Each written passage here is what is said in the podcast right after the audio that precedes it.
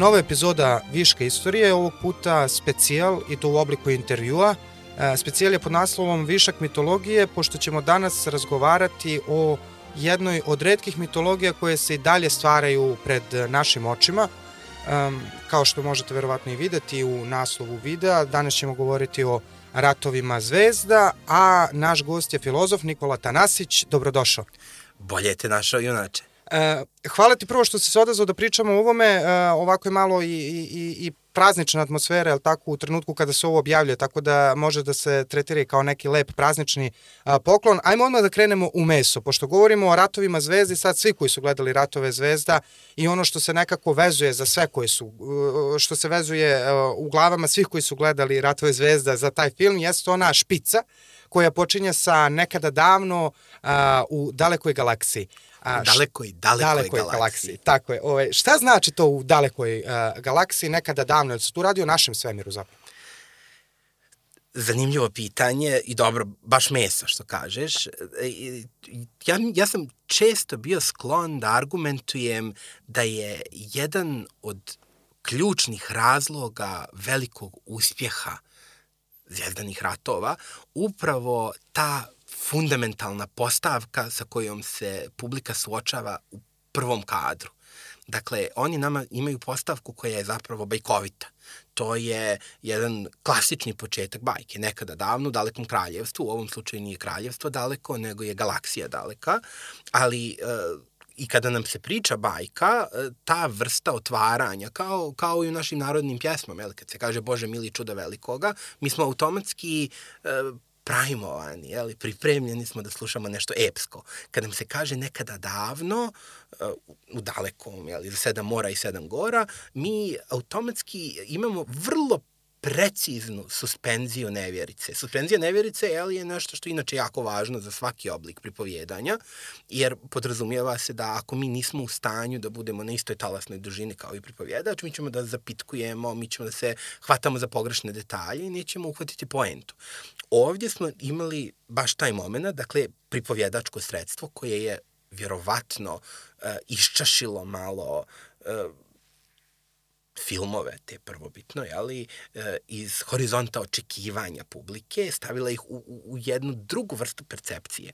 Međutim, e, to e, ima jednu filozofsku posljedicu nevezano za jeli, prosto sredstvo pripovjedanja, a to je zašto, zašto uopšte bajke to imaju i zašto mi uopšte sebi pričamo bajke. Dakle, da li su bajke nešto što se događa u našem svemiru? Da li su, um, ajde da, sad, da vidimo, da li je, kad, ne, kad neko priča crvenkapicu i livicu i maricu, da li se od nas očekuje da sami rekonstruišemo da se to događa u nekom drugom svemiru, multiverzumu, na drugoj planeti, ili se nekako podrazumijeva da je to u nekoj tamo šumi tu negdje, je li tako? Uh, možda intuitivan primjer za veliki broj slušalaca je istorija srednje zemlje. Dakle, Tolkien kada nam pripovijeda opet o hiljadama godina istorije srednje zemlje, on ne počinje svoju priču sa... E, evo jedne izmišljene priče koju sam ja specijalno za ovu priliku izmislio. Iz pretpostavke on govori o nekoj prošlosti koju mi automatski postavljamo u svoju prošlost. Američki autori danas, fantasti, oni vole da budu materijalno uzemljeni, pa nas onda oni podsjećaju da je to neka druga planeta, oni stave neka, neki drugi mjesec, ali stave, neku, stave neke klimatske osobine koje ne, ne, ne mogu da postoje, ali to je, da kažem, opet nepotrebno, jer i to je opet genijalnost Georgea Lucasa kao našeg primarnog izvora ovdje, ili tako, uh, opet je tema da li mi uh, i ta druga planeta, da li je ona u našem svemiru ili nije. I, I da li je to banalno, mislim, ako je u nekom drugom svemiru, da li je u našem multiverzumu ili nije. Dakle, ta vrsta ograde je potpuno nepotrebna. Ali ajde da se ne držimo tih visoko fantastičnih premisa. Ajde da vidimo šta ćemo sa ženitbom cara Dušana. Šta ćemo sa Banović Strahinjom. Banović Strahinja je jedna izmišljena priča. Ili, da li je bitno što je ona izmišljena? Nije. I to je nešto što se događa, mi bismo rekli, u našem svemiru. I ne samo u našem svemiru, nego nas, i to je najvažnije, moralno nas obavezuje. Crvenkapica, Vuki Sedam Jarića, Ivica i Marica, djevojčica sa šibicama. Oni nas moralno obavezuju, još kao djecu, uče nas određenim modusima ponašanja. Danas popularan izraz bi bio uh, usvajamo određene vrijednosti, ili tako? Ali evo, šta ćemo sa Ilijadom i Odisejom? Šta ćemo sa Aleksandrom i cilnim Aleksandridama? Jer šta se sad tu dešava? Mi imamo Ilijadu i Odiseju kao nedvosmisleno mitološki izvor i mitološko dijelo koje je veliki broj Grka u klasično doba njihove civilizacije doživljavao kao istoriju. Kao što su Srbi ustanici doživljavali Marka Kraljevića kao istorijsku ličnost onakvog kakav je u narodnim pjesmama, a ne onakvog kakvog ga opisuje naša istorija. Šta se tu dešava? Dešava se zaista jedan višak mitologije. Jer ta mitologija, recimo Ilijade i Odiseje, ona kipi i preliva se i odjednom postaje pokretač istorijskih događaja sa Aleksandrom koji nosi Ilijadu pod jastukom, jeli, nosi ga u bisagama dok juriša jeli, na tir, onda stvara sobstvenu legendu ta legenda se preliva u mit. Taj mit kao postaje višak istorije kada Julije Cezar hoće da nad Aleksandri Aleksandra.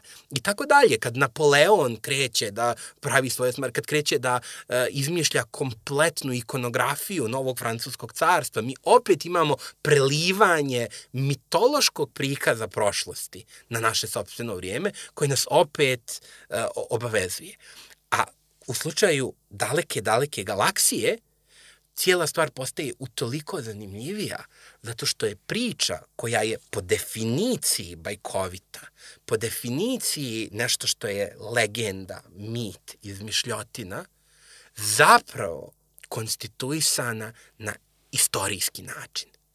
I povijest kroz koju ćemo mi danas da prođemo je nešto što je zaista dato po svim pravilima istoriografskog izlaganja. E sad, pre nego što se upustimo u tu povest, da ispuštujemo ono što je negde i princip metodologije ovaj, jel te, svakog istorijskog metoda, da vidimo šta ćemo sa izvorima. Jer sad ono negde ja, kad sam spremao ovo i kad, uđemo, kad uđu ljudi koga interesuje bilo koje teme iz vezanih ratova na Wikipediju, famoznu Wikipediju, tamo ima ona opcija da se klikne kanon i legende. Koje je razlik između kanona i legendi u, tom, u toj istoriji? Imamo jednu opet jako lijepu filozofsku dijalektičku situaciju, a to je da obično kad nam neko kaže da je nešto kanonsko, to podrazumijeva neku vrstu utemeljenosti, učvršćenosti, e, neku vrstu garancije vjerodostojnosti i kvaliteta. Sa druge strane, kada je nešto kažemo da je legenda, pa mi živimo u civilizaciji u kojoj je riječ mit postala sinonim za laž. Dakle, najčešća upotreba izraza, to je mit, znači to je nešto što neko, neko vas je slagao, jeli? što je vrlo daleko od od iskonskog pojma mita, ali i, i od uloge koju mitovi igraju i u našem društvu kao i u prethodnim društvima. E sad, uh, ovdje je obrnuto. Dakle, ono što se zove legende je uh, sadržajnije, bogatije i u velikoj mjeri istoričnije od onoga što se naziva kanonom. Situacija je veoma slična na ono što su bile kanonizacije Iliade ili Biblije. Ali, uh, recimo, postojao je splet mitova vezanih u i oko Iliade i onda razni rapsodi su išli gore dole i pjevali to, ali postojala ipak, postoje, mislim, kako se to zvalo, bratstvo, jeli, mi bismo rekli esnaf rapsoda, gdje su se oni međusobno upoznavali, razgovarali i onda bi se iskristalisala neki zajednički narativ. Nije mogao jedan rapsod da pjeva, jeli, da je, ne znam, Troja bila rat između, ne znam, Ahejaca i Trojanaca, a neko drugi da kaže da su bili, ne znam, ovaj, Egipćani i, i, i Ahejci. Dakle, neka vrsta e, kanonizacije postoji čak i u uslovima potpuno jednog difuznog i, i necentralizovanog narativa. Međutim, onda dolazi Pisistrat, koji kaže, e sad ćemo da zapišemo Ilijadu, što znači odabraćemo određene stihove, određene ćemo izbaciti, neki događaj će ući u tu konačnu verziju Ilijade, neki neće u nju ući i to će sad da bude neka kanonizovana varijanta. E sad ono što je važno, e, ono što mi danas zovemo legendama, to je zapravo bio kanon do trenutka promjene vlasnika nad kompanijom Lucasfilm, koja je bila vlasnik tih arhiva, jel, džedajskih arhiva, ako hoćemo tako da kažemo. I taj kanon je imao jedan necentralizovan, ali vrlo, vrlo efikasan model uh, harmonizacije, pri čemu o ključnim, o ključnim elementima mitosa, ključnim tačkama pripovjedanja se najčešće pitao za mišljenje lično George Lucas.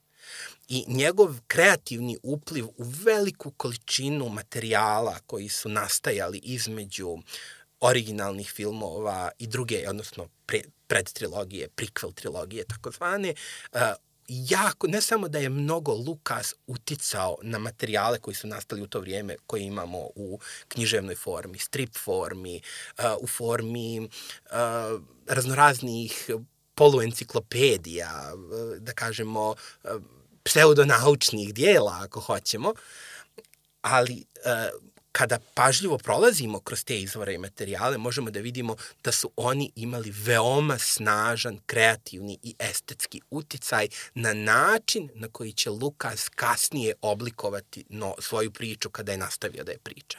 Dakle, to je jedna vrlo koherentna situacija u kojoj, baš kao u staroj Grčkoj, jedan mit fascinira čitavu jednu civilizaciju, a u ovom slučaju je sticajem okolnosti i situacija, civilizacija globalna, što do duše se desilo i Grcima, jel? Helenizam je već bio jedna mala globalna civilizacija i odjednom na svim krajevima planete ljudi počinju da dopričavaju tu priču, da joj dodaju elemente, ali postoji jedna vrsta sinergije, jedna vrsta harmonije, jedna vrsta intuitivnog razumijevanja i ono što dobijamo nisu samo nasumične priče o jednom istom liku, kao, ne znam, priče o, o Nasredin Hođi, koje iskaču na sto, ili recimo mi imamo jako mnogo međusobno protivrečnih priča o Svetom Savi, jel, koji potiču još iz srednjeg vijeka, nego ovdje se strogo vodilo računa da se priča širi na takav način da e, da je jedino pravilo da ne osporava ništa od onoga što je već ispričano. I to je bilo jedno veliko nadovezivanje koje je dalo na kraju jedan raskošan mitološki sistem koji se u naše vrijeme može porediti vjerovatno samo sa uh, imaginarijumom uh, Johna Tolkiena. Jako mnogo autora fantastike je poslije pokušavalo to da emulira, ali na jedan generički način. Ono što se danas zove kanon je jedna, da kažemo, uh, veoma gruba i nasilna okamovska dekonstrukcija i čak destrukcija starog kanona, gdje je došla uh, nova uprava arhive, koja je na osnovu sobstvenih ideološko ekonomskih interesa vrijednovala ono što im je bitno iz postojeće građe i odbacila ono što im je nebitno u najboljem duhu, jeli, Davida Huma ili jeli, kako hoćemo, jeli, okama, kao, kao višak ontologije, jeli, kao nešto što je pretrpano, nepotrebno. I oni su se zadržali na, samo na, na fokalnim tačkama starog kanona koji je proglašen u legende.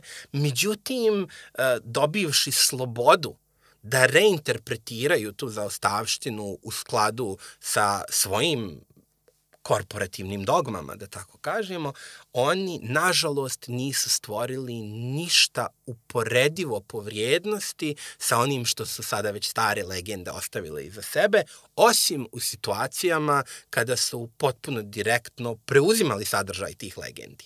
Tako da, ako govorimo o svemu ovome kao o izvorima, mislim da će onaj koji zvuči kao da je manje pouzdan, zapravo biti i, tako, i pokazati se kao vjerodostojniji. To je, to je jako lijepo se vidi uh, imaju fascinantne stranice na pomenutoj Wikipediji, ali kao nultoj tački istraživanja ove tematike. Postoje timeline-ovi galaktičke istorije. Jedan je kanonski i drugi je legendarni.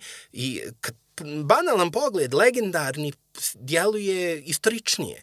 Dakle, više konkretnih događaja, više e, podataka koji su nasumično skupljani u različitim izvorima iz različitih kultura, šta se desilo kada, e, otkrića planeta, e, formiranje civilizacija i tome slično, dok imamo jednu oktrojsanu, polukreacionističku priču neokanonsku, gdje su bukvalno prvih nekoliko redova natrpani svi oni najproblematičniji elementi mitosa o, o zvijezdanim ratovima, midiklorijanci, uh, ova trojstvo samortisa, jeli, otac, sin i čerka, zatim um, tako, čitav, čitav niz momenta koji su zapravo strano tijelo u ovome o čemu ćemo mi pričati. I suštinski, mislim, ajde to kratko... Da, kiberkristali, izvinjavam se. Mm -hmm. Kiberkristali kao jedna od velikih redukcija i vulgarizacija legende prepoznaju čitavu, jed, imaju čitavu geologiju kao svoju podgranu, uh, gdje, gdje postoje različite vrste kristala sa različitim imenima, različitim osobinama, načinom na koji sila rezonuje kroz njih i onda vam dolazi jedna korporativna mašinerija koja to sve prekreći, kaže to su sve kiberkristali, oni su kvantitativno, kvantitativno blago koje se prosto treba gomilati i kad ga dovoljno da gomilamo, onda imamo zvijezdu smrti. Jasno, ali e, to kad se spomenuo, mislim, to, to je isto interesantno i možda spona sa ovim prvim pitanjem i to ono gde meni zaparalo ovaj, e, e, čini se da je ovaj legendarni mnogo negde bliži, legendarni timeline, legendarna hronologija, uh, upravo i pravi našu sponu negde sa tim univerzumom, jer ona, naš, jer ona počinje velikim praskom.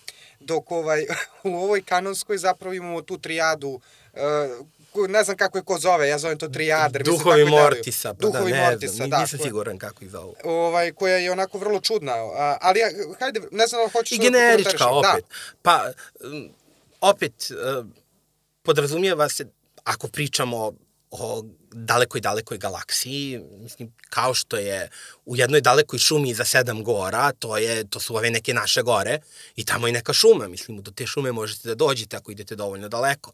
Uh, u ovu galaksiju ste mogli da dođete ako ste u stanju da letite dovoljno, ako ste u stanju da dođete do neke druge galaksije, ali ta galaksija je jako daleko, a i to se sve desilo jako davno. Tako da u tom smislu da, jeste, to je naš svemir, ali kakve veze ima? Da, da, na kraju krajeva kakve veze ima. Uh, koja je naučno, uh, naučno-fantastična pretpostavka funkcionisanja uopšte tog sveta? To je koja je tehnologija uh, ratova zvezde, jer uh, ona se negde, mislim, to je bar negde moj lični utisak i zašto mi je taj serijal celi bliži Uh, u odnosu na neke druge naučno-fantastične uh, serijale ima mnogo, čini mi se na prvi pogled, ima mnogo manje nauke, pod znacima navoda zapravo, a zapravo je ima. Ovaj, pa hajde to malo da raščevijamo kako je uopšte taj svet, ta interplanetarna komunikacija moguće na taj način ako pričamo, gledamo potpuno laički, kako ljudi, šta su prve asocijacije koje ljudi imaju na, na zvijezdane ratove, pa to će da budu svjetlosne sablje, kao nešto što je samo po sebi kuriozitet i, i atraktivno i lijepo izgleda. A, sa druge strane, to je specifičan oblik svemirske borbe koji je jako lijepo opisao moj kolega Ivan Matić, rekavši da je to kombinacija 19-vjekovne pomorske bitke za, sa 20-vjekovnom bitkom avijacije. I to zaista ima taj moment u sebi, da. Ali, e, i, i to je, postoji razlog iza toga. Ali ako malo više zagrebemo, svaka dobra naučno-fantastična priča ima svoje tehnološke premise. Dakle, to je ona tehnologija koja je isfantazirana, koja taj konkretan svijet čini mogućim. Ono što ga čini različitim odnosno na naše vrijeme. I opet, to može da bude naša neka budućnost, to može da bude neka alternativna prošlost, to može da bude prosto jako daleko, nije bitno, ali e, sad šta je to što ovaj svijet čini neobično. Tu zapravo ima više različitih zanimljivih stvari. Dakle, prvo, e, tehnologija repulzora, takozvanih. Dakle, to je civilizacija koja je, savla, koja je ovladala gravitacijom na način na koji smo mi ovladali električnom energijom i nuklearnom energijom. Gravitacija je sama po sebi ogromna sila, ona drži cijeli kosmos na okupu A, ka, ja, ima jedna vrlo poetična fraza koju često volim da citiram. Dakle, gravitacija je, gravitacija je dovoljno jaka da sprečava okeane da odlete u vazduh, ali dovoljno slaba da dozvoljava ptici da poleti. I e, zaista ova civilizacija je otključala gravitaciju. To je vrlo česta premisa u naučnoj fantastici, ali repulzori su kod njih toliko svakodnevni da ponekad se čini da oni tamo nikad nisu otkrili točak. Dakle, ima tamo jako često vrlo popularan detalj, ali zaprega koja vuče, koja vuče taljige na, le, na repulzorima koje lebde, jeli, ali vuče ih neka mula, neko čudo. Jeli. E sad, dalje. Uh, kristalno gorivo. Dakle, pominjali smo kristale, jeli, vulgarizovano, ne vulgarizovano, ali e, poenta je u tome što su u pitanju mineralna goriva nevjerovatne energetske potentnosti. Kako ona tačno funkcionišu, nisam siguran, ali ono što je ključno jeste da ona mogu da proizvedu u, u kontrolisanim uslovima ogromnu količinu energije na način na koji mi nismo navikli da to funkcioniše, što omogućava e, gigantske svemirske projekte, omogućava e, putovanje ogromnih inercionih sistema kroz svemir u praktično ignorišući sve ono što su kod nas jeli, pravila teorije relativiteta, relativiteta kvantne fizike i slično, doći ćemo do toga. E, dalje, v, to je ono najprepoznatljivije, e, specifična tehnologija ovog svemira, magnetski izolovana plazma. To je osnovna tehnologija oružja u ovom svijetu. Dakle, uh, ovi svjetlosne mačevi, svjetlosne sablje su stubovi plazme koja je precizno zatočena u magnetni cilindar na takav način da uh, se njom može rukovati da ona neće da sprži onoga koje koristi, ali hoće, da, niti kontejner, niti jeli, držaljku, balčak iz koga izlazi, ali hoće da praktično prosječe bilo šta što dotakne kao prava plazma. Dakle, ona je visoko fokusirana, ali magnetni, zarobljena magnetni. Često se zaboravlja ono obično što se zove laserima, nisu, nisu laseri. Postoji institucija turbolasera, ali to je nešto drugo. Mada i ti turbolaseri, ja mislim da su isto plazmatsko oružje u osnovi, samo po imenu se zovu laseri, jeli? Ali to su opet, dakle, tanad obično engleski izraz je bolt, dakle strijele praktično, strijele plazme zatvorene u magnetni, opet, e, koje samim tim mogu da se blokiraju, mogu da se e, rasipaju, mogu da se fokusiraju, I e, ono što je karakteristično jeste da ta vrsta tehnologije ima veliku razornu moć, ali jako dugo postojala, što je samim tim e, potpuno razbilo neke naše intuicije koje imamo vezano za recimo vatreno i hladno oružje, tamo je svako oružje plazmatsko praktično, ali istovremeno, budući da je tehnologija jako dugo postojala, jako dugo u opticaju, oni imaju vrlo moćne zaštitne štitove, materijale koji su otporni na sve to, što je samim tim zapravo uh, tehnologiju borbe kod njih učinilo e, ovo što smo čuli, jeli, učinilo zapravo retrofuturističkom. Dakle, e, šta to znači? To znači da vi ako imate planetarne štitove, ako imate štitove na brodovima. To znači da ne, ne dolazi u obzir ona vrsta borbe kako smo mi to zamislili danas. Znači danas avioni u kon, konvencionalnom ratu kod nas ispaljuju rakete jedni na druge sa distance od po 20, 30, 50, 100 kilometara i rakete prelaze to u odri za nekoliko minuta.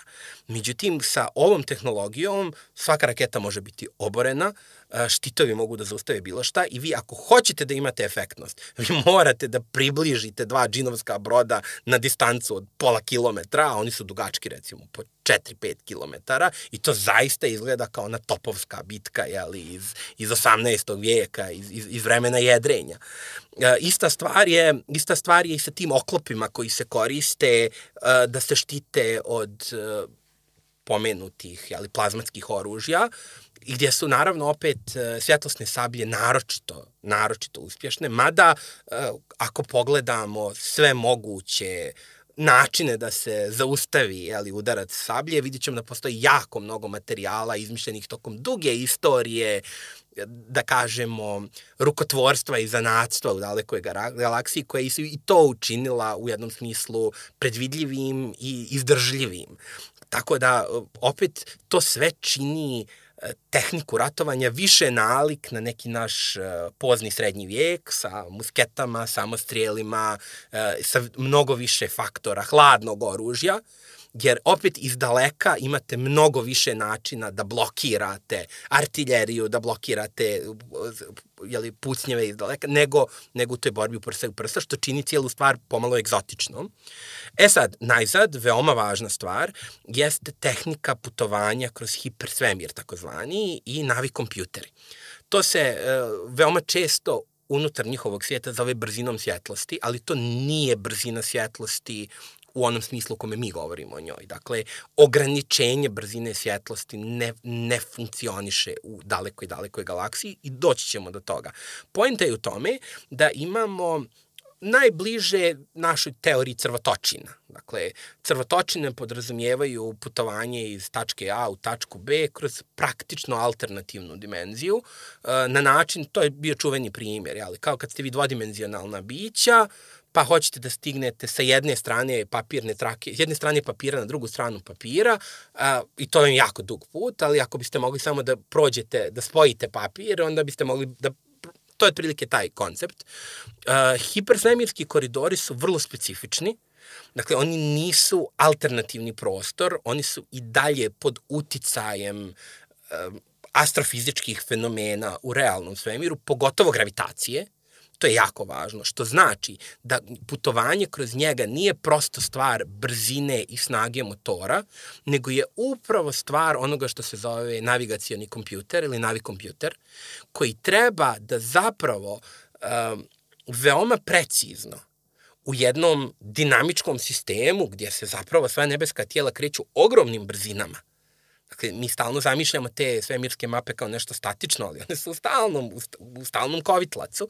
Dakle, taj navigacijni kompjuter je u stanju da planira jednu seriju skokova koji bi bili iz bezbjedne tačke u bezbjednu tačku gdje nema gravitacijonih anomalija koje bi mogle da rastrgnu brod, bace ga u, kako to kaže Han Solo, jeli, bace ga u, u supernovu jeli, ili, nešto tome, ili nešto tome slično.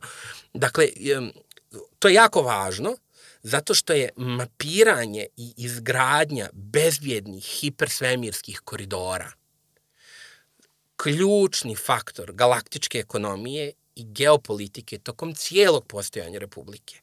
I veliki razlog dugovječnosti Republike kao sistema, a ona je nevjerovatno dugovječna po našim poimanjima, jeste u tome što su ograničenja i zadaci ekonomske ekspanzije uvijek bili isti u svim epohama, koliko god tehnologija napredovala, iako ona i nije toliko mnogo napredovala kao, jer ona je veoma razvijena u samim početcima njihove civilizacije. Nakon toga nemamo tako dinamičan razvoj, nemamo ništa poput velike tehnološke revolucije kakve mi znamo u našem, u našem društvu i našoj istoriji.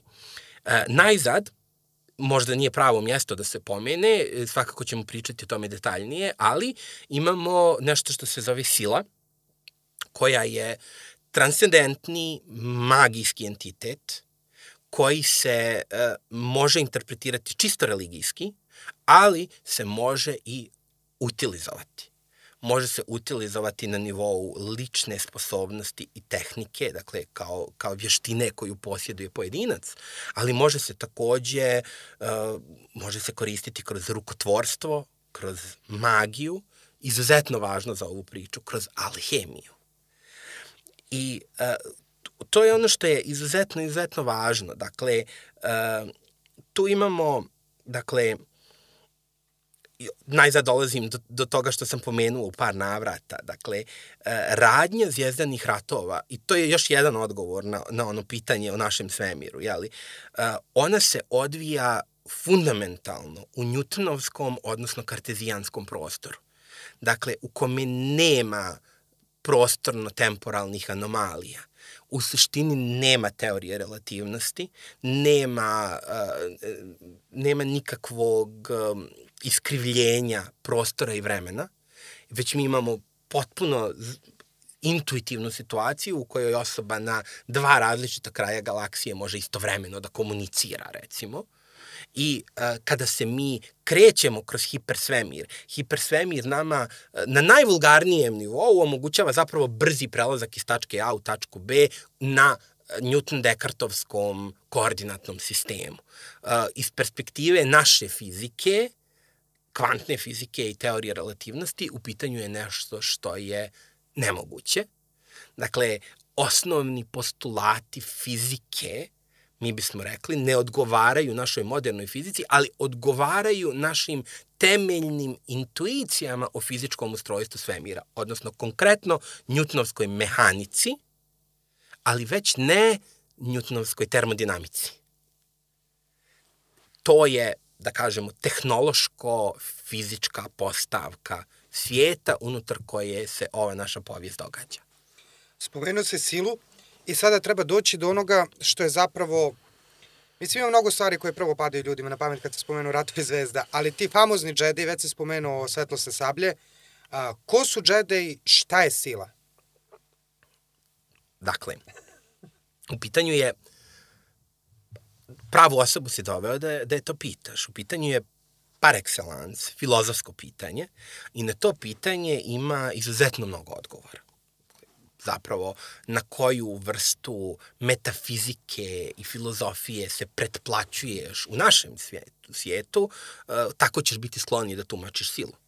Uh, pošto sam ja jedina osoba ovdje koja odgovara na pitanje, ja ću naravno to da prikažem na jedan krajnje subjektivan način u duhu, uh, u duhu jedne, da kažemo, platonističke filozofije koja je meni lično izuzetno intimno bliska, ali za koju ima dosta opravdanja. Dakle, ako se, uh, ako se pristupa ima, ima dosta oslonca u izvorima, da tako kažem. Dakle, iz te perspektive silu možemo da tumačimo. Ja sam rekao da je u pitanju nešto što može da se utilizuje, ali prvenstveno, primarno, u pitanju je panteističko, platonističko božanstvo, koje prožima cijeli svemir kao njegova duša i suština. Ona je sinonimna sa životom, ali se ne svodi na život. Može biti prisutna u živim bićima, može biti prisutna u predmetima, kao opet neka vrsta traga bića koja su sa predmetom bila u kontaktu. Ili alhemijski unjeta u predmet, jeli, što je vrlo česta situacija. E, da, da, da razjasnim terminologiju. Panteističko zato što prožima cijeli svemir. Prožima uh, svaki kutak svemira, prostire se kroz vakum, nema nikakvu vrstu fizičkog ograničenja, u tom smislu je transcendentna. Uh, platonistička u smislu da veoma odgovara onom što uvijek jeste uh, u Platonovom Timaju dakle, koja opet e, porađa druge, druge nivoje transcendencije koji se i u ovom svemiru kao i u Platonovom manifestuju kao različita e, vječna, nepropadljiva bića koja bismo mi nekim arhaičnim riječnikom bili skloni da nazivamo bogovima. E, kao što se vrlo ubjedljivo određeni, ako ne svi, ali pripadnici džedajskog i sitovskog reda mogu tumačiti kroz terminologiju polubogova iz, iz mitologija koje su nama poznate. E sad, e, istovremeno, sila, i nije slučajno što se zove sila, jeli, e, ona je veoma nalik na prirodne sile iz našeg svemira. Dakle, ona je istovremeno jedan sve prožimajući zakon prirode koji istovremeno može da se koristi i manipuliše. Dakle, kao gravitacija, elektricitet ili magnetizam. Dakle, e, e, elektricitet je strašna prirodna stihija kad se manifestuje poput groma, nešto što nas prevazilazi u svakom obliku i koje je e, eonima shvatano kao nešto božansko, ali je isto tako nešto što mi našom vještinom možemo da pretočimo u najbanalnije upotrebe. To je kao Anakin Skywalker koji reže krušku. Jeli? Dakle, isto, isto, isto to smo mi uradili sa, sa Zevsovim gromom. Ili tako? E sad, ono što silu čini naročitom preko toga jeste da je u pitanju, dakle, sve prožimajuća prirodna sila koja ima božansku prirodu, ali isto tako, kanonski, dakle ne izmišljam, jeli, ima određenu, možemo biti pažljivi sa terminologijom, ima volju ili u najmanju ruku duh. Ona je u stanju da upravlja događajima, uključujući istorijske događaje, uključujući svjesno djelovanje živih bića, dakle ona je u stanju da upravlja pomjera bića u određenom smjeru i to od, od biljaka, životinja do visokosvjesnih, visokokognitivnih, jeli, samosvjesnih, samosvjesnih stvorenja ali je isto tako, poput božanstva, u stanju da dođe pod uticaj tih duhova, pogotovo viših stvorenja. U stanju je da se povinuje i životinjama, i biljkama. U stanju je da bude nagovorena. U stanju je da bude umoljena u određenim situacijama, zarobljena. Dakle, vrlo zanimljivo, ja bih rekao, iz moje perspektive, a ja se primarno bavim antičkom filozofijom, e, dakle, jedan vrlo zapravo antički tradicionalan, starinski pogled na svemir, koji istovremeno zahvata i ono što mi očekujemo od prirode koja nas okružuje, ali ima višak. e sad, uh, džedejski red. Džedejski red ima korijene u, i, i, i ovo je jednostavno priča koja je možda obskurna i nepretjerano bitna za totalitet istorije galaksije, ali je jako lijepa i veoma se lijepo nadovezuje na ovu antičku paradigmu. Dakle, e, primarno on ima korijene u učenju nečega što se zvalo slično red džedaija, skoro isto, jel? na engleskom to malo, džedaiji, Ne, ne, ne znam zaista kako se izgovara, samo sam ga čitao. Uh, I sad, prema predanju, oni su utemeljili osnove ovog učenja na planeti Titon ili Tython, Titon, ja, ja se držim Titon, jeli? Uh, I to je bilo nekih, pazite sad, 36.000 godina prije centralnog događaja ove naše istorije, to je bitka za Javin, Ali? Dakle, to je uh, još uvijek bilo vrijeme čuvene rakatanske beskrajne imperije, beskrajnog carstva. Jeli?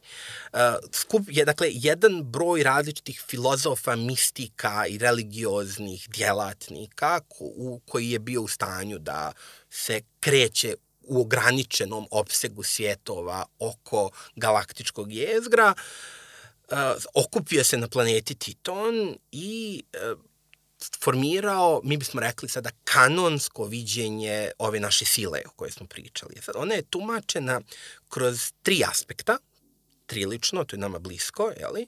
mada to nije naš pogled na svijet. Uh, oni su dakle bili u, u najboljem duhu akadsko-sumerske religije uh, otjelovljeni u nebeskim tijelima te planete. Šta to znači? E, Titon je bila planeta na kojoj se prisustvo sile snažno osjećalo. Dakle, pri, jednostavno, kako se to kaže, unutar tog svijeta, sila je bila jaka na toj planeti i ona je bila dobro mjesto za meditaciju, dobro mjesto za ljude koji su osjetljivi na njeno prisustvo. Ali uh, imali, ona je imala nalete i to, to se u određenim mjestima smo imali bukvalno, da kažemo, eksplozije takozvane svijetle strane sile i tamne strane sile. Svijetlu stranu sile, uh, objasnit ćemo o čemu se radi, oni su je nazivali Ašla, što je bilo ime jedan, jednog od dva mjeseca planete Titon, koji je imalo tu osobinu da je bilo okrenuto prema planeti uvijek svojom svjetlom stranom, kao što imamo svjetlu i tamnu stranu mjeseca, ali ne, ne vidimo ga uvijek. E sad, on je u, ta, takva je orbita bila, on je uvijek svjetla strana bila vidljiva, ali imala još jedan skriveni mjesec, koji se zvao Bogan, on je uvijek bio okrenut tamnom stranom. I bio je tu, ali se nije vidio. I on je simbolizovao tamnu stranu sile, što, kažem, akatsko-sumerski mitovi, pa kasnije i grčki, podrazumijevaju da su sva njihova božanstva koja takođe opredmećuju određena stanja duha, određene uh, etičke, istorijske principe, da su svi oni takođe opredmećeni na određenim nebeskim tijelima. E, ovdje je otprilike to. I sad ono što je zanimljivo jeste cijelina sile, koja nije ni svijetla, ni tamna, u ovoj filozofiji nazivala se Bendu. I sad, uh, Bendu je bio ni Ašla, ni, ni Bogan. Uh, I osnovna filozofija ovih džedaija, jeli, je bila traganje za ravnotežom i harmonijom. Dakle, ta dva aspekta sile moraju stalno biti u ravnoteži, stalno jedan drugog moraju kontrolisati. Dakle, nema govora o bilo kakvim iskoracima, ni na svjetlo, ni na tamnu stranu, nisu se tolerisali. Ako neko ispolji sklonost ka jednom ili ka drugom, obično bi ga slali na odgovarajući mjesec da tamo meditira, da se udavi u toj strani sile dok se ne odluči da se predomisli, dok ne osjeti sam potrebu za ravnotežom i onda mogu da ga vrate nazad i on onda kao na taj način se stabilizuje. Kako je to funkcionisalo? Ostalo, pa ne baš najbolje, mada ruku na srce, iako su, da kažemo, geopolitičke ili kosmopolitičke okolnosti u to vrijeme bile povoljnije, sporije su se procesi odvijali, ali, e, dakle, nekih, nakon nekih 10.000 godina takvog ustrojstva, došlo je naravno do odsustva ravnoteže i do konflikta između, gle čuda, privrženika Ašle i privrženika Bogana i u tome je opet svjetla strana odnijela prevagu, ali ne prije nego što su u međusobnom konfliktu Titon potpuno devastirali ratom. I sad, a privrženici Ašle, oni su napustili Titon, preselili se na planetu Osus, na kojoj su formirali sada već ono što mi zovemo džedajskim redom, i zakleli se na službu novoformiranoj galaktičkoj republici – i odbrani slabih i nezaštićenih, ali um, istovremeno, uh, što se tiče ove druge strane, ona je bila zbrisana, što je takođe nešto što će se vrlo često pojavljivati. Dakle, iako mi stalno govorimo o toj jeli, agresiji tamne strane, nekako tamna strana uvijek ostane zbrisana na kraju tih konflikta. Uh, od stare džedajske religije ostao je simbol Bendua, koji je kasnije eonima koristila Galaktička republika, nije ni znala njegov, nije se ni znalo njegovo porijeklo. Sitovska carstvo je takođe koristilo stilizovani, koristilo stilizovani simbol. Uh, ali e, postojali su i neki kultovi Dai Bendua, dakle ti koji su vodili porijeklo tog kulta ravnoteže, ali oni su u vrijeme galaktičke imperije uglavnom već bili iskorijenjeni. Šta je filozofija Jedi-a? Ja mislim da je najjednostavniji najbrži način da, da je prikažemo, da prođemo kroz uh, standardni džedajski kodeks. Dakle, on je formiran uh, nešto relativno pa dosta vremena, jeli, nakon formiranja džedajskog reda, mada je postojao u nekom preliminarnom obliku od praktično osnivanja. Dakle, ova verzija kodeksa, najpoznatija, ona je nastala nekih 6-7 hiljada godina prije bitke za Javin i ovako zvuči u mom prevodu. Nema osjećanja, ima mira. Nema neznanja, ima spoznaje. Nema strasti, ima spokoja nema haosa, ima harmonije, nema smrti, ima sile. E sad, ima sile, neobično je to na galaktičkom beziku, takozvanom jeziku, jeli, ono, ono, kod nas poznatom kao engleski jezik, uh, to se kaže there is no death, there is the force. Ali uh, ima sile, sila, sila kod nas ima drugu vrstu asocijacije, mi smo ipak uh, pravoslavna kultura koja podrazumijeva da sila mora da bude u istini i u Bogu, jeli? ali uh, ima sile kao u smislu ima Boga. Jeli? E sad, ovdje možemo da vidimo zapravo upravo taj odnos džedaja prema svemiru. Dakle, bježimo od strasti, bježimo od, prvo bježimo od, od osjećanja. Osjećanja su nešto što je, rečeno riječnikom etike, heteronomija, što nas uslovljava izvana, a mi u stvari moramo da budemo u miru sa samim sobom, dakle da isključimo osjećanje iz sebe. E, ne smijemo, neznanje je izvor, izvor zla, izvor uh, straha, izvor izvor uh, agresije, u sokratovskom manijeru u potpunosti, zato mi odbacujemo neznanje i prihvatamo spoznaju, prihvatamo iskorak i razumijevanje svijeta, razumijevanje njegovih patnji i problema. Odbacujemo strast, tražimo spokoj iz istog razloga, dakle agresija, agresija nas izbacuje iz balansa, odkida nas od sile, izvrće našu volju, ambicije, želje. Odbacujemo haos, opet čisto platonistička scena, dakle, izba, odba, ili ako hoćemo parmenidovska, jeli, odbacujemo, odbacujemo tu vječiti tok of, uh, fenomenalne stvarnosti i prihvatamo harmoniju, o, platonistički pojam, veoma značajan za Platonovog Timaja, dakle prihvatamo harmoniju svemira i odbacujemo smrt, jer slično našem jeli, religijskom vjerovanju pravoslavnom, e, svi su živi u sili. Unutar sile su svi živi, unutar nje niko ne umire. E, sad, to je otprilike to, kako se to dalje razvijalo kroz istoriju, imat ćemo prilike da dalje razjasnimo. Dobro, e sad ono što nam je e, bitno jeste, ti si spomenuo na kratko Republiku.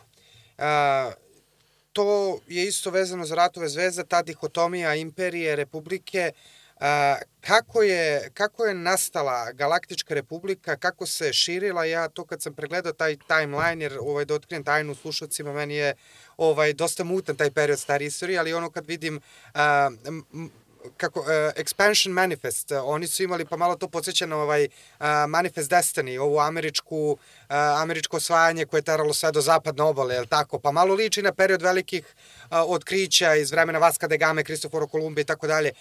Kako je formirana ta Galaktička republika? Takođe bih volao da tu kratko spomenemo, jer se ti spomenuo ovo beskonačno carstvo, ovaj, koje je malo prethodilo, ako se ne vera Galaktičkoj republici, malo ga nadživjelo, to ćeš ti razjasniti sad u okviru tih hronologija, ali eto da vidimo kako nas je ta famozna Galaktička republika koju je Palpatine u filmovima tako veličanstveno skljoko dole, tako?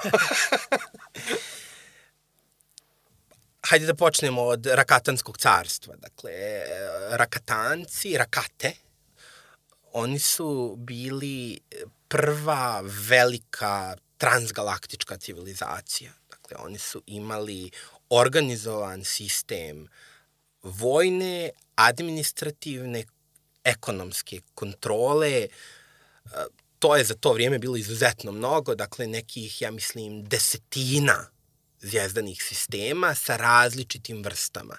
E, takođe, oni su raspolagali sa izuzetno, čak, čak i po mjerilima kasnijih vremena, kasnijih eona, izuzetno impresivnom tehnologijom koja zapravo u velikoj mjeri nije počivala na tehnologiji, nego je počivala na ovome o čemu smo pričali, na manipulaciji silom ali na manipulaciji tamnom stranom sile, što je davalo izuzetne tehničke mogućnosti, omogućilo im da se formiraju moćne flote, ali je kao što je uobičajeno, kao što je inače sklonost, dakle, da bi se kontrolisala tamna strana sile, mora se ići sve suprotno od onoga što smo sad govorili u džedeskom kontekstu, mora se ići na agresiju, mora se ići na strast, mora se ići na borbu, na podčinjavanje i ta imperija je veoma brzo postala slika i prilika onog užasnog, orvelovskog, distopijskog društva, dakle, u kojoj čizma gazi ljudsko ili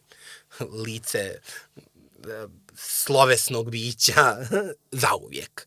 E, Rakatanska imperija je propala e, neslavno, e, urušila se sama od sebe u seriji, naravno, jeli, građanskih ratova, ali takođe propraćena kugom koja je zahvatila samo njihovu vrstu i ostavila praktično infrastrukturu carstva netaknutom i jedan veći broj međuplanetarnih civilizacija na stupnju razvoja u kome su bili svjesni da je e, intersistemski saobraćaj i trgovina, što je jako važno, moguć, ali nisu raspolagali tehnologijom koja to može da uradi, ali su imali jeli, proof of concept, imali su dokaz da je to nešto što je moguće. I naravno, uh, vrlo brzo snalažljive vrste, a najsnalažljivije dvije kako istorija kaže, bile su uh, uh, ljudska bića i dursi, oni su paralelno svako na svom kutku jezgra galaksije uh, uspjeli da otkriju tehnologiju uh, hiperpogona. I uspjeli su da povežu čitav niz sistema koji su još od ranije bili kolonizovani kroz, mi bismo rekli, konvencionalne jeli, e, tehnologije kao što je, to, to se nazvalo sađenje. Jeli, dakle, onako kako mi zamišljamo kolonizaciju svemira danas, dakle, ne znam, pošaljete svemirski brod sa stotinu hiljada ljudi u hibernaciji koji će da spavaju 300 godina dok ne dođu do susjedne zvijezde i onda će tamo da se probude i da naprave koloniju. Jeli? Dakle, ta vrsta ekspanzije je već postojala i kad je formirana republika, neke od ovih vrsta su već bile rasprostranjene i imale su interes da se uspostavi trgovina. E sad, uh, u, u, u tom vakumu koji je nastao nakon Rakatanskog carstva, ovo su džinovski prostori i džinovski vremenski rasponi, e, pojavili i sa mogućnošću te vrste osvajanja resursa na drugim planetama. Mislim, to je jako zgodna stvar, znate. Mi, mi danas ovdje se mučimo sa resursima naše planete. Sad zamislite e, da e, imate planetu na kojoj ne morate ni o čemu dovoditi računa, možete samo da na njoj vadite naftu i baš vas briga, hoćete da je uništite nakon, nakon ne znam, 3000 godina. Za to vrijeme naći ćete još četiri planete koje mogu da vam daju isti taj resurs, nećete je kolonizovati, pa vas baš briga. Jel, sad, neke tamo životinje, njih ćete prebaciti u zoološke vrtove jel, ili na neku drugu planetu. Jel, mogućnosti su neograničene, ali naravno e, ovo je ipak svijet koji je poznat pod imenom uh, zvijezdani ratovi. Samim tim, kad se pojavila tehnologija brzo kretanja, kao i mi, kad smo naučili da preplivavamo Atlantik, odmah smo gledali šta tamo možemo da osvojimo, ponabijamo na kočeve, porazapinjemo na krstove, donesemo svoju vjeru, jeli, porobimo i dovedemo kod nas da nam, da nam služe specialitete koji se uzgajaju samo tamo, jel tako? To je naravno se desilo tada i Republika nastaje kao odgovor na tu vrstu prijetnje. Izvini, htio sam nešto da pitaš. Pa da, samo da pojasnimo slušalcima. Dakle, Republika to je ona diferencija specifika u odnosu na Rakatansko carstvo. Oni koriste to intergalaktičko kretanje posredstvom sile, je tako? A ovi zapravo imaju otkriveni hiperpogon. Tako. tako je, hiperpogon koji ne zavisi na bilo koji način od mističkih sposobnosti. Dakle, u pitanju je tehnologija za koju nemamo predstavu kako radi, ali radi vrlo dobro, je li tako? Radi efi, vrlo efikasno. E sad, uh, to što su oni formirali je jako zanimljivo. Dakle, uh, formirana je upravo republika. Dakle, republika federalnog ustrojstva, ne demokratija. I uh, političko ustrojstvo Galaktičke republike, to je zaista fascinantno, ostalo je manje više neizmijenjeno tokom 25.000 godina. Dakle, samo se uh, republika povećavala dodavali su se dodatni sistemi, senat je rastao, predstavnici su rasli. Ali, dakle, nema govora o bilo kakvoj demokratiji. Vi ste mogli da imate nasljednu tiranidu na svojoj planeti i da kažete naš nasljedni tiranin je istovremeno naš senator u, u, u Galaktičkom senatu i Galaktički senat kaže, ok, vi ste predstavnici, kako ste vi odabrali svog predstavnika, to je vaša stvar. Uzgled budi rečeno, Amerikanci kad su formirali svoju federaciju, oni su isto pod republikom podrazumijevali tako nešto. E, iz početka nije se čak ni podrazumijevalo da se na demokratskim izborima biraju oni elektori koji biraju predsjednika i tome slično. Dakle, republika to podrazumijeva. Dakle, imamo jednu vrstu politeje gdje određene različite interesne grupe na više slojeva političke organizacije moraju međusobno da sarađuju. E sad, e, mi bismo rekli da je, da ipak u svojim osnovnim fundamentalnim sistemima to bio jedan prilično labav i ozloglašena riječ, liberalan poredak. U kom smislu? Dakle, imali smo dakle, institucije formirane pri osnivanju i opstale praktično do galaktičke imperije. E, galaktički senat, galaktički sud, instituciju vrhovnog kancelara koji je objedinjavao zakonodavnu izvršnu vlast, ja mislim čak da ima određene sudske takođe ingerencije. Zatim ekonomija zasnovana na republičkom kreditu, ja bih jako volio da znam kako su oni održavali vrijednost kredita tokom 25.000 godina, ali očigledno su to radili jako dobro, dakle imali su neku vrstu vrijednosti u kojoj je on bio uzemljen, jer jedan isti kredit je korišćen praktično sve vrijeme, neke inflacije su svakako postojale, ali ne pretjerano, nije se to toliko jako osjetilo. Ono što je bilo ključno jeste, Republika je trebalo da zaštiti od spoljne dominacije nakon tog e, perioda intermundija koji se zvao unifikacioni ratovi i e, ono što je bilo ključno, ona je trebalo da garantuje bezbjedno for, formulisanje i funkcionisanje slobodnog galaktičkog tržišta. Ono što je jako važno, e, praktično od početka do kraja Republike, tokom svih 25.000 godina, ona ostaje jedna laissez-faire ekonomija romantičnog kapitala, šta više, prvobitne akumulacije kapitala i ona se i širila po tim principima. Dakle, i, i tako nešto je nama naravno nezamislivo. Dakle, pazite sad, prvo eto, pričamo nekada davno, jeli, o, o, ne, o nekakvom legendarnom svijetu.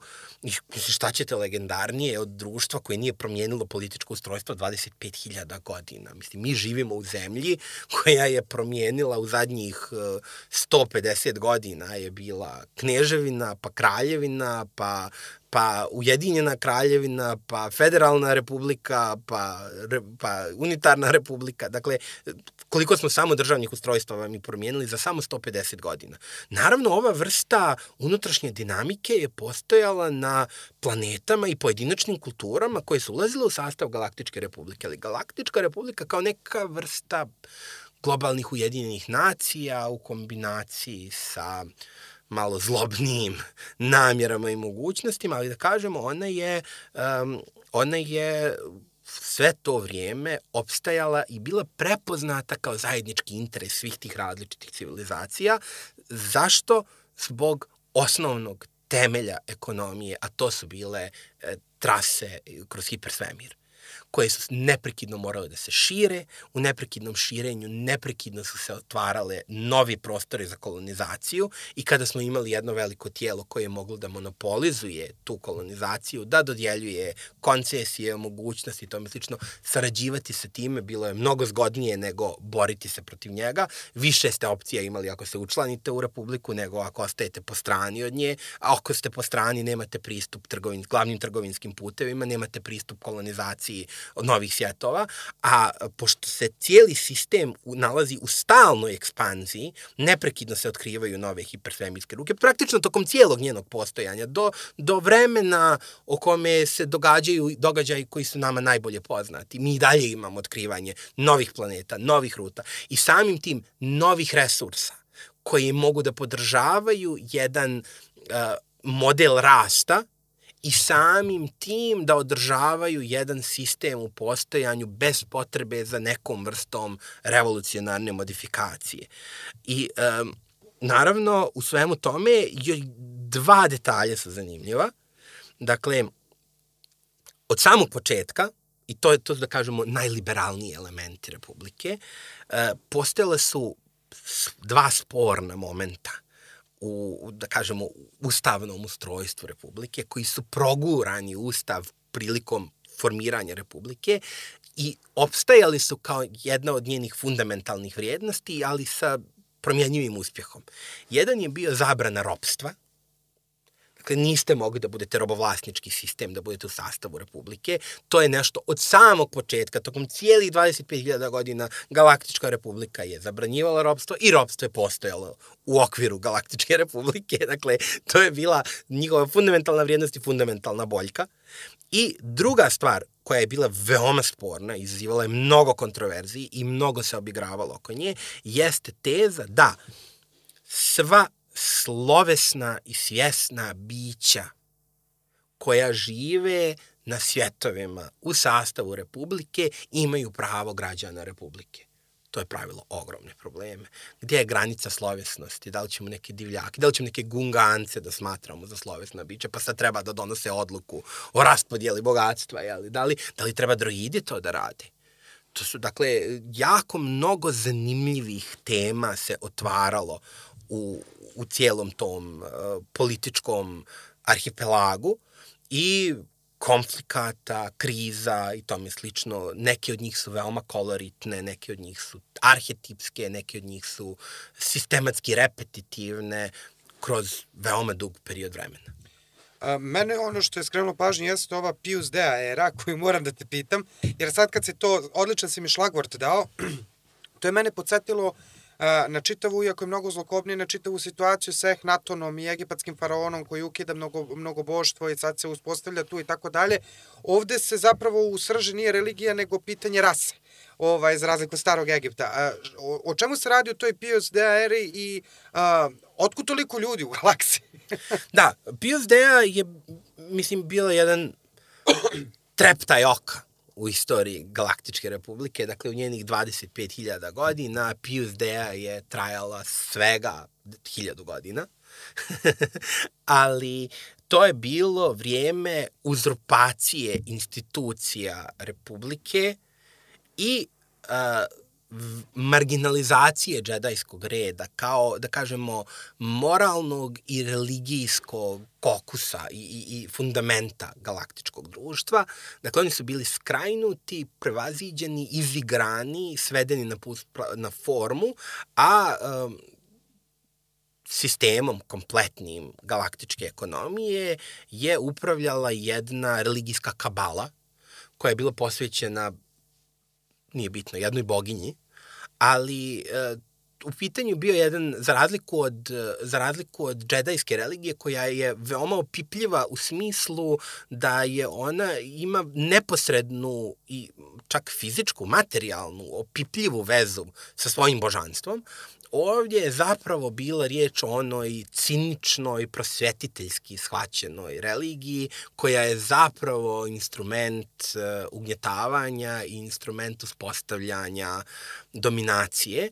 Uh, jedna od osnovnih uh, ideoloških vrijednosti Pius Dea pokreta bile je, bio je, da kažemo, humani šovinizam ili ako hoćemo kažemo antropocentrizam, ovaj, mada to u ovom kontekstu zvuči čudno. Dakle, u pitanju je bila rasistička ideologija koja je smatrala druge slovesne rase galaksije uh, bićima drugog reda. I ona je, to nije period o kome se mnogo pisalo, nema previše materijala u izvorima i oni su obskurni i nije se mnogo kasnija istorija Republike osvrtala na taj period. Postoje periodi istorije Galaktičke Republike koji su jednostavno ostavili strašan trag na kasnijim eonima. Kao, kao što mi recimo možemo kažemo da Aleksandar je uticao na kompletnu istoriju kasniju svijeta, na koju recimo čitav niz čitave stotine godina između nisu uopšte ostavile toliko traga na, na recimo modernoj civilizaciji, koliko 50 godina klasične grčke, ajde tako da kažemo.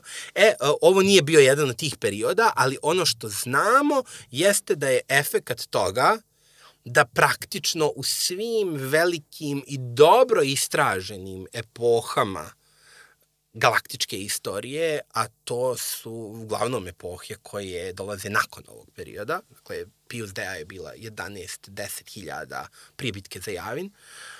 Uh, mi imamo brojčanu nadmoć i imamo jednu vrstu ekonomske i administrativne nadmoći ljudskih bića u odnosu na druge vrste, koje se pomalo i ponekad posmatraju rasistički kao niže, dolazi do određenih upliva nepotizma, kako se to zove, specijizma, jeli, do, do određenih vrsta diskriminacije, čak i maltretiranja, uprkos jeli, tim načelnim, temeljnim konceptima Republike kao društvo koje bi trebalo da bude otvoreno za sve slovesne vrste. E sad, ono što isto negde moramo da spomenemo uh, i što uh, uh, sećam se kad sam prvi put video Džabu Hata, ovaj, to, je, to je zaista bio onako utisak kad ga vidiš ovaj, na velikom ekranu. E sad, e, kad sam ja ušao zapravo u celu tu priču i kad sam shvatio da Hatovi su imali, oni su imali imperiju, jel tako, pa su se tek posle pretvorili u kartel, ali nekako i kad suđe, čak i ove serije, filmove i tako dalje, stalno se tu pojavljuju neke trgovačke federacije, pojavljuju se neki kriminalni karteli, pojavljuju se neke ovaj, raznorazne tu varijante nekih struktura koje postoje paralelno sa Republikom i neke su čak i starije, stare, koliko Republika možda čak i starije nekako meni se tu u glavi sve vezuje za laissez-faire, jer to je ono, ne, ne može se ide u, u kolonizaciju tako bez da imaš pirate. Mislim, to su negde ovaj, ne i banke, bez. Francisa Drake-a. Tako je, tako je. Ovaj, ajde da vidimo koji su te neki upečatljivije, tebi upečatljivi, ovaj, a, m, svakako taj kartel, kartel a, Hata i kako se beše zove njihova ističava indijska kompanija Certel, tako? Cerka. Cerka, cerka. Cerka. Ovaj, pomešao sam ih sa crtom. Da, ovaj, cerka, da. Ovaj, uh, kako su funkcionisale te strukture? Ovaj, to je neka posebna se magija zvezanih ratova. Mi bismo mogli da napravimo ovakav podcast samo posvećen kartelu hatova. Dakle, oni imaju i oni su relevantan igrač u galaktičkoj politici praktično tokom cije, u cijeloj poznatoj istoriji. Uvijek su tu da mute vodu. Uvijek su tu, uvijek su uh, neutralni ili suprotstavljeni, mada naravno u, u tako dugoj istoriji bilo je, bio je bar jedan hat uh, kancelar Republike.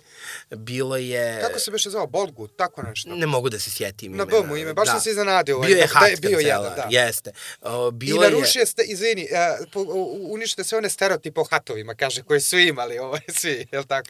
Ono što je zanimljivo kod hatova jeste, naravno, prvi hat koga upoznaje bilo ko ko ulazi u ovu priču jeste čuveni Džaba hat, koji pomalo djeluje kao jedinstveno biće u svemiru. Jeli? I jako je teško zamisliti hatove kao nešto što se razmnožava, što ima kulturu, civilizaciju, ali uh, u stvari uh, kada imamo u vidu da su oni po svoj prilici, koliko mi znamo, najstarija međuzvjezdana civilizacija u dalekoj, dalekoj galaksiji, onda sve to ima velike logike. Dakle, hatovi nisu izgledali ovako kako izgledaju danas. Oni su nekada bili mobilni, agilni, aktivni. Međutim, oni su toliko dugo bili uh, gospodari imperije toliko dugo, mislim, imperije u ovom kolokvijalnom smislu, dakle, oni su isto, oni su veoma tribalna bića, okrenuta svojoj porodici i porodičnim vezama, mislim, najbolje ih je shvatiti kao, kao mafijaški kartel. Dakle, jake rodbinske veze, unutar jedne grupacije, međusobni pregovori koji rade po principu jeli, rodbinsko-krvnih veza, krvne osvete, jeli, tome slično. Međutim, oni su bili toliko dobri u organizaciji i pokoravanju drugih naroda da su došli u situaciju da zaista ne moraju ništa da rade.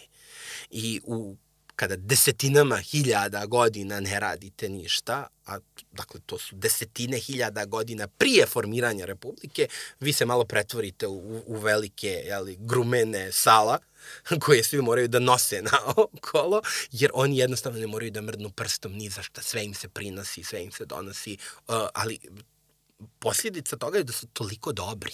Dakle, oni, oni su toliko dobri igrači te igre da oni zaista ne moraju da imaju tu vrstu agilnosti, tu vrstu aktivnosti, jer oni u svakom trenutku imaju igrače i pione na, na šakovskoj tabli koji mogu da, da reaguju umjesto njih. E, što se tiče Cerka korporacije, ona je jedan opet fascinantan entitet koji, za koji iskače iz, iz kolonijalne katastrofe u kolonijalnu katastrofu I svaki put čovjek pomisli, pa dobro, nakon ovoga su ih sigurno ukinuli, ali, ovaj, gurnuli su ih u stečaj ili nešto tome slično, ali ne, oni iskrsavaju kao, kao gljivično oboljenje na, na tijelu galaksije, dakle, neuništivi su potpuno i oni su nešto poput uh, galaktičke istočno-indijske kompanije.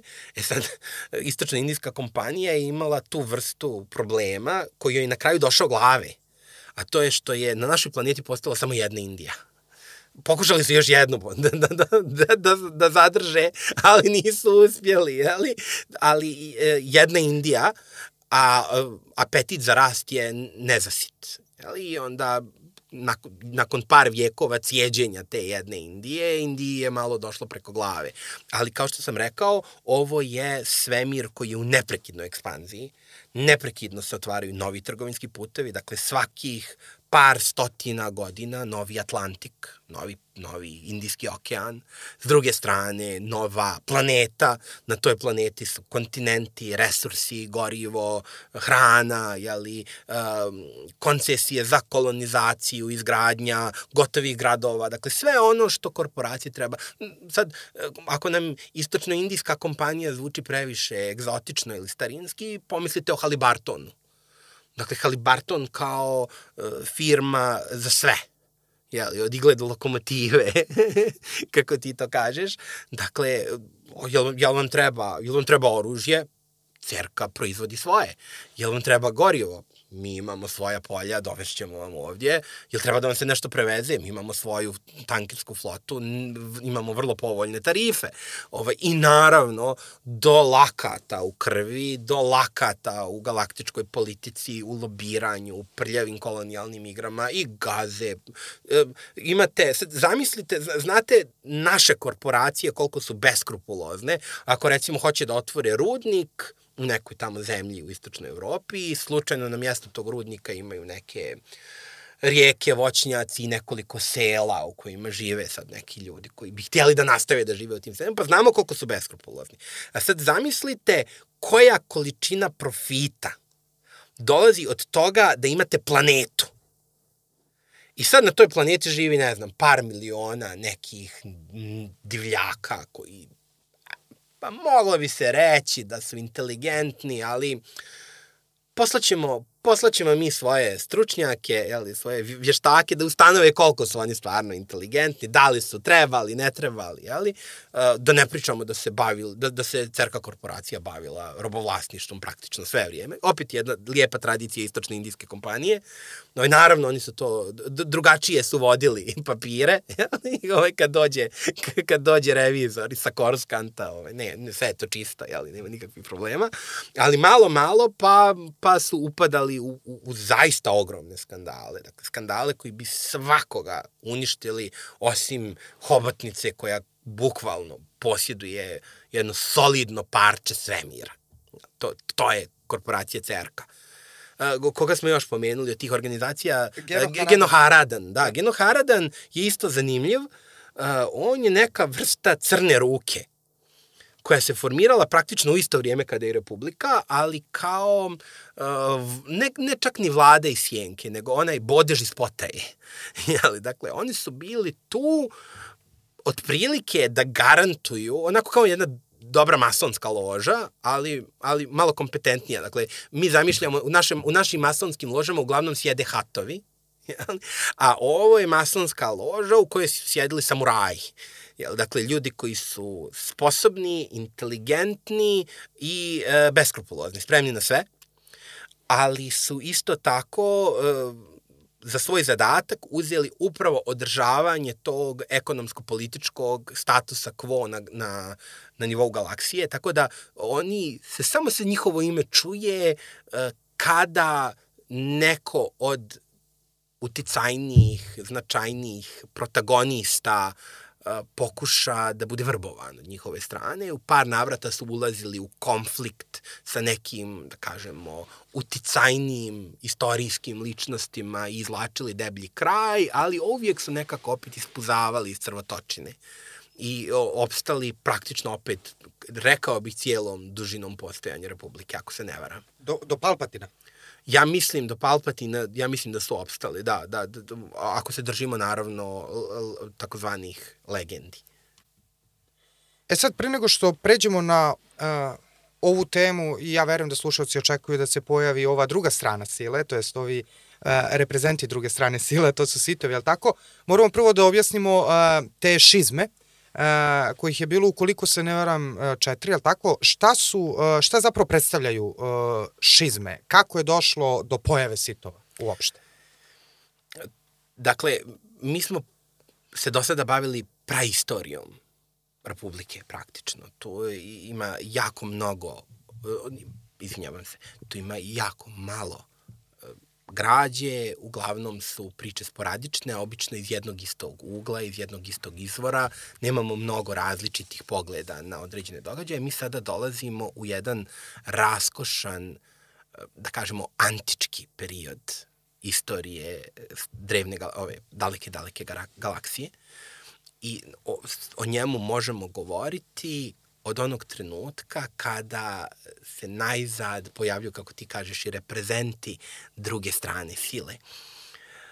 Tako zvan, mi znamo kao sitove, ali kako se to događa? Ako se sjećaš, imali smo priču o džedajskom redu, kako god se zvao, i već u njemu smo imali to cijepanje. Dakle, fundamentalni problem sile jeste u tome što ona sadrži u sebi dvije strane. Mi smo to pomenuli na jednom pomalo romantičnom primjeru starinskom sa nebeskim tijelima, ali kao što imamo, kao što smo imali svijetli i mračni mjesec nad Titonom, kao što smo imali uh, prisustvo specifičnog aspekta sile na jednom i na drugom mjesecu, tako je zapravo sa silom u svakoj situaciji. I to je opet veoma zanimljivo filozofsko pitanje samo po sebi. Uh, nije ga lako raščivijati, ali na nekom početnom nivou dovoljno je reći sljedeće. Dakle, sjećamo se džedajskog kodeksa i džedajski kodeks je podrazumijevao da poš, pošto je naš odnos sa silom uvijek interakcija. Pošto sila nameće svoju volju nama, ali i mi namećemo svoju volju sili. Dakle, to je jedna inteligibilna komunikacija između različitih svijesti, različitih duhova, možemo da kažemo komunikacija pojedinca sa transcendentnim, onda je izuzetno važan način na koji se ta komunikacija uspostavlja.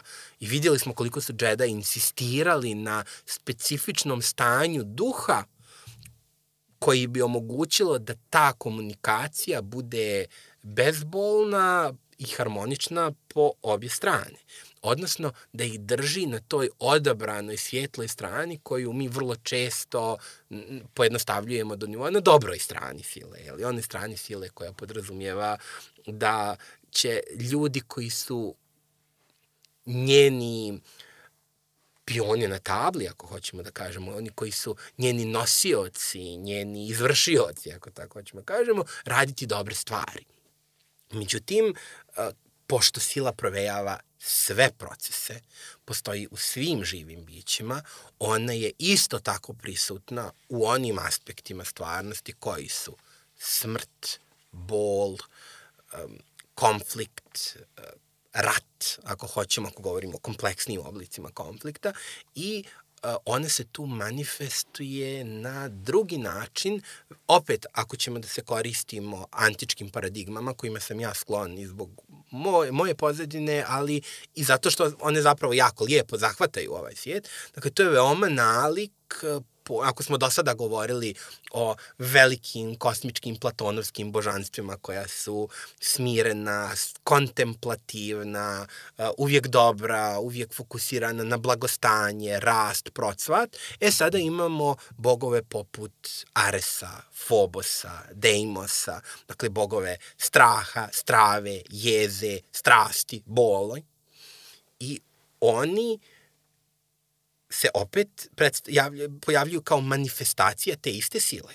Dakle, sve ono što je važilo za silu do sada, a to je da mi možemo svoju volju da namećemo njoj, ali ona nama, e sad dolazimo u situaciju da mi, kada njoj namećemo volju sa agresivnim, ambicioznim, zlonamjernim ili uh, ubilačkim namjerama, ona se pretvara sada u užasavajuće oružje.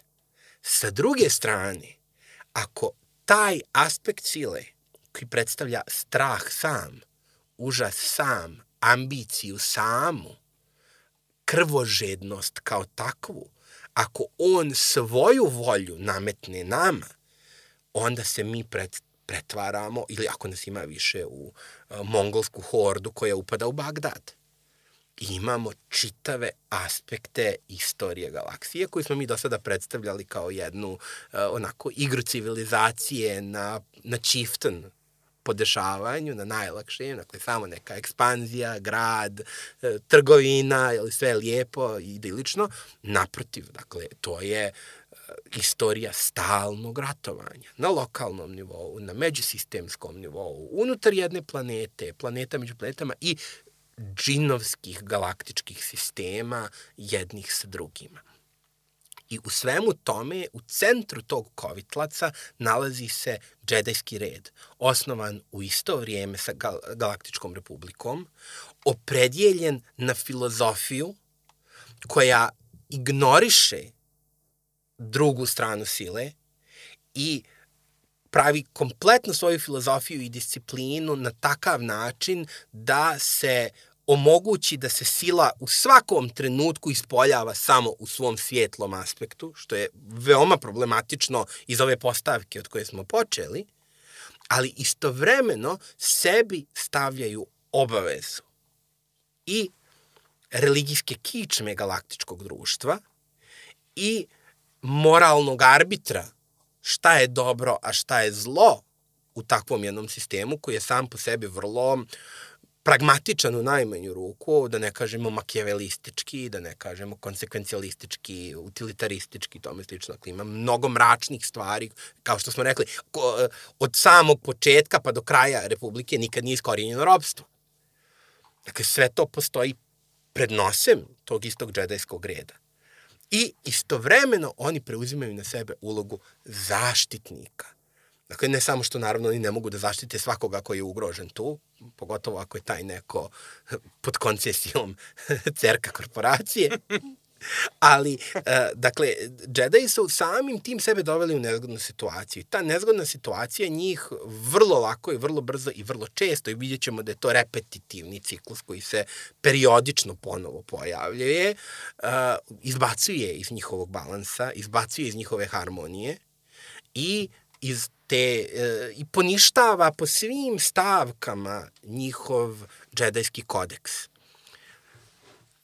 Gledano kroz, da kažemo, e, istoriju, izašli smo iz praistorije, sada smo već u istoriji ali, Galaktičke republike.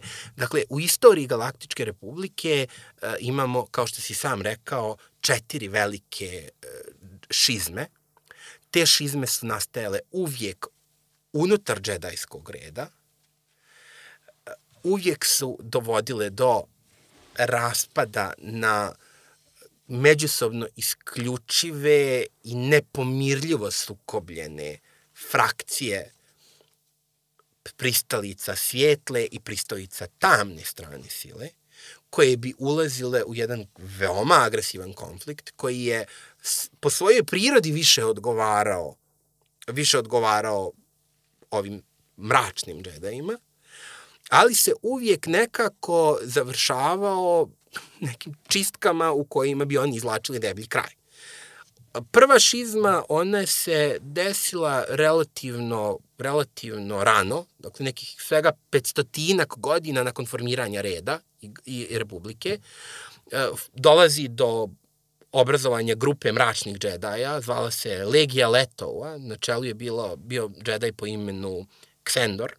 Oni dižu ustanak, ustanak biva ugušen, a učenici i akoliti te škole mišljenja u džedenskom redu opet iskorjenjeni. Ta iskorjenjenost je kao rekurentna tema, to smo već vidjeli. Uh, to je zanimljivo zato što u to vrijeme džedijski red još uvijek nije koristio svjetlosne sablje. Dakle, ovo je bio jedan starinski samurajski sukob u kome su se dvije strane prilično krvavo mlatile katanama. I priče su onako šekspirovske kad se pogleda, zaista i taj konflikt se završava na jedan izrazito tragičan način, poslije čega uh, džedajski red polako konsoliduje svoju filozofiju i, kao što vidimo, opstaje izuzetno dugo u zadatim institucijama bez velikih talasanja na nivou interpretacije sile tokom eona, dok ne dođemo do jednog vrlo zgusnutog ovog antičkog perioda, dakle, nekih 7000 godina, 7003. godine, kažu, prije bitke za Javin, to je taj naš koordinatni sistem koji koristimo, dolazi do nečega što se zove obično druga velika šizma ili samo velika šizma. Obično kad kažu velika šizma misli se na nju. Ona ima, iako je šablonska u odnosu na bilo koju drugu šizmu unutar, unutar e, džedajskog reda, e, ona ima ubjedljivo najveće posljedice. E, neposredni povod zato, dakle, obično je problem bio se svodio na to da džedaji sa svojom fokusiranošću na svjetlu, svjetlu stranu sile imali su tu potrebu da ne, mi bismo rekli nekritički ili dogmatski potiskuju bilo kakav oblik e, radoznalosti i interesovanja za tamnu stranu. Međutim, to je značilo da se tamna strana uglavnom može lokalizovati oko pojedinca i ako imamo monaški red, što su oni upravo bili, koji ima strogu disciplinu, relativno je lako izolovati pojedinca koji je zastranio i eventualno u uslovima, ne znam, potpuno monaškog života vratiti ga na pravi put. Međutim, te 7003. godine se pojavljuje nova vrsta problema, jer dolazi do otkrića već pomenute džedajske ili, kako bismo to rekli, mističke, magijske, alhemije. Dakle, grupa džedaja otkriva način da e, vještački stvara ono što je inače prirodni fenomen, dakle, ljudi kao živa bića koja, a sva živa bića kanališu silu na nekom nivou i ostavljaju svoje tragove u svemu što rade, svuda kuda prođu, gdje su živjeli, slično. Ti tragovi se mogu osjetiti kroz silu. Poznati su džedaji koji su bili u stanju da čitaju prostor, dakle, da čitaju sudbinu prostora ili predmeta samo na, na dodir, jeli, zato što su, to se govorilo, mogu se da čuju ehoje kroz silu. Uh, dakle, grupa džedaja je otkrila način da uh, zarobljava silu u određene predmete. Dakle, da, ih, da je nasilno ubacuje unutra, dajući im veći mi bismo rekli magijski potencijal, zapravo, veći potencijal za fokusiranje sile. Dakle, da, da, da, ajde da kažem opet, pošto mi uvijek imamo i tu paradigmu prirodnog fenomena, dakle, možemo da kažemo, našli su način da skladište energiju pojedinačnim predmetima. Sad, postoje predmeti koji sami po sebi imaju veliki afinitet prema sili. To su pomenuti kristali, koji između ostalog neki od njih su vrlo moćno gorivo. Jel? Dakle, mi govorimo o fizici koja malo izlazi iz okvira našeg očekivanog. Ali ovo je više nivo. Dakle, ovdje imamo mogućnost da u pojedinačne predmete, u talismane, u oružje, u nakit, unosimo, deponujemo veliku količinu energije. Pritom, riječ je uvijek o nasilnim tehnikama. Uvijek o, mi bismo rekli, neprirodnom sputavanju sile, što je inače sklonost mračnih džedaja, dakle, da više kontrolišu silu nego što sila kontroliše njih. Iako, naravno, konvencionalna mudrost kaže da obično mračni džedaji su ti koji budu u većoj mjeri marionete sile od običnih džedaja koji joj se prepuštaju, jeli? Dakle, rekli bismo da se mračni džedaji često dave u sili, dok e, obični džedaji na nju, po njoj surfuju.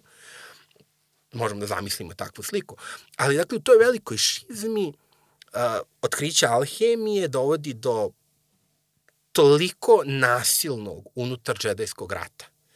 Jer sada odjednom sklonosti ka mračnoj strani dobijaju ispomoć u, u vidu predmeta koji mogu da, da poremete balans u kome ipak obično mračnih džedaja ima manje od konsenzusa, jeli, većine.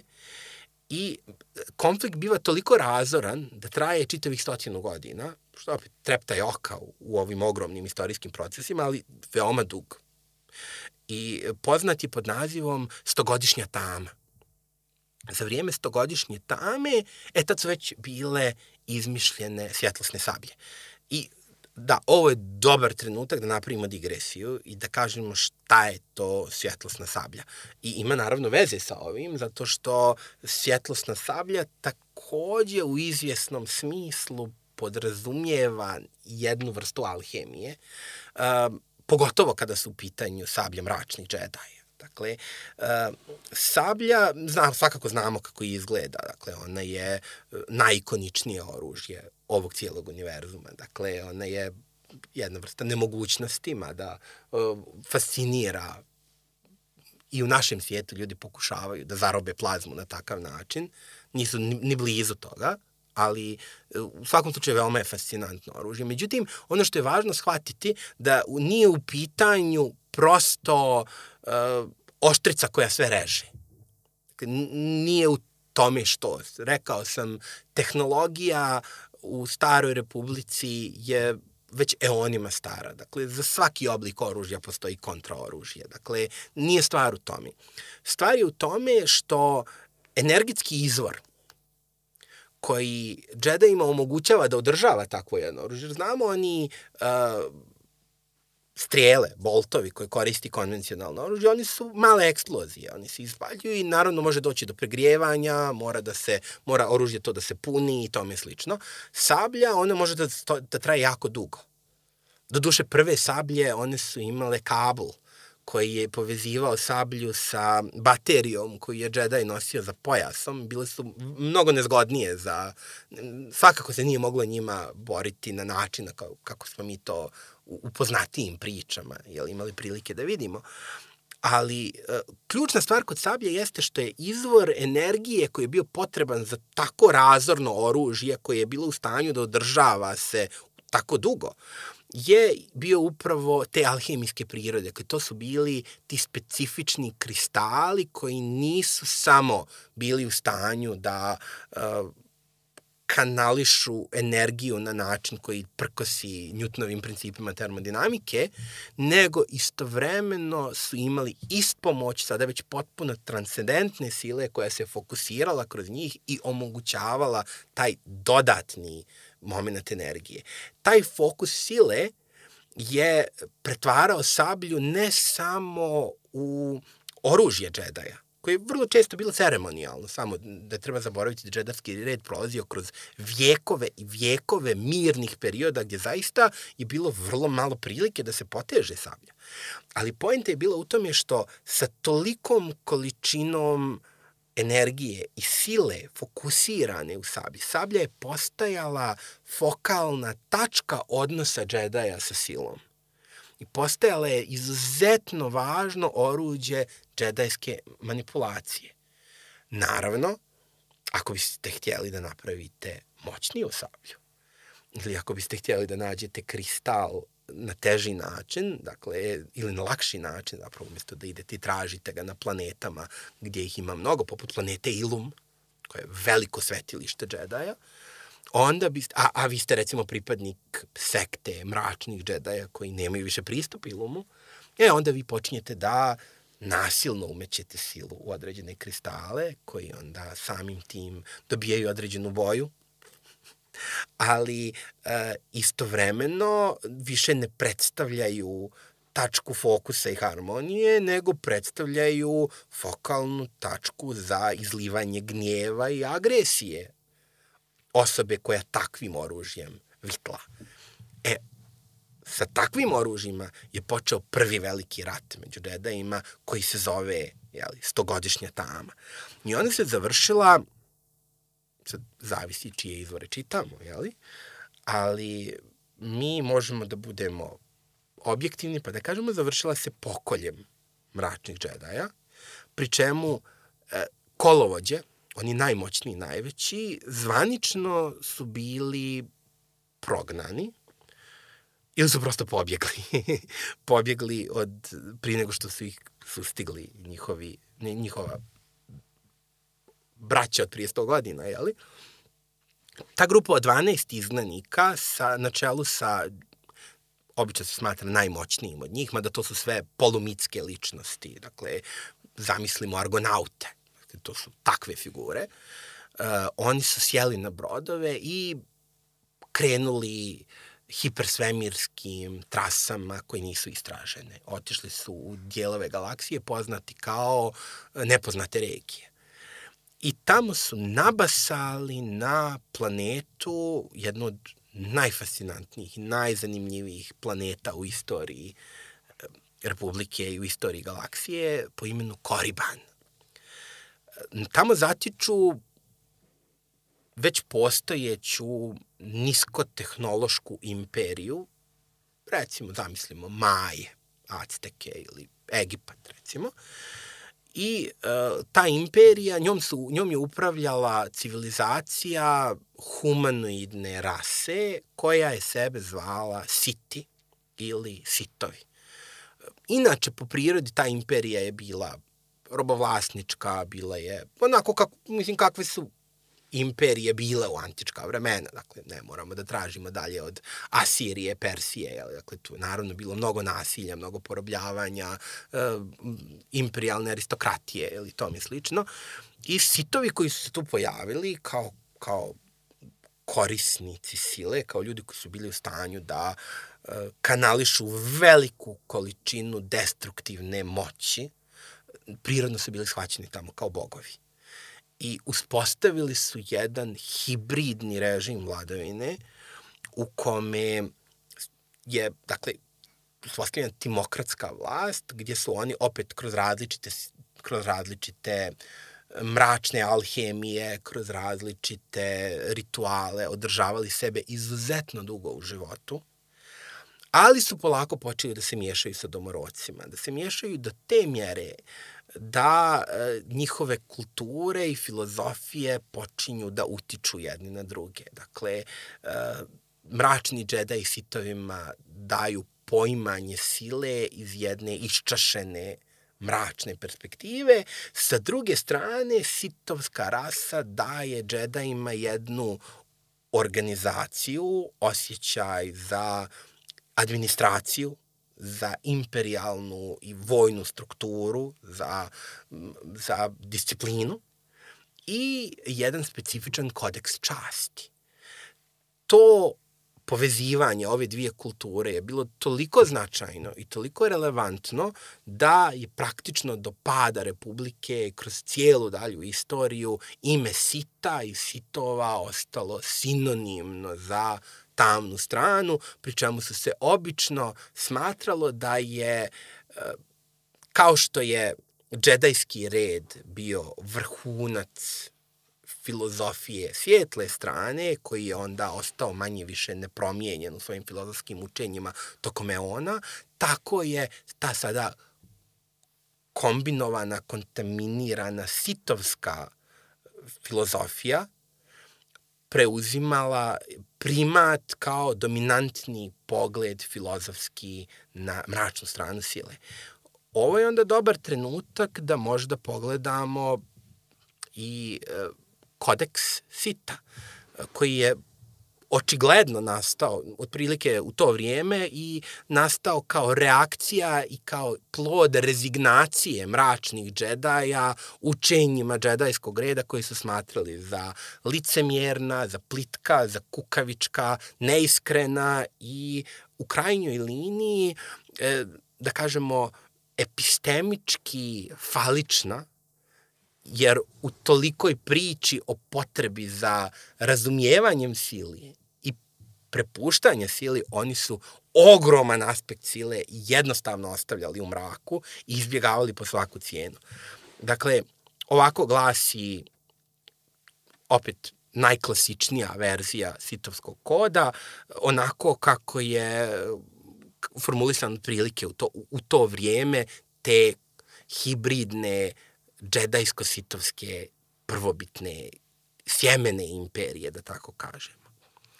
Mir je laž. Postoji samo strast. Kroz strast stičem snagu. Kroz snagu stičem moć. Kroz moć stičem pobjedu. Kroz pobjedu moji lanci su slomljeni. I tu onda imamo ovaj, carigradsko-nikejski dodatak, jel, koji kaže, završava se, sila će me osloboditi. E sad ovdje imamo jedan potpuno drugačiji odnos prema sili. Dakle, Jedi sebe vidi kao brod koji plovi morem sile. struja sile ga nosi gde treba, vjetrovi ga nose gde treba, ali on ima povjerenje u silu da će ga ona odvesti tamo gde treba, jer sila je po svojoj prirodi dobra, ali sit u njemu vidi samo marionetu. On vidi marionetu i vidi manipulanta, zato što zna da ti isti džedaji znaju da manipulišu silom na izuzetno mnogo načina, kad im to odgovara i kad im to treba. Jer naravno, eh, džedaji nisu anđeli, džedaji nisu bezgrešna bića, dakle oni se bave politikom, oni se bave ekonomijom. Eh, ne treba zaboraviti da čitav niz osobenosti džedajskog reda koje mi vezujemo za period koji je nama najbolje poznat oko jeli, uspostavljanja galaktičke imperije, dosta aspekata džedajskog reda u to vrijeme nije bilo tako. Dakle, džedaj, džedaji nisu u svim periodima svoje istorije, uh, oni nisu recimo uh, podržavali celibat nisu bili izolovani od, dakle, bilo je džedaja koji su se bavili ekonomijom, bilo je džedaja koji su vršili javne funkcije, bilo je džedaja koji su se bavili, učestvovali u ekonomskom, kulturnom, političkom životu Republike.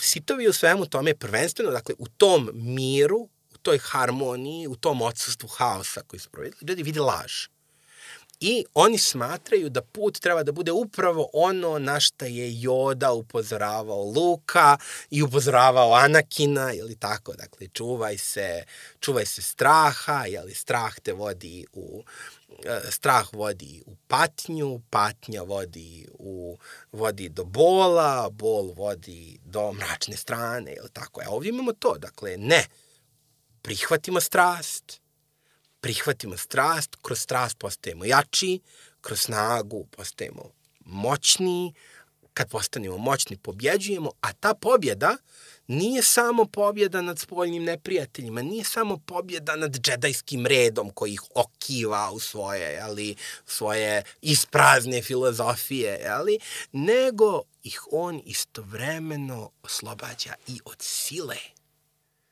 Dakle, jedan od momenata kulturoloških otprilike u to antičko doba jeste da se džedaji međusobno pozdravljaju sa onim poznatim, jeli, neka sila bude uz tebe, a sitovi usvajaju pozdrav neka te sila dobro služi.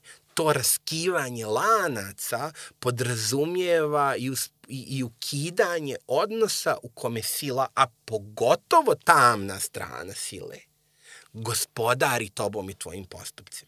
Svaki sit kome se pokaže na mračnog džedaja koji je pao na tamnu stranu, počeo da mahnita, da ubija, da uživa u krvoženstvu, on bi samo rekao, pa ne, on je ostao rob.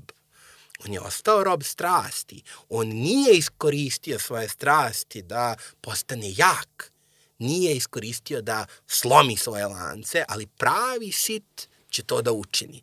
I ta filozofija je li nama daje sada jednu specifičnu specifičnu kulturu koja se krčka pa recimo hiljadama godina uh, u neznanju. Ja mislim da ja mislim da je ta faza trajala skoro hiljadu godina zapravo ta koribanska faza i naravno e, takav sistem nužno dovodi do unutrašnjih konflikta, do zamalo međusobnog istrebljenja. Kao efekat toga e, Koriban isto kao Titon prije toga biva uništen. I od jedne planete koja je podržavala život i civilizaciju, on postaje samo postaje samo groblje ceremonijalna planeta gdje su se ukopavali veliki gospodari sita i gdje su se održavala ta vjećanja, jeli, zasjedanja, razgovori, pregovori i tome slično. E, dok smo još, pričali smo, dakle, ovo je bila velika diverzija, ali, kažem, ušli smo u tu najvažniju i najveću šizmu. Treba pomenuti, dakle, bile su još, još, e, još dvije velike šizme. Treća šizma je bila neke 4250. godine prije bitke za Javin, opet unutrašnja podjela u džedijskom redu, ali nije ostavila takve talase. I imali smo četvrtu šizmu 2000. godine, kasnije u potpuno drugoj epohi, koja je pokušala da obnovi Sitovsku imperiju i završila se opet e, velikom čistkom sita, gdje su oni praktično istrebljeni, ali uspostavljen na nova filozofija poznata kao pravilo dvoje, koju temeljio veliki sit Darth Bane, o tome ćemo pričati nešto kasnije. E sad, ovaj, ta koribanska faza, ovaj, pošto mi je to relativno sveže, to je čini mi se 2000 godina, ako pričamo do velikog hipersvemirskog rata, kada se zapravo Koriban otvara, to je 5000 godina prebitke kod Javina, a ovo je 7003, je li tako, uh, Exil. Tako ovaj, je. Tako da imamo tačno 2003 godine. Tako je. ovaj, i, I tu se krčka ta sitovska kultura. Sad dolazimo do tog velikog sukoba, uh, veliki hipersvemirski uh, rat i ovaj i tolikova koji vode taj veliki hipersvemirski rat koji su naročito ovako živopisni na strani sitova. To su ovaj što kažemo veliki bećari, je li tako? Da, da, da. Uh, uh, Naga Sadu i ostatak ekipe. Ajde da vidimo malo šta je zapravo predstavljao taj veliki hipersvemirski rat. To je kao ono vraća se izgubljeni rođak od nekud iz daleka i nije baš najbolje raspoložen. bilo je to malo drugačije. Dakle, opet sjetimo se one idilične slike laissez-faire republike koja se stalno širi, stalno gradi, viša kapitala se neprekidno pravi, probitna akumulacija kapitala je vječna, jeli, republika samo raste, samo raste, nema nikoga ko može da izazove, svaki novi sistem koji dođe, više mu se isplati da se priključi republici nego da, nego da u bilo koji način ulazi s njom u konflikt, jer onda imamo nezgodne blokade, trgovinske embarga, jel, i to? Misliče, sve to Narodna republika ne želi, ona ima svoje, ona ima svoje jednostavna pravila, nemojte da, nemojte da trgujete robovima, da vas mi gledamo, i poštujte slobodu protoka ljudi, robe kapitala kroz vaš segment hipersvemirske trase i dobri smo. Međutim, mi sada dolazimo u situaciju gdje Republika nailazi na prepreku sobstvenom razvoju koja je dovoljno moćna da taj njihov vječni ciklus razvoja počne da trokira, da počne da pravi probleme i samim tim kao i svaki sistem koji trokira, on izaziva ogromne unutrašnje nemire, a ovdje su sad to na galaktičkom nivou. Da stvar bude još gora, izvor tog, izvor tog problema za koji nisu ni znali da ga imaju, je zapravo neka dogmatska rasprava koju su džedaji vodili prije 2000 godina i za koju su im rekli da su je riješili. Dakle, šta se događa? Kao što rekoh, Republika je stalno, u stalnom širenju i stalnom istraživanju. I uh, u tom istraživanju ona pomjera, mi bismo rekli granice, jel? Mada opet nik, ne treba nikada zaboraviti, to je jedan dinamičan svemir u stalnom okretanju, stalnom pokretanju. Međutim, grupa siromašnih hipersvemirskih istraživača slučajno nabasava na Koriban i zatiče tamo igru prestola. Viševjekovni gospodar Sita, vrhovni, ne, neosporni, najjači Marka Ragnos je umro. Pod okolnostima u koje nećemo da ulazimo. Ali Marka Ragnos je bio sitovski Miloš Obrenović. Jeli? Mudriji od svih, lukaviji od svih, svi su ga se plašili, nikoga nije volio, ali su znali da će lakše s njim nego protiv njega. I nakon njegove smrti, naravno, sitovski, gospodari sita su kao rogovi u reći.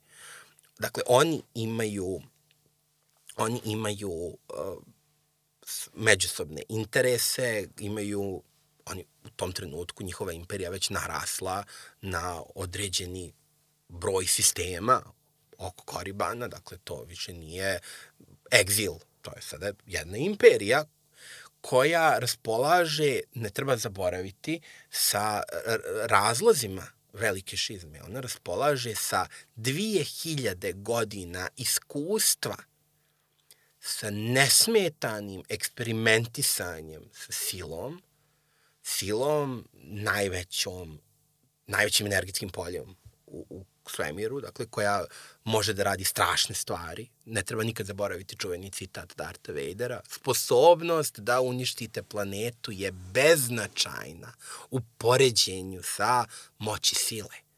Dakle, imamo kulturu koja je sa velikim interesovanjem eksperimentisala sa tim moćima i gledala koje su granice koje mi se nameću kada to rade.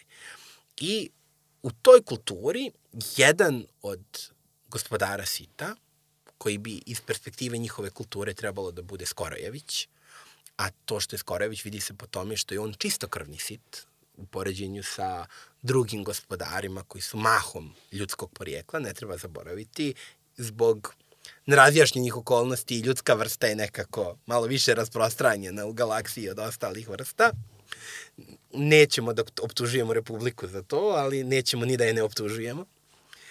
Dakle, taj Skorojević, vrlo lukavi, vrlo prepredeni e, makijavelista po imenu Naga Sadov, organizuje odličnu partiju Igre prestola u kojima koristi ove pridošlice da s jedne strane potpiruje strah od spoljne intervencije, jer ne treba zaboraviti da je jedna od apsolutno fundamentalnih vrijednosti sitovske kulture, koja se takođe krčkala 2000 godina u tom trenutku, mržnja prema džedajima i potreba za osvetom, za ponižavajući poraz i izgnanstvo sa prostora koje su oni doživljavali kao svoje.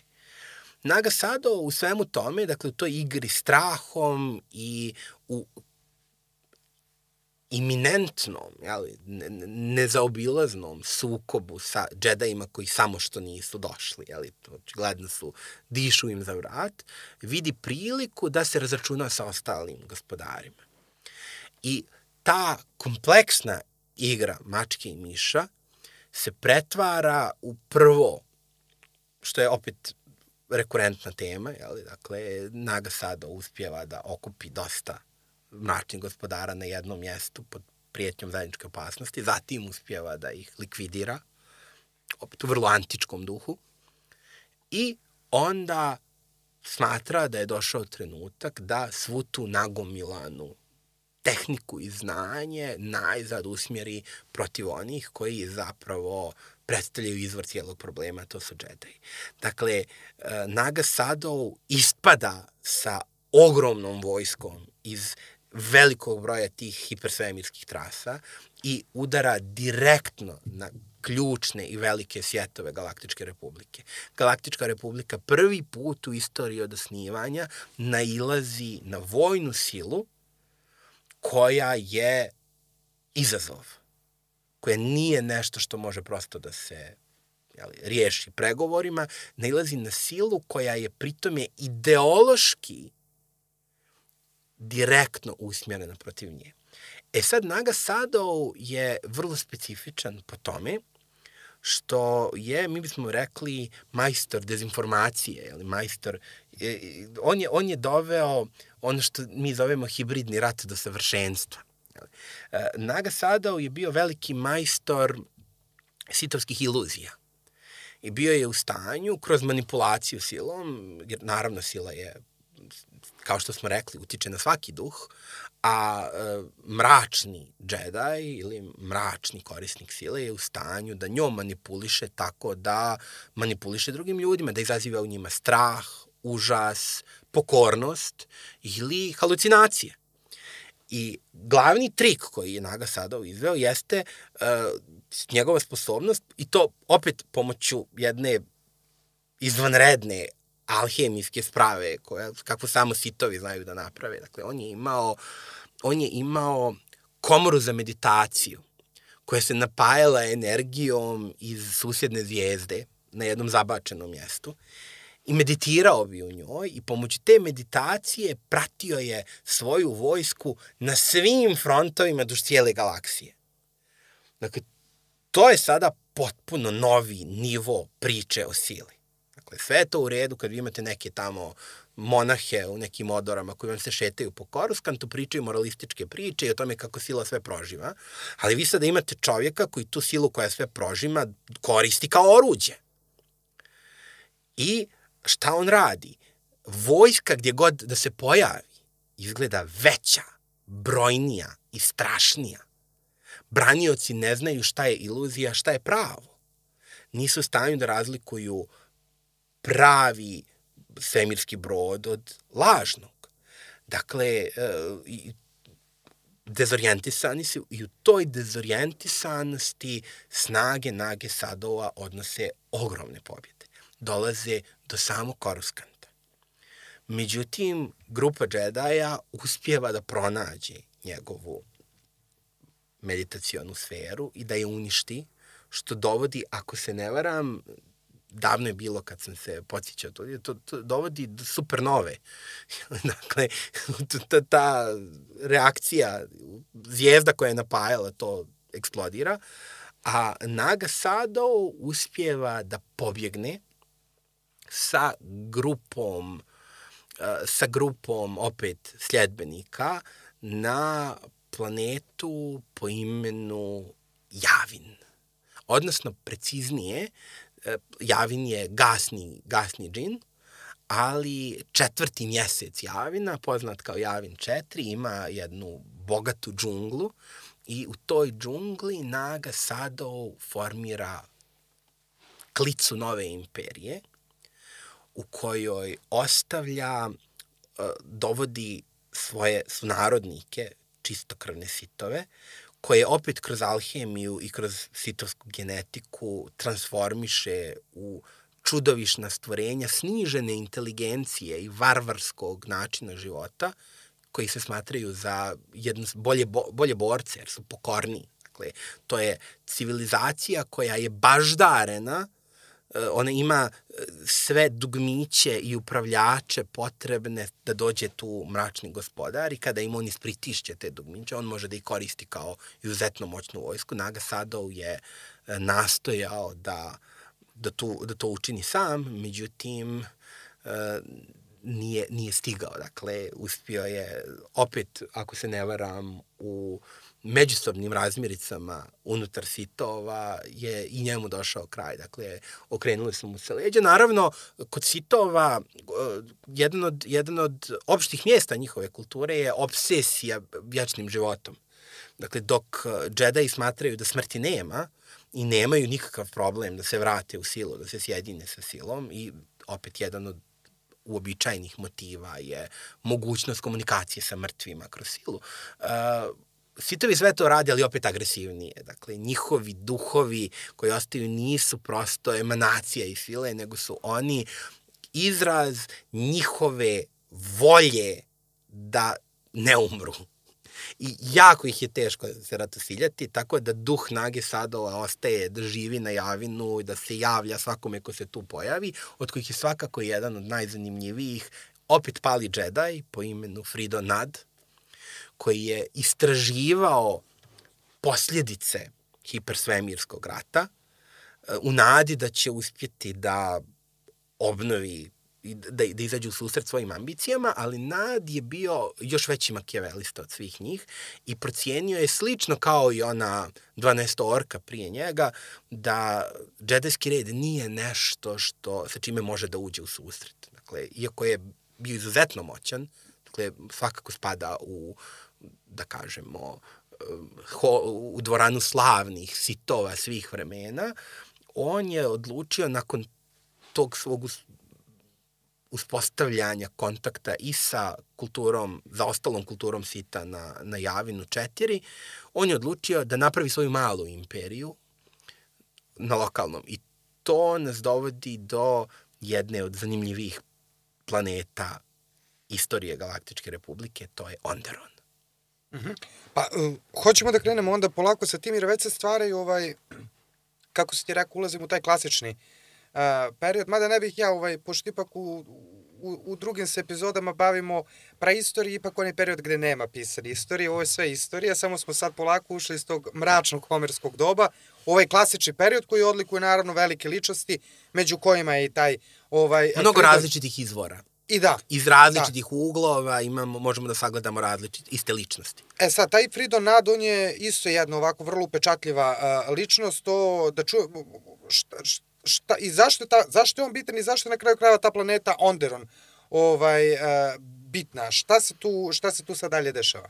Onderon je jedna od tih neuralgičnih tačaka galaksije. Dakle, prosto postoje planete koje su življe i značajnije, koje na kojima se sila više manifestuje nego drugdje. Mislim, jedan od najabsurdnijih momenta cijelog mitosa zvijezdanih ratova jeste čuvena, čuvena žalba Luka Skywalkera koji kaže, jeli, za planetu Tatooine, kao ako postoji tačka, ako postoji blistavi centar galaksije, ovo je rupčaga koja je najudaljenija od njega. Jel? Dakle, ovo je jedna bestragija gdje se apsolutno ništa nikada ne dešava, a onda pogledate istoriju, istoriju Galaktičke republike u kojoj se bukvalno u svakoj epohi, u svakom trenutku, u svakoj političkoj borbi nešto događa na tom Tatooinu.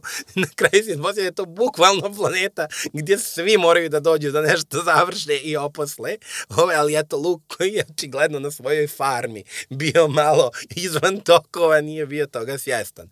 E, Onderon je jedna od takvih planeta, sama po sebi vrlo zanimljiva, sama po sebi, naravno, uvijek imamo taj trag sile koji označava mjesta koja će biti značajna i prije i prije nego što se tu desi nešto veliko što će ostaviti svoj trag i privlačiti nove generacije da slažu slojeve istorije preko toga. Onderon je zanimljiv onako uh, astrofizički gledano. Dakle, to je planeta uh, koja ima džinovski mjesec po imenu Dxon, Dxon ili Daxon. Uh, obje, obje, stvari u tome što su njihovi ekosistemi povezani. Dakle, mjesec je ogroman i okreće se oko planete u vrlo, u vrlo bliskoj orbiti. Tako da se u određenim trenucima u, u toj njihovoj lunarnoj godini dolazi do spajanja atmosfera. I čudovišna bića koja žive na tom mjesecu koji je okrutniji, ima okrutnije uslove za život, prelaze na planetu i na kraju je cijeli sistem postao vrlo nepovoljan po život, ali problem je bio u tome što dok je planeta bila dok je planeta bila prijatnije mjesto za život, tu se stvorila jedna autohtona ljudska civilizacija.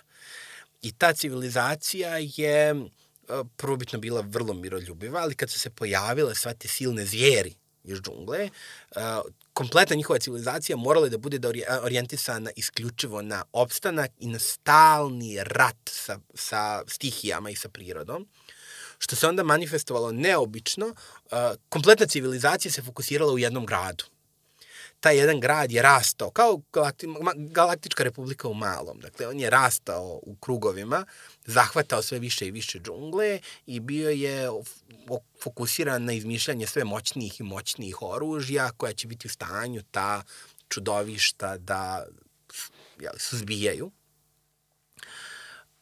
Ali u jednom trenutku je postala njihova kultura prilično agresivna, prilično, mi bismo rekli totalitarna, i uh, uobičajena kazna za izgrednike bila je, umjesto da se pogube, da se izbace u džunglu, što se ispostavilo kao relativno loše rješenje, zato što kao što su njihovi preci bili u stanju da izađu na kraj sa čudovištima iz džungle, e tako su na kraju postali i ovi disidenti koji su formirali paralelnu civilizaciju koja je naučila da pripitomljava te zveri. I sad umjesto da imaju beslovjesne životinje koje nasrću nasumično na njihove zidove, sad su imali organizovane jahače koji su pokušavali da sruše njihovu civilizaciju, što je sve stvaralo jednu atmosferu perpetuiranog rata koji se vjekovima podržavao i u u toj potrebi razvijali su sve bolje i bolje oružje, tehnologiju, dok nisu na kraju savladali putovanje u svemir i uspostavili kontakt sa Galaktičkom republikom. Čim su ga uspostavili, tražili su intervenciju džedaja u tom ratu sa takozvanim jahačima zvijeri sa Onderona, da bi istraga džedaja vrlo brzo ustanovila da razlog što je razvoj te kulture poprimio tako naročito agresivan, mi bismo rekli onako, um, Amerikanci kažu srednjevjekovni, a mi bismo rekli biblijski, jeli, starozavjetni manir uh, agresije, krvožednosti i uh, represije bio u tome što je ta planeta u tom trenutku već nekih 500 godina bila pod direktnom upravom našeg prijatelja Fridona Nada.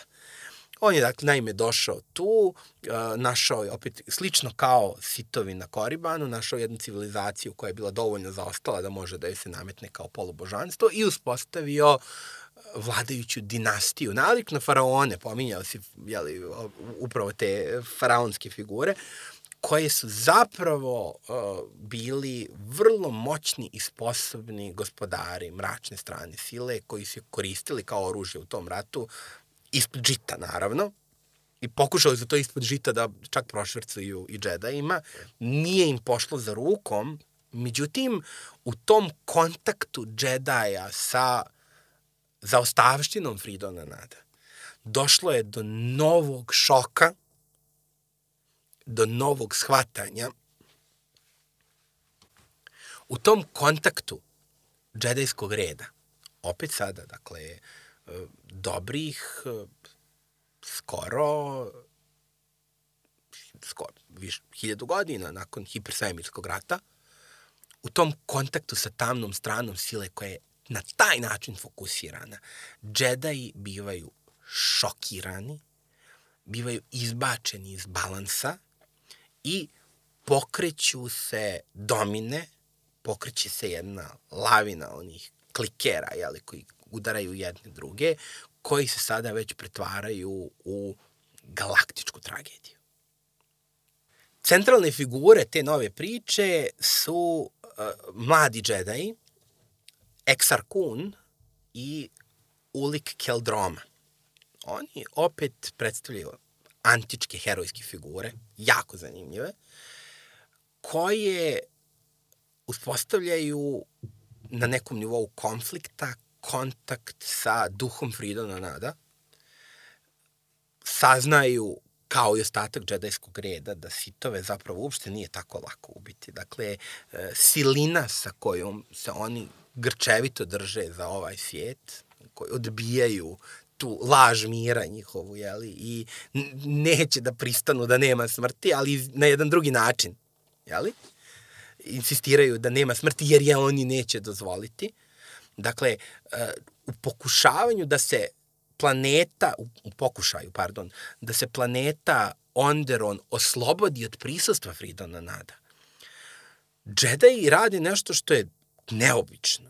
Dakle, oni uzimaju sarkofag sa nadovim tijelom i, sa tije, i sarkofage sa tijelima njegovih potomaka i prenose ih na Doksun, nadajući da će tamo nestati u džungli, ali prave, što je opet vrlo neobično za džedaje, prave džinovske mauzolej, vrlo impresivan, koji je dizajniran da zapravo bude kao neka vrsta inhibitornog groba, kao one, kako se to zove, um, kutije za senzornu deprivaciju, jel? samo za silu. Dakle, koji bi trebalo da zadrže u sebi Fridona Nada kako ne bi mogao da se preliva izvan toga. Zapravo kavez. Recimo kavez, da. Faradayev kavez, recimo, za silu. Uh, I to je naravno apsolutno ne polazi za rukom. Exar Kun sa jedne strane, Exar Kun ulazi u priču o tamnoj strani sile, mračnoj strani sile iz čiste radoznalosti.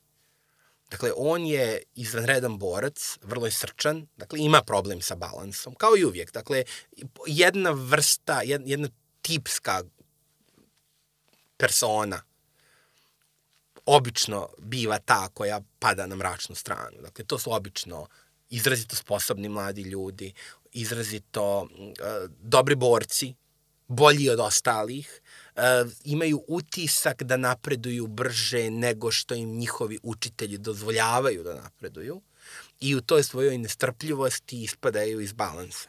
Međutim, u to vrijeme ratova na Onderonu, koji je opet, kažem, jedan period uh, izrazitog konflikta, mraka, nakon opet relativno dugog perioda mira. I uvijek, dakle, imamo smjenu generacija koja se ne snalazi baš najbolje u toj situaciji. I događa se još jedna stvar u svemu tome. Jedna grupa razmaženih aristokrata iz relativno uticajnog sistema unutar Galaktičke republike koji se zvao e, Carica Teta po osnivaču. Ta carica Teta je objedinila određeni broj zvijezdanih sistema. Ona je savremenica Nage Sadova. Je tako, je, tako je, iz tog vremena. Dakle, razmažena njihova elita takođe počinje da se interesuje za sitalsku alhemiju. I e, dvoje njih, inače nasljednici prestola tamo, dolaze ilegalno, odnosno kradu bukvalno jednu sitovsku knjigu iz uh, arhiva, odnosno iz muzeja na Koruskantu i pomoću nje dolaze na Onderon gdje uz pomoć duha Nage Sadova, vrlo upornog duha i teškog, ne Nage Sadova, pardon, Friduna Nada, dakle uz pomoć duha Friduna Nada uspjevaju da rastumače i otključaju određene sitovske alhemijske sposobnosti. Tako da paralelno, dok imamo Ulika Keldromu, kao jednog od džedaja koji su suzbijali nadističku pobunu e, na Onderonu, dakle, pobunu koju je vodili, da kažemo, niskokalorični mračnjaci, dakle, to nisu bili sitovi, nisu bili džedaji, nisu im bili dorasli u tom smislu, ali su bile vojne snage, ojačane prisustvom mračne strane sile, koja je pritome fokusirana od strane jednog malignog duhovnog entiteta, dakle tu provejava duh. Mislim, opet, to je način na koji istorija funkcioniše. Dakle, mi možemo da, mi možemo da nađemo duh Aleksandra u čitavom nizu istorijskih ličnosti. Mi možemo da govorimo o duhu Hitlera, o duhu Staljina, jeli? E, to je mnogo više od prosto od puke metafore.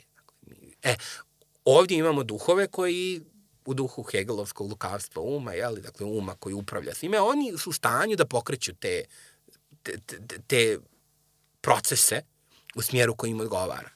I paralelno se događa da se praktično sistem carice tete pretvara u jedno leglo sitovske alhemije, gdje do duše to je više eksperimentisanje, ali upravo zbog tog eksperimentisanja nema one kontrole koju pravi sit može da ima na tamnom stranom i tu onda dolazi do raskošnih zločina, do, do genocidnog ponašanja, do istrebljenja, do koloritnih ubistava, dakle, mračne stvari se događaju. Istovremeno, Ulik Kildroma u tim konfliktima sam ispada iz, iz balansa, dakle, jedan od najtalentovanijih mladih džedaja, Sa druge strane imamo Eksara Kuna koji kao Indiana Jones jeli, ide od, od lokala do lokala. Dakle, džaba što su zakopali Fridona Nada. Šta je dodirnuo, to je i dalje korumpirano. I ova ide njegovim tragovima, na kraju se zavlači u tu njegovu, u tu njegovu grobnicu. grobnicu i dobija instrukcije kako da pronađe Koriban.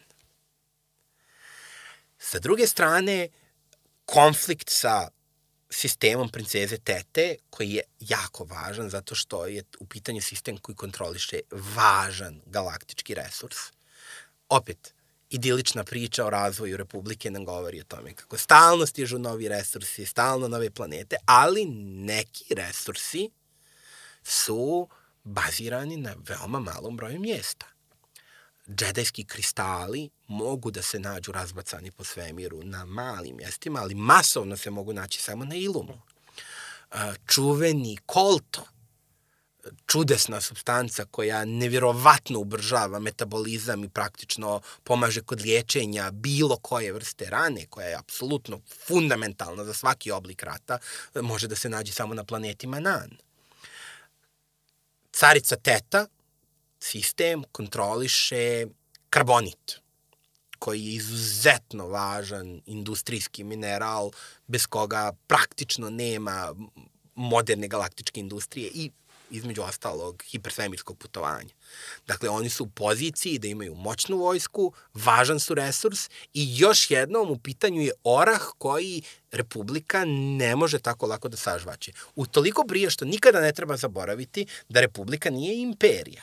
Dakle, to je jedan forum u kome se različite sisteme i, dogovaraju oko različitih stvari. Oni nemaju e, mornaricu per se imaju je u nekom obliku, u različitim periodima različite odnose imaju prema tome. Postoji periodi koji su nama poznati kada je Republika podrazumijela da ne smije da bude centralizovane vojske. Ovdje je bilo centralizovane vojske, ali opet, dakle, u nekako prvom planu su džedaji. Džedaji se jako loše snalaze sa tim konfliktom i to navodi uh, grupu ljudi koja kontroliše princezu, caricu Tetu, uh, a koji sebe zovu kao kreš, kult kreša, e, navodi ih da izvrše vrlo hrabar napad na centralnu planetu džedajskog reda Osus. I u tom napadu gine mnogo džedaja. I još više džedaja je izbačeno iz njihove čuvene smirenosti, iz njihove čuvene impasije i jedan od njih je Ulik Kildroma. Kao istaknuti ratnik, on traži dozvolu da pokuša da se infiltrira među taj mračnjački kult kreša, ne dobija tu dozvolu i naravno oglušuje se o naredbu i odlazi tamo, što naravno biva odmah prozrijeto, ali on smatra da će moći to da izdrži. Oni ga stavljaju na muke, maltretiraju ga fizički, zaista muče ga i samim tim ga i podvrgavaju i bolu, oslobađaju mržnju i tome slično. Istovremeno jedna od predvodnica cijelog tog pokreta ga zavodi. Dakle, on je izložen strastima maksimalno. Eksar Kun uspostavlja kontakt sa svim mrtvim gospodarima Sita i zamalo gine na Koribanu. Bukvalno duhovi mrtvih Sitova pokušavaju da ga ubiju i računajući ako ga ubiju, onda nije bio ni vrijedan njihove pažnje. Ako ga ne ubiju, neće ga ubiti samo zato što će istinski zahvatiti tamnu stranu. I on u tom trenutku biva u jednoj od tih grobnica smrskan, fizički smrskan. I jedini način, dakle, to, to je moment izbora za njega. Uh, ili će da prihvati da smrti nema, jeli, ima samo sila, ili će da prihvati da je mir laž i ima da, da se grčevito drži života na onako kako to radi. I on naravno bira ovo drugo. I Fridonad ga vodi najzad na posljednje počivalište Nage Sadova na Javin 4, gdje on uspostavlja kontrolu nad Masasijima, gdje pronalazi e, kapitalni brod Nage Sadova, izuzetno moćno oružje, dakle, snažnije i moćnije od većine brodova kojima raspolaže Republika. Sa druge strane, Ulik Kildroma praktično postaje produžena ruka produžena ruka kulta Crash i Exar Kun u duhu starih sitova koji su bili kultura izrazito zasnovana na, s jedne strane na meritokratiji, sa druge strane na jednom radikalno shvaćenom socijalnom darvinizmu. Dakle, oni su smatrali da njihova civilizacija opstaje samo zahvaljujući stalnoj borbi. I da je jedini način da se to uradi, da svi stalno izazivaju onog najjačeg i onaj koji je najjači, on će ostati na kraju, onaj koji je u stanju da preživi i opstane, on će biti kompetentan da predvodi tu civilizaciju. Kun to prihvata i odlučuje da likvidira sve te konkurente mračne i dolazi u kontakt i u sukob sa ulikom Keldromom, gdje opet duhovi sita preko alhemijskih objekata koji su ovi postepeno sticali, uspostavlja... Kult Crash, ali tako? Koje tako je, da. tako je. Ne, e, do nekih relikvija je došao sam Exar Kun, e, Kult Crasha je uručio jednu e, uliku Keldromi, za koje se ispostavilo da su povezani i njih dvojica bivaju zvanično proglašeni za nasljednike sitova. To je jedna verzija da se to ispriča, druga verzija je da su se oni sami proglasili za to. Ali u svakom slučaju njihov, njihova rezignacija načinom na koji je džedajski red u tom trenutku vodio stvari je bila takva da su se oni identifikovali sa sitovskom filozofijom koju smo izložili kakva je i mada nisu bili direktni nasljednici te civilizacije za koju se smatralo da je zbrisana. Oni su uh, oni su se proglasili za sitove i pokrenuli jedan od najdestruktivnijih ratova u istoriji Republike do tog trenutka. Rata, rat koji je i pored spoljašnjih resursa izvan Republike počeo u velikoj mjeri da okreće njihove resurse na nju. Da jedan broj jedan broj džedajskih učenika padavana bio je, i čak vitezova, bio je korumpiran i prešao je na njihovu stranu, pretvorivši se u izuzetno moćno oruđe. Još jedna izuzetno važna stvar i ovdje ćemo vjerojatno morati da napravimo digresiju, jeli?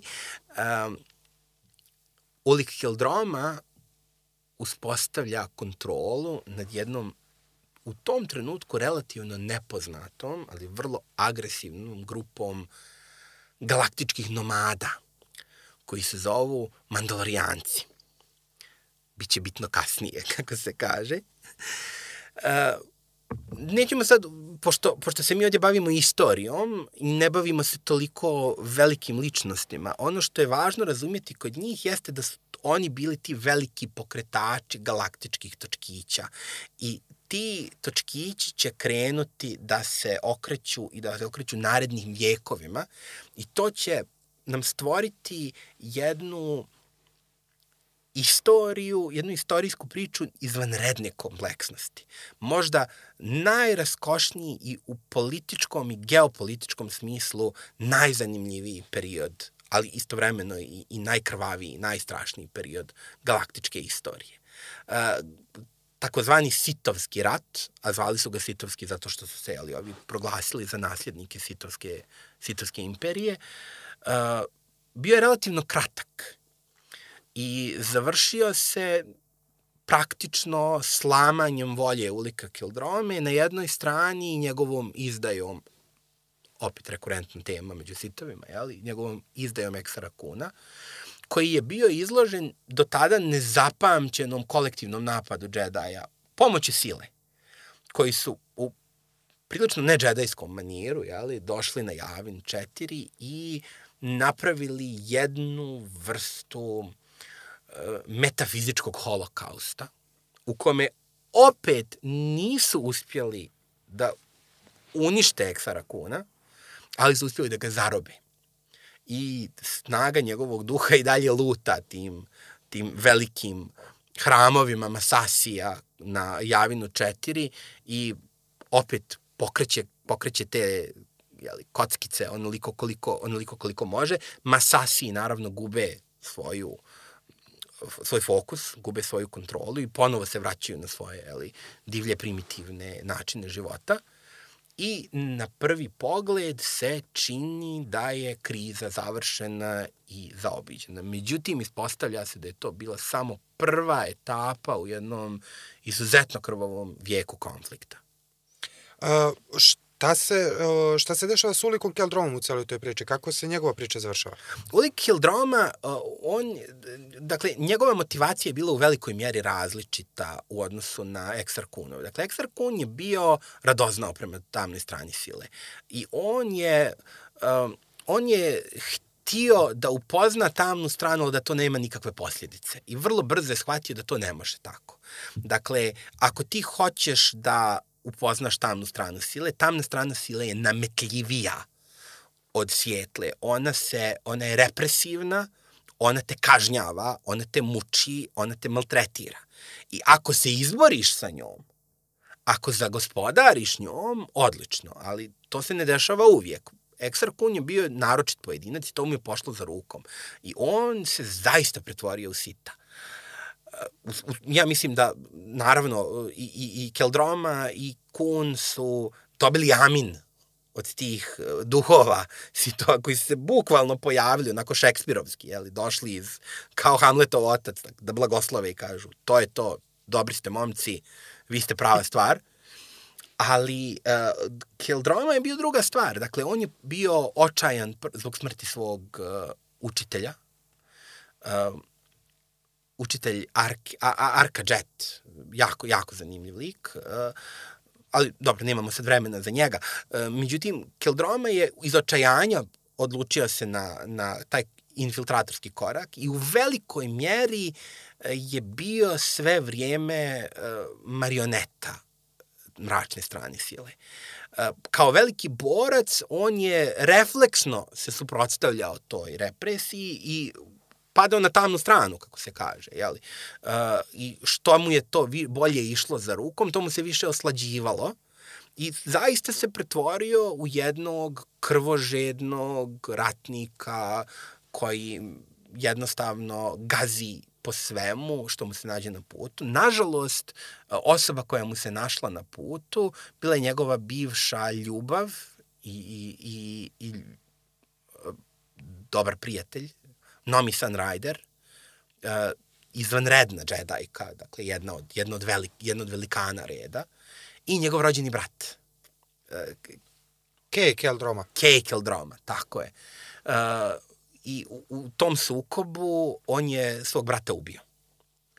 Kada ga je ubio, imao je uh, strašan napad griže savjesti koja ga je paralisala na dovoljno vremena da Nomi Sunrider uspije da primjeni jednu tehniku koja nije toliko poznata u, džedajskom redu uh, i prilično je strašna zapravo, uh, a ona odsjeca osobu od sile Dakle, ona ga je, opet da kažemo, metafizički kastrirala.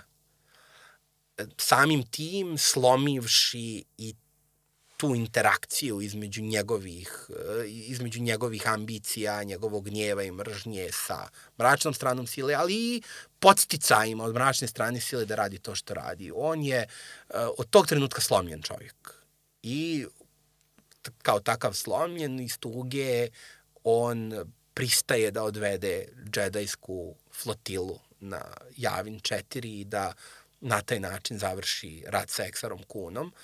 Poslije toga on, mislim, oni ga tretiraju kao izgnanika, dakle nije, džedajski red opet je malo gledao kroz prste zakonskoj proceduri, oni su ga više tretirali kao žrtvu nego kao, nego kao voljnog učesnika u tim događajima, iako on jeste bio voljni učesnik. Dakle, to su opet filozofske rasprave. Dakle, da li je, da li je mračni džedaj samo izmanipulisan, da li on kontroliše svoju kontroliše svoju sudbinu ili je prosto ali, prazni, prazno tijelo koje im upravlja mračna strana sile ili neko drugi, ali budući da se i, i Keldroma i Kun proglasili za sitove i kažem, dobili amin od jeli, nosilaca licence, uh, o, može se sa pravom pretpostaviti da, su, da je njihova kontrola na tamnom stranom bila dovoljno velika, da se ne mogu nazvati prosto izmanipulisanim. Dakle, oni su obojca bili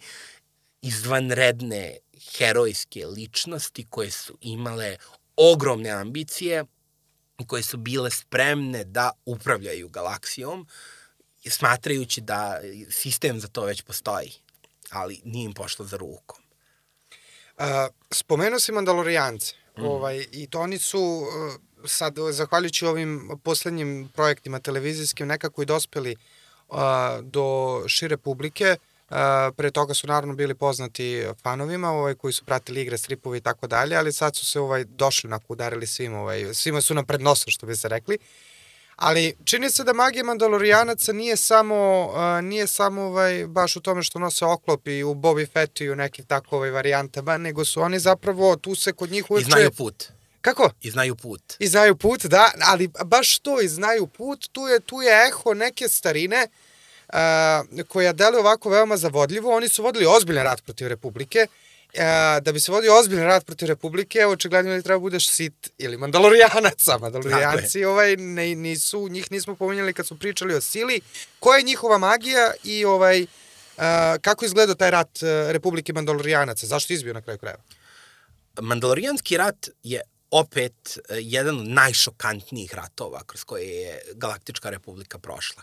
Dakle, e, to, kao što sam rekao, svaki put do sad, i daleko od toga da to političari u Republici nisu primijetili, svaki put do sad kad su nalazili na neki tvrd orah koji ne mogu da progutaju, koji im pravi probleme, koji im blokira trgovinu, jeli, pravi štetu koja mora da se pogriva, to su uvijek nekako bilo maslo džedaja.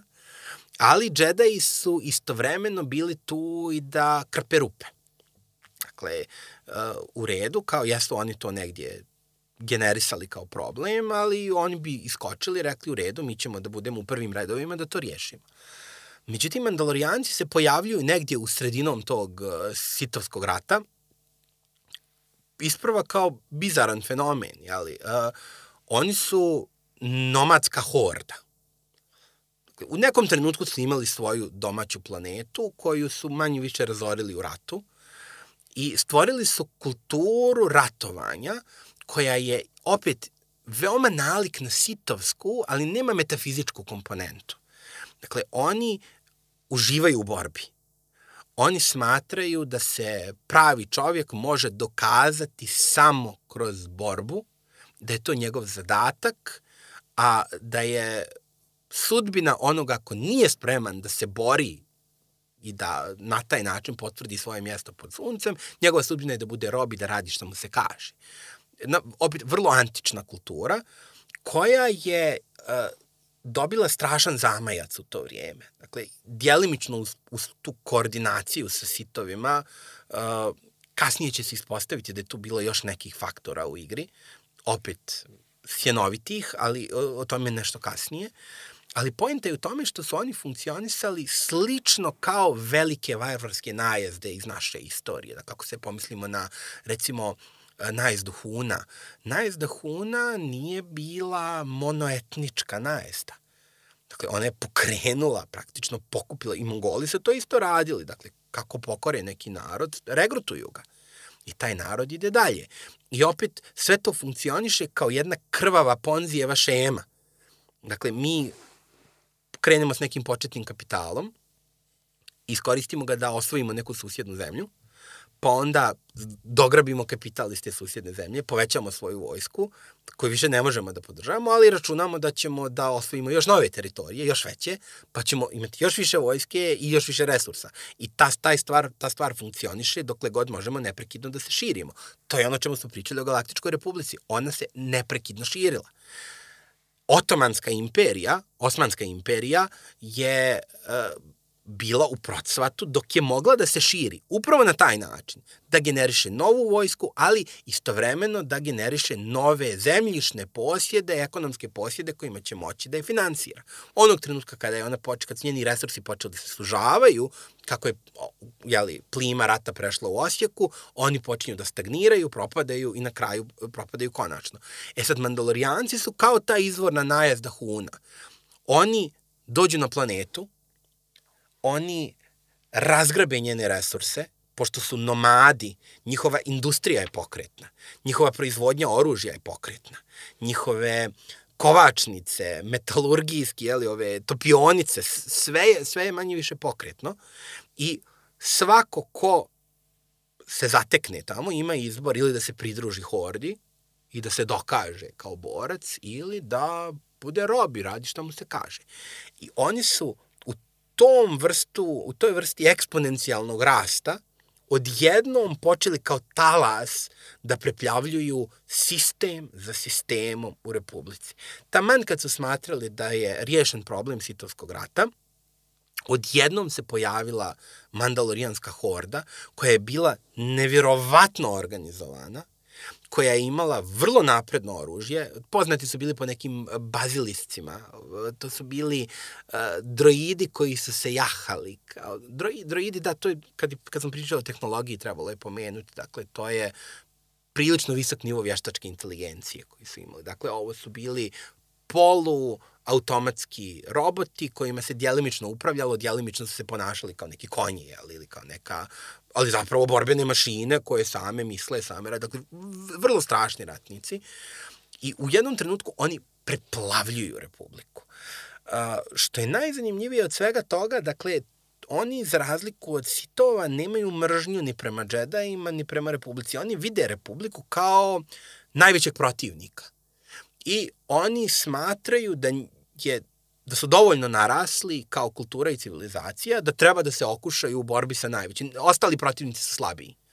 Oni udaraju na najvećeg i smatraju da će da se dokažu, ostvare kroz taj sukob. Pritome, u tome nema zle namjere. Dakle, tu nema... Uh, oni, oni, ti njihov, njihova politika je na momente zaista genocidna oni ostavljaju sprženu zemlju iza sebe, bukvalno. Dakle, ne odgovara im, pogotovo, pogotovo kada na scenu stupa jedan veoma perfidni, taktički genijalni vojskovođa po imenu Casus Fet. Dakle, on počinje da pristupa ratu na način na koji mandalorijanci to nikada nisu radili. Mandalorijanci niko nije shvatao ozbiljno jer su ih doživljavali kao hordu. Pa on računaju ako ikad postanu opasni, nema veze, organizovana vojska će da ih suzbije. I on je to uglavnom pokušavala. Ali Casus Fet je otkrio otkrio nešto za što nije postojala riječ u jeziku Mandoada.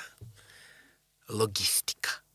Oni su se mrštili kad neko kaže, kakav si ti to ratnik, baviš se prenosom sirovina odavdje ondje. Kasosvet je bio veliki majstor logistike. I to je omogućilo da njegova vojska bude brojnija i bolje snabdjevena kad je u konfliktu, da se nalazi na onom mjestu gdje može da nanese maksimalan udar, da se povuče sa mjesta gdje ne može da izađe na kraj, dakle da, da taktizira. Uh, Fet i uh, ultimativni Mandalor, jeli, vođa Mandalorijanaca i uvijek odustaje od svog ličnog imena i nosio samo titulu Mandalora.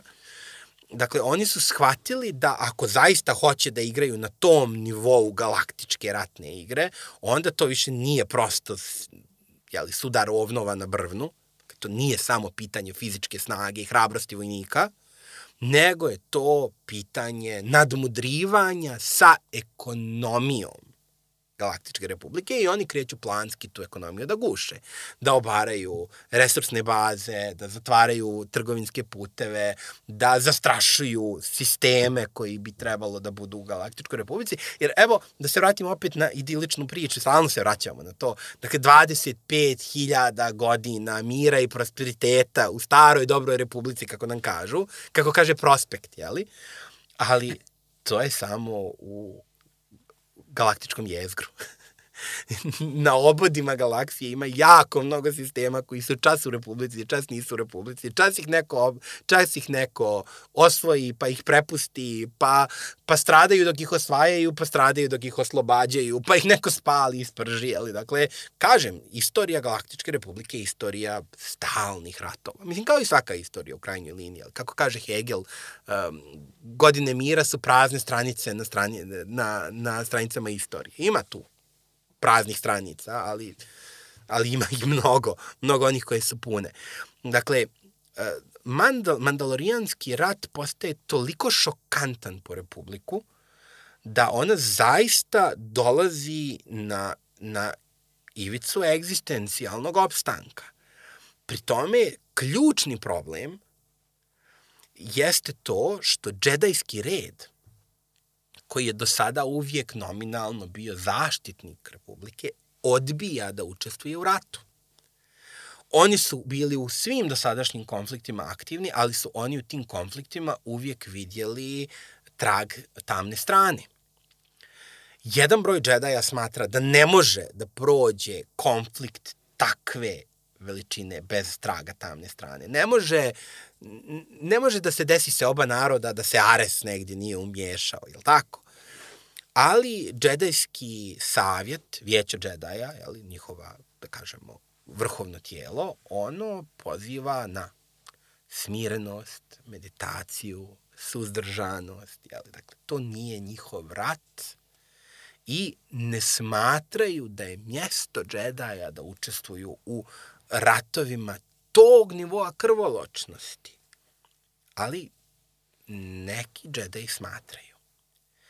Grupa njih e, počinje da prvo agituje za ulazak u rat, da raspravlja sa učiteljima, zatim organizuje grupe džedaja koji obilaze pogođena mjesta u ratu gdje su mandalorijanci činili strašne pogrome,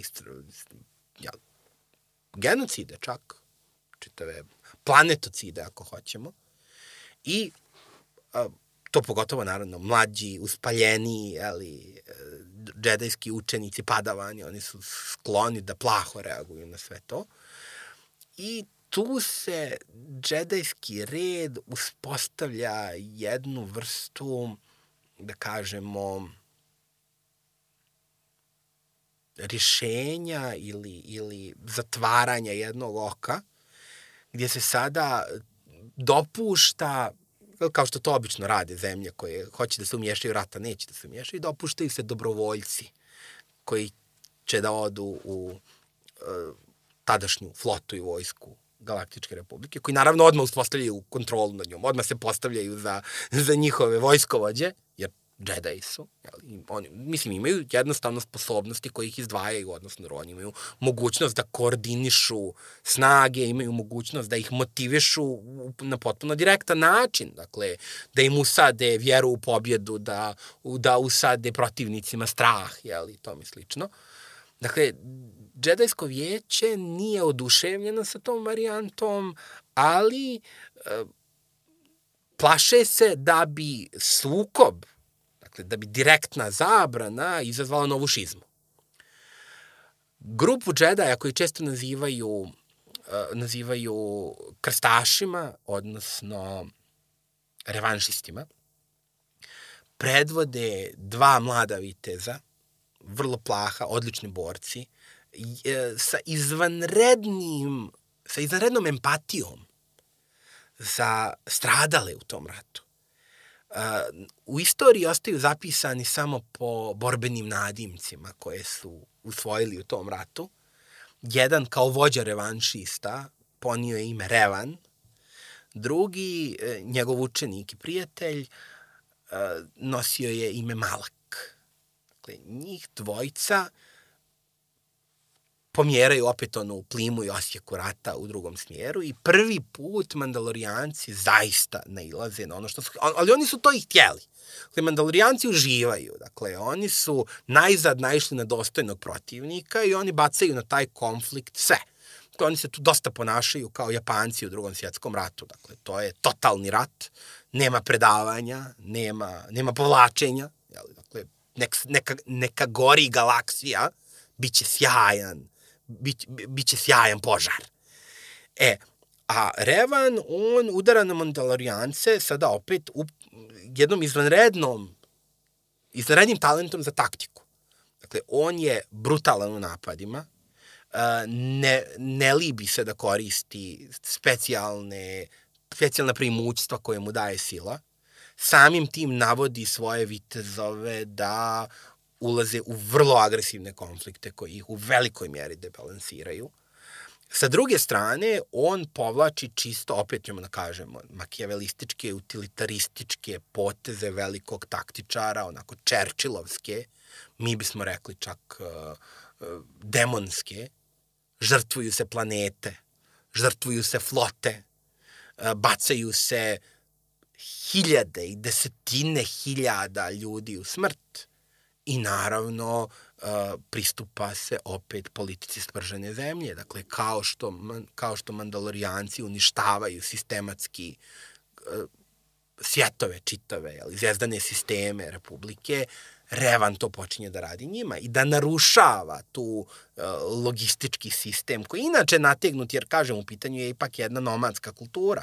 Uh, ne, Revan im prvo nastoji zatvoriti snabdjevanje, I na kraju udara na taj njihov moment čast i uspjeva da ih namami u, u odsudnu bitku kod planete Malakor, Malakor 5, je tako?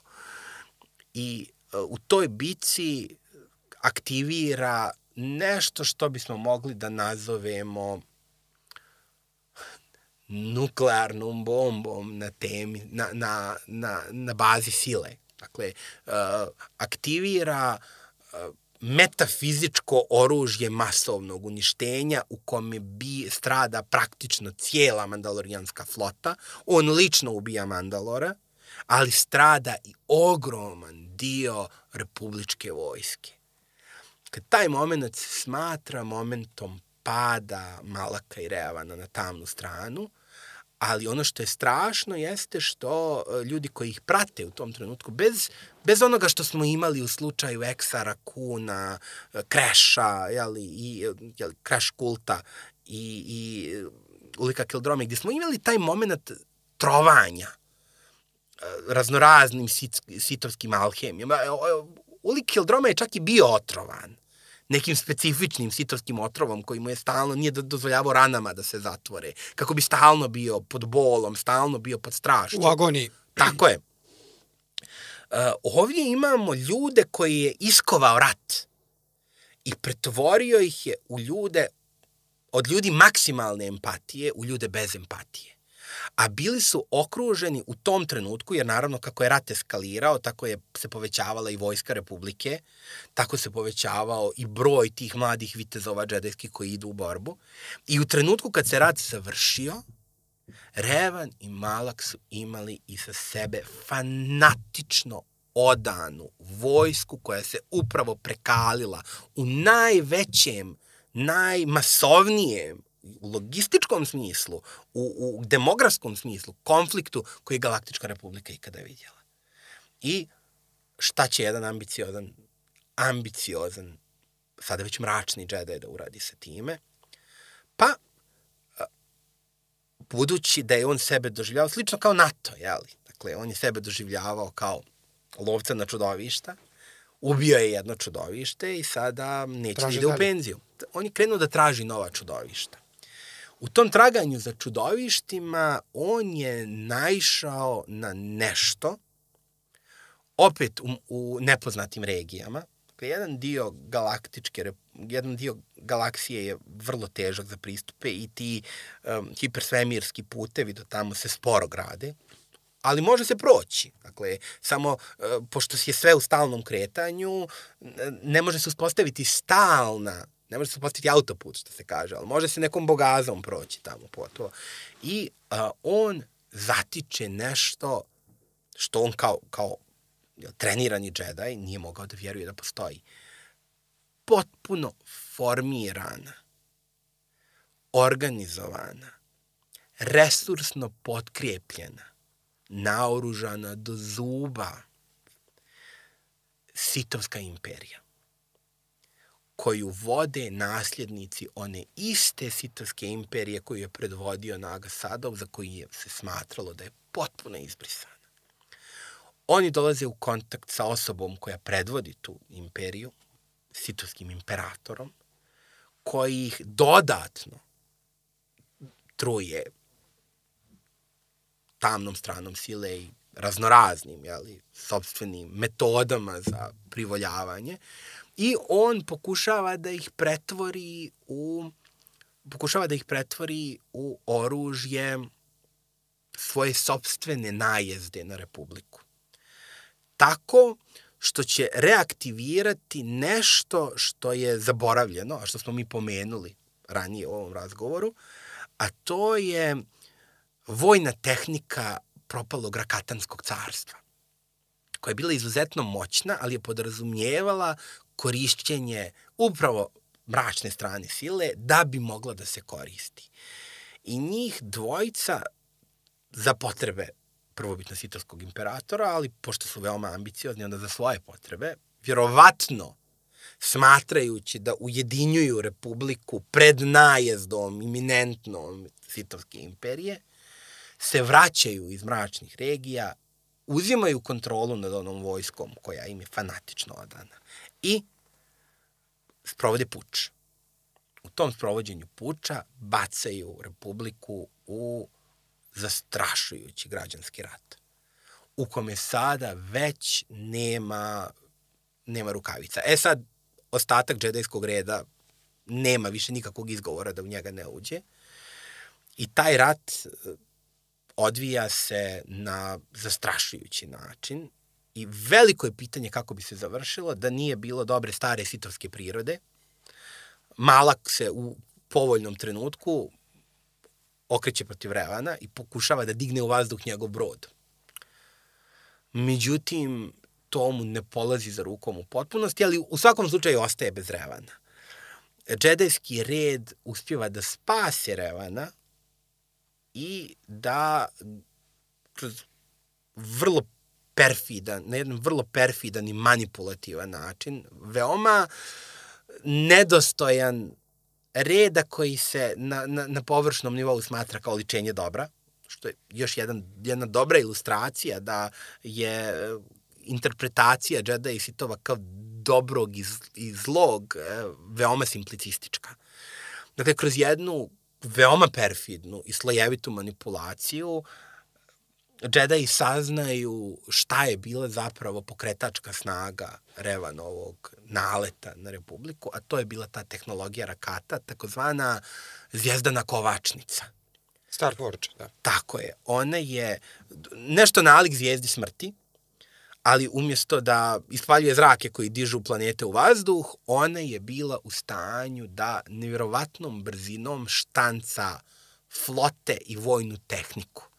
Dakle, on je nastavio da koristi taktiku mandalorijanaca, dakle, šta osvoji, regrutuje, ali sama tehnika koju je koristio bila je impregnirana, mi bismo rekli, mračnom stranom sile i korumpirala je ljude koji su je koristili, čineći ih krvožednim, fanatičnim, borbenim, željnim, dakle, pravići od njih praktično instant mandalorijance, ako hoćemo to da kažemo. Uh,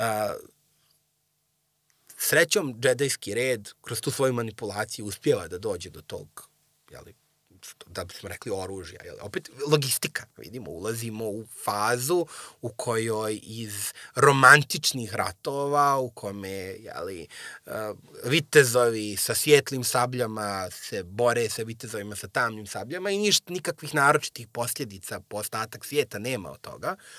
E, domine su pale i sada svaki takav konflikt se pretvara holokaust. Pretvara se u spaljene planete, u uništene sisteme. Dakle, tu i, i, ima džinovske, titanske posljedice po cijeli sistem. Dakle, Malak biva poražen, Revan se gubi s istorijske scene i ne pojavljuje se u izvorima jako dugo, tako da se pretpostavlja da je mrtav pretpostavlja se da je otišao da se konfrontira sa tom sitovskom imperijom, što je, u čemu je štos? Uh, pošto ta manipulacija džedajska je, kažem, bila veoma perfidna, a bila je perfidna zato što se svodila na to što su oni zarobljenom Revanu obrisali identitet. I onda su ga stavili na put koji bi trebalo postepeno da mu vrati sjećanje i vratilo mu je sjećanje na, na uspio je da ih vrati na trag zvijezdane kovačnice, ali nije mogao da se sjeti Sitovske imperije. Tako da galaksija i dalje o Sitovskoj imperiji možda čuje nekakve, nekakve mornarske priče. Kao, da, mislimo sad, nakon što je Kolumbo jednom ili dva puta otišao do Amerike, pa dođe neka priča o Actecima i Majama, šta bi moglo to, da li vjerovati, ne vjerovati, jel tako? Tako to izgleda. Sa druge strane, uh, dešava se nešto jako neobično u Galaktičkoj republici. Imaju pametnija posla nego da se bave time, zato što uh, E, dešava se nešto što je možda, ako se ja ne varam, a moje poznavanje, naravno, istorije Galaktične republike nije totalno daleko od toga, e, se desilo samo još jednom u njihovoj istoriji. Imamo skoro apsolutnu čistku preostalih džedaja. I na, praktično bez ikakve infrastrukture. Dakle, prosto odjednom preko noći rat se završava, i umjesto perioda mira, izgradnje, ali, lizanja rana, odjednom, nijotkuda, džedaj počinju, počinju da ginu. I ginu skoro svi. To je e, najveće desetkovanje koje je džedajski red do tog trenutka pretrpio. A šta je razlog tome? Razlog tome je, opet, dakle, kažem, uh, izvanredna istoričnost ovog ovog univerzuma. Dakle, te domine koje padaju, istorijski, ko, istorijski točak koji se okreće, okreće i mrvi, i mrvi, i mrvi i svaka, svaka radnja ima posljedicu. Ali to više nije ni domina za dominom, nego jedna domina pokreće dvije domine, one pokreću pet domine. Dakle, to je bukvalno efekat leptira, ali, ali na galaktičkoj razmjeri. Ispostavlja se da ta, to šokantno iskustvo Malakora 5, koje je pretvorilo Revana i Malaka od idealista u sitove, pretvorilo čitavu njihovu vojsku u grupu fanatika. Ono je omogućilo takav, mi bismo rekli, neksus tamne strane da su iz njega izronila tri sita, koji su opet uh, bili dovoljno upoznati. Malo se zna o njihovom porijeklu, ali znamo da se stupaju na scenu poslije Malakora 5. I uh, predstavljaju, ako ne najstrašnije, onda svakako među 5, 6, 7, 8 najstrašnijih sitova ili mračnih džedaja, kako god hoćemo, koje je istorija ikada vidjela. Uh, istorija ih pamti kao triumvirat ili sitovski triumvirat i uh, u pitanju su veoma različite osobe. Jedan od njih je hodajući leš. Dakle, osoba koja je pretrpjela, slično kao Eksar Kun, inače, na Koribanu, kada je bio smrvljen praktično pod kamenjem koje se survalo na njega i samo je tamna strana mogla da ga spasi. Dakle, upit, o, taj osoba postaje poznata kao Dart Sion ili Sion ili Cion, kako god. Uh, I on, njegovo tijelo se fizički raspada, on je uh, rasječen sa ne znam koliko hiljada posjekotina, dakle on je, njegovo tijelo je fizički uništeno i trebalo bi da se raspadne u svakom trenutku, ali ga održava samo njegova sirova volja za životom prikopčana na tamnu stranu sile.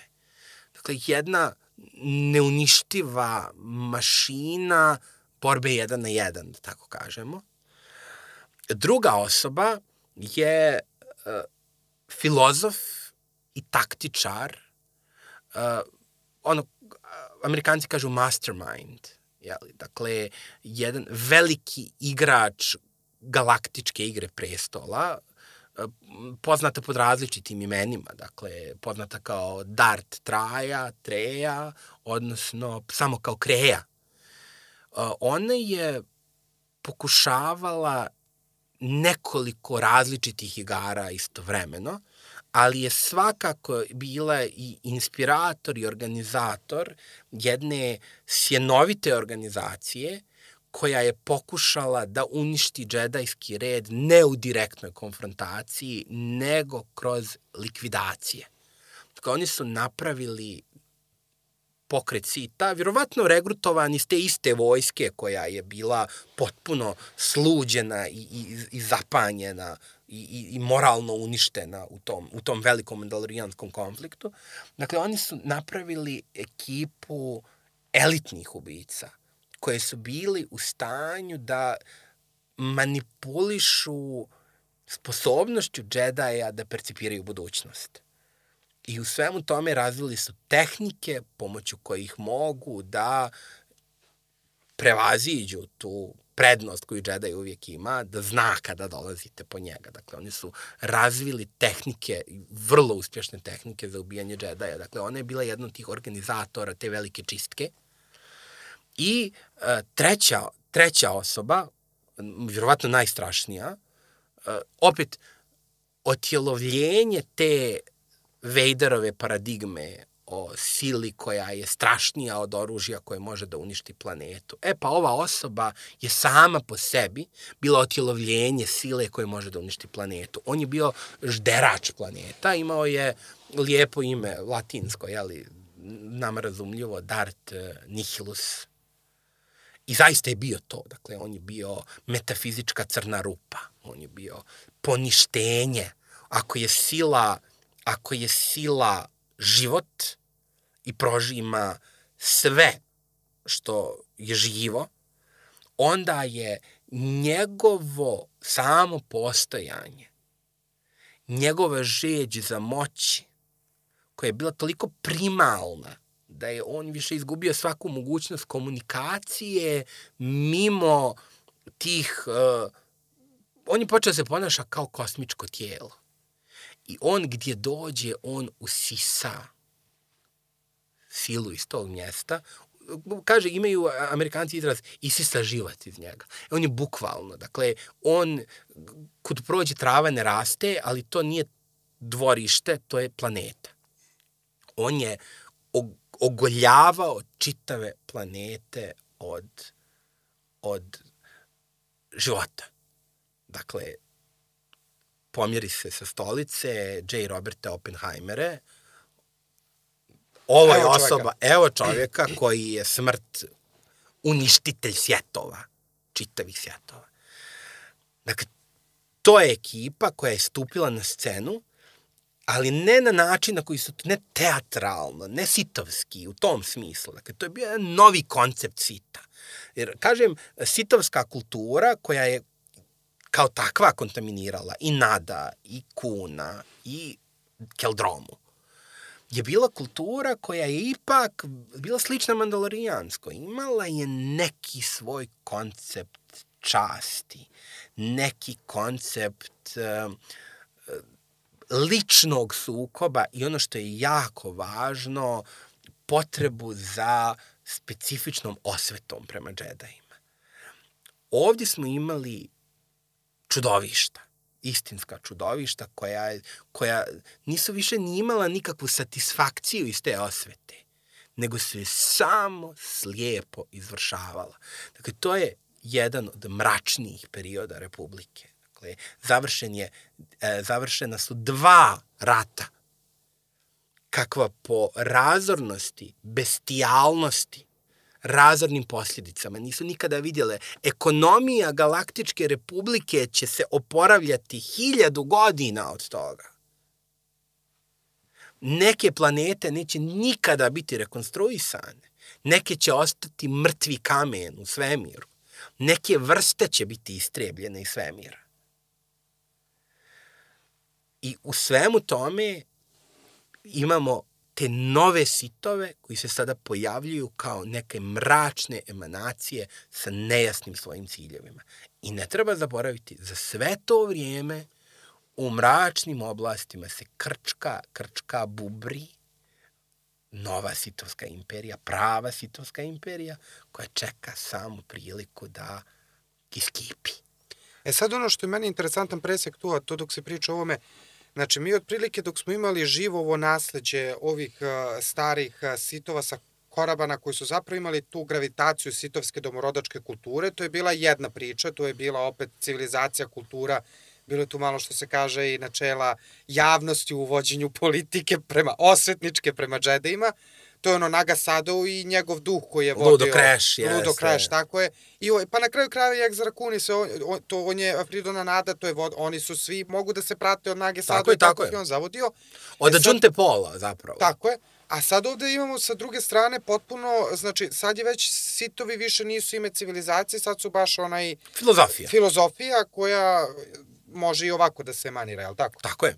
Tako je. A, uh, ajde da vidimo ovaj, kako se stalo u kraj ovom, ovom triumviratu ili možemo prvo da se vratimo na Sitovsku imperiju pa da vidimo šta se desilo? A, triumviratu se stalo se u kraj prilično konvencionalno. Dakle, koliko god, koliko god efekti ove specifične vrste sjenovitog djelovanja sjenovitih sitova koji rade iz mraka bilo e, zastrašujuće, e, našao se junak.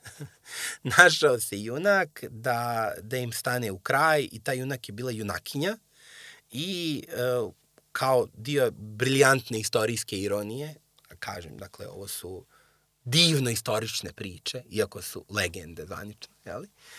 Um, dakle, opet se vraćam u to čvorište, u tu kovačnicu mandalorijanskih ratova. Dakle, jedan od vitezova koji je pošao za Revanom i Malakom, a z, bila je džedajka po imenu Mitra Surik. Mnogi je znaju prosto kao izgnanika.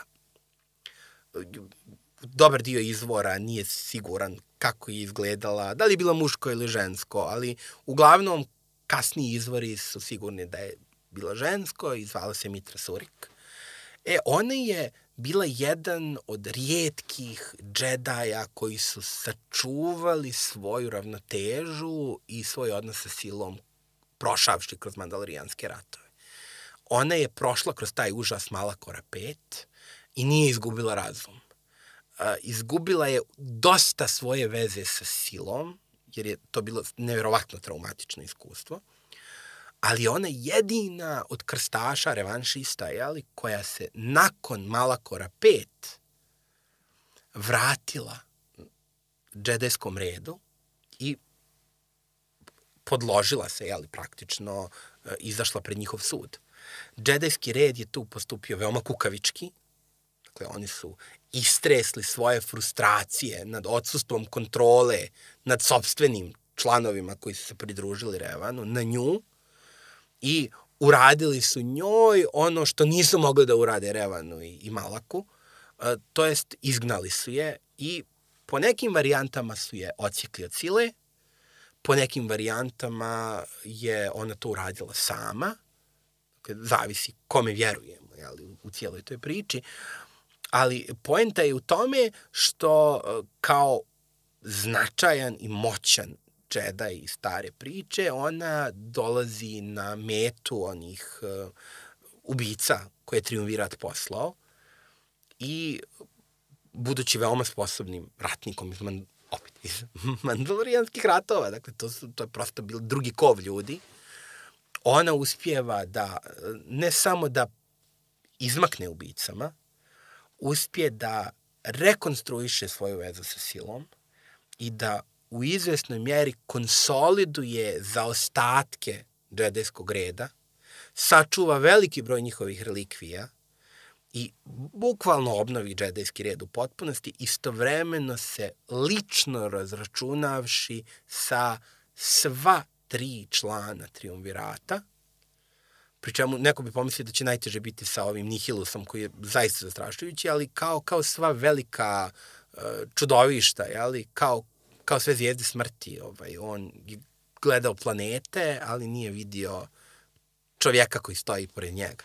Tako da uh, ona je, uspjela je da uspjela je da ubije Darta Siona tako što ga je nagovorila da je vrijeme da umre. Tako možete ubijete sitove. Dakle, sitovi su nevjerovatno uporni. Dakle, to pričam između ostalog zbog, zbog čuvene meme popularno, znači kao, nekako se Palpatin vratio. Pa kako nekako, rođaci? Oni se uvijek vraćaju.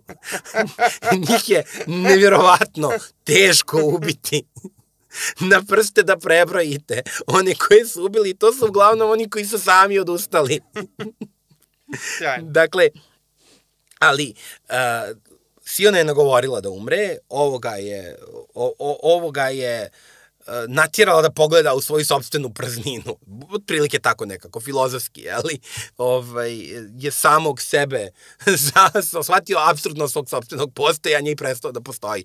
Skoro pa tako. To je vrlo filozofična priča samo po sebi. Ovaj, može, se, može se čitati isključivo, isključivo kao filozofski traktat i bit će vam jako zanimljivo. Uh, najteže je bilo sa Dart Trejom, koja je zapravo bila sve vrijeme prikrivena kao jedan od džedaja koji su pristupili tom obnovljenom, uh, obnovljenoj grupi koja se okupila oko Mitre Surik, ali se na kraju razračunala i sa njom. Uh, zapravo, Kreja, Darth Treja je pokušavala da iskoristi Mitra Surik na sličan način na koji imperator htio da iskoristi Revana, dakle kao, kao uh, oruđe uh, Ona je, ona je bila još veći nihilista od Nihilusa. Dakle, ona je izgleda imala, imala želju da mada to je opet stvar interpretacija, jel, imala želju da raščisti sa, sa silom u potpunosti. Dakle, ona je izgleda htjela da uh, otjera tu sitovsku doktrinu o raskivanju lanaca do krajnje mjere. Ona, ona je htjela da se osviti sili kao takvoj. Možda. Jer treba opet reći, izvori su vrlo nepouzdani i ono što znamo o toj priči je krajnje nekonkluzivno, ali ono što znamo jeste da je Mitra Surik uh, bila jedan od najvećih obnovitelja džedeskog reda, spasila ga je od uništenja i nestala, za, nestala u potrazi za Revanom. Dakle, isto tako iskoračila sa scene, ostavivši galaktičkoj republici jedno 300 godina privida onog starog razvoja, ekspanzije i lizanja rana, koje, kažem, nije bilo završeno za tih 300 godina, ali je u svakom slučaju bilo neki trenutak da se predahne. Interesantno je generalno kroz sve to, ovaj, evo Dart Nihilu, spominjali smo Mitra uh, koja to asocira ovo persijsko božanstvo svetla, ali uh, sve vreme dok ovo pričamo zapravo stoji sa strane ovaj uh, Sit Imperator koji je po timelineu tu, kako po, po hronologiji, on je tu hiljadu i po godina čovek. Ovaj, šta, šta je uradio za hiljadu i po svoje godina vladanja i menadžerisanja imperijom ovaj, u, u, u, u dalekim oblacima mračnim spoljnih regiona? Dakle, premotavamo priču hiljadu godina unazad. Vraćamo se na onu odsudnu sahranu Marke Ragnosa, gdje su još svi veliki gospodari sita na broju. Na koraban se vraćamo. Siti tako. na broju, jeli? Tako da. I vuk sitni. I ovce na broju, jeli? E, uh, u vrijeme, dakle, tih velikih gospodara sita bio je jedan mali gospodar sita. Zvao se Tenebre. Uh, imao je upečatljiv apetit za nasilje. Bio je naglašeno krvožedan. Prema priči je još kao dijete e, pogubio svoju sobstvenu porodicu. I to se jako dopalo Marki Ragnosu. Djelovao je kao dečko koji obećava. I u vrijeme kada je, kada je umro, on je bio postavio Tenebrea za gospodara planete sa koje je potekao, koja je kasnije zapamćena kao Natema. Tenebre je bio skrajnut, svjesno se bio skrajnuo, što je opet relativno česta priča kod Sita. Dakle, kod Sita uvijek imamo te uh, borbene, kako ti kažeš, bećare, jeli, koji su veoma slični mandalorijanskoj etici, dakle, sta, osjećaju potrebu da se da svoje lance zbace kroz sukob. I ako pritome mogu da se osvete džedajima, super. Može, da. Jeli? Ne, ne, neće, neće reći ne, jel tako? Ali sa druge strane imamo te velike taktičare, planere, uh, imperialne umove. Imperija Arkana, tajna tako vlast. Je, tako je. Na, Tenebre je bio jedan od takvih. I nakon potpunog fijaska kratkotrajne imperije polugalaktičke Nage Sadova, Tenebre kao gospodar jednog skrajnutog, skrivenog i e, većini nepoznatog svijeta, pozvao je preživjele mračne gospodare sita kod sebe na vjećanje kako da nastave dalje sa borbom, šta da rade dalje i e, teatralno ih je pogubio. Pogubio ih je u jednom, mi bismo rekli, magijskom ritualu, koji je e, opet u najboljem sitovskom nasilničkom maniru iskoristio njihovu životnu energiju, a oni su svi živjeli jako dugo, svi su se opirali smrti, ali on isisao je silu iz njih i faktički ostvario besmrtnost. Ostvario besmrtnost i ostao jedini nasljednik ostataka Sitovske imperije. Iskoristio je brodove koje su imali, iskoristio je ljudstvo koje su imali, uključujući i praktično skoro cijelu populaciju čistokrvnih sitova i odveo ih je dublje u nepoznate regije. čvrsto se pridržavajući filozofije Sita i kodeksa, odlučio je da osnuje novu imperiju sa centrom na planeti vrlo negostoljubivoj po imenu Dromund Kas. Ona je bila u praktično cijela pod džunglom, veoma slično, veoma slično Javinu, to je u toj galaksiji se to veoma često dešava, te jeli, mo, monoekosistemske planete. Ne znači da su sve takve, ali, ali ima ih mnogo. Dromund Kas je negostoljubiv sa gadnom klimom, sa opasnim zjerima i Tenebre, koji je nakon tog svog ponovnog rođenja kao otjelotvorenja svih sitova, uzeo sebi ti, na, novi naziv, Vicijat, Vitijat, kako, kako ćemo da uzmemo, nije ni bitno na kraju, i formirao je novu imperiju, uspostavivši sada već nešto što je bilo različito u odnosu na staru. Stara Koribanska imperija je bila klasična timokratija. Dakle, sistem, mi bismo rekli aristokratski, ali zapravo sistem časti, sistem nasljedstva uh, i uh, izuzetno osjetljiv na igre prestola, osjetljiv na dinastička previranja, jeli, na međusobne te sukobe među velikim porodicama i tome slično. Uh,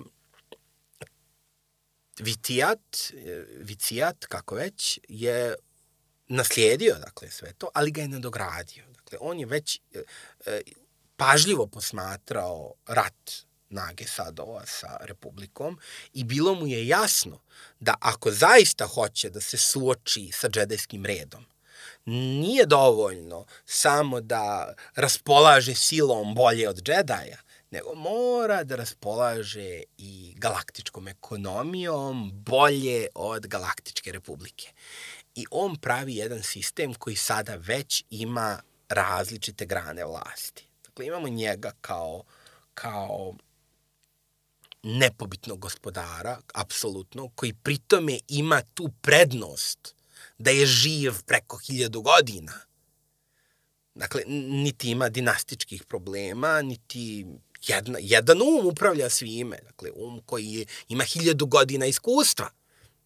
To je velika komparativna prednost, jeli, pogotovo sa jeli, Galaktičkom republikom koja mora da bira kancelara, da tamo vaga interese svih tih svjetova. Dakle, ovdje imamo centralizovan sistem koji pravi nekoliko grana vlasti. Dakle, s jedne strane imamo tu staru sitovsku aristokratiju, koji se ponašaju kao klasična klijentistička feudalna elita. Dakle, oni imaju neke svoje planete, svoje interese, jeli, oni grabe, šire se, međusobno se sapliću, podižu, obaraju, jeli, u, u tom, i tome slično.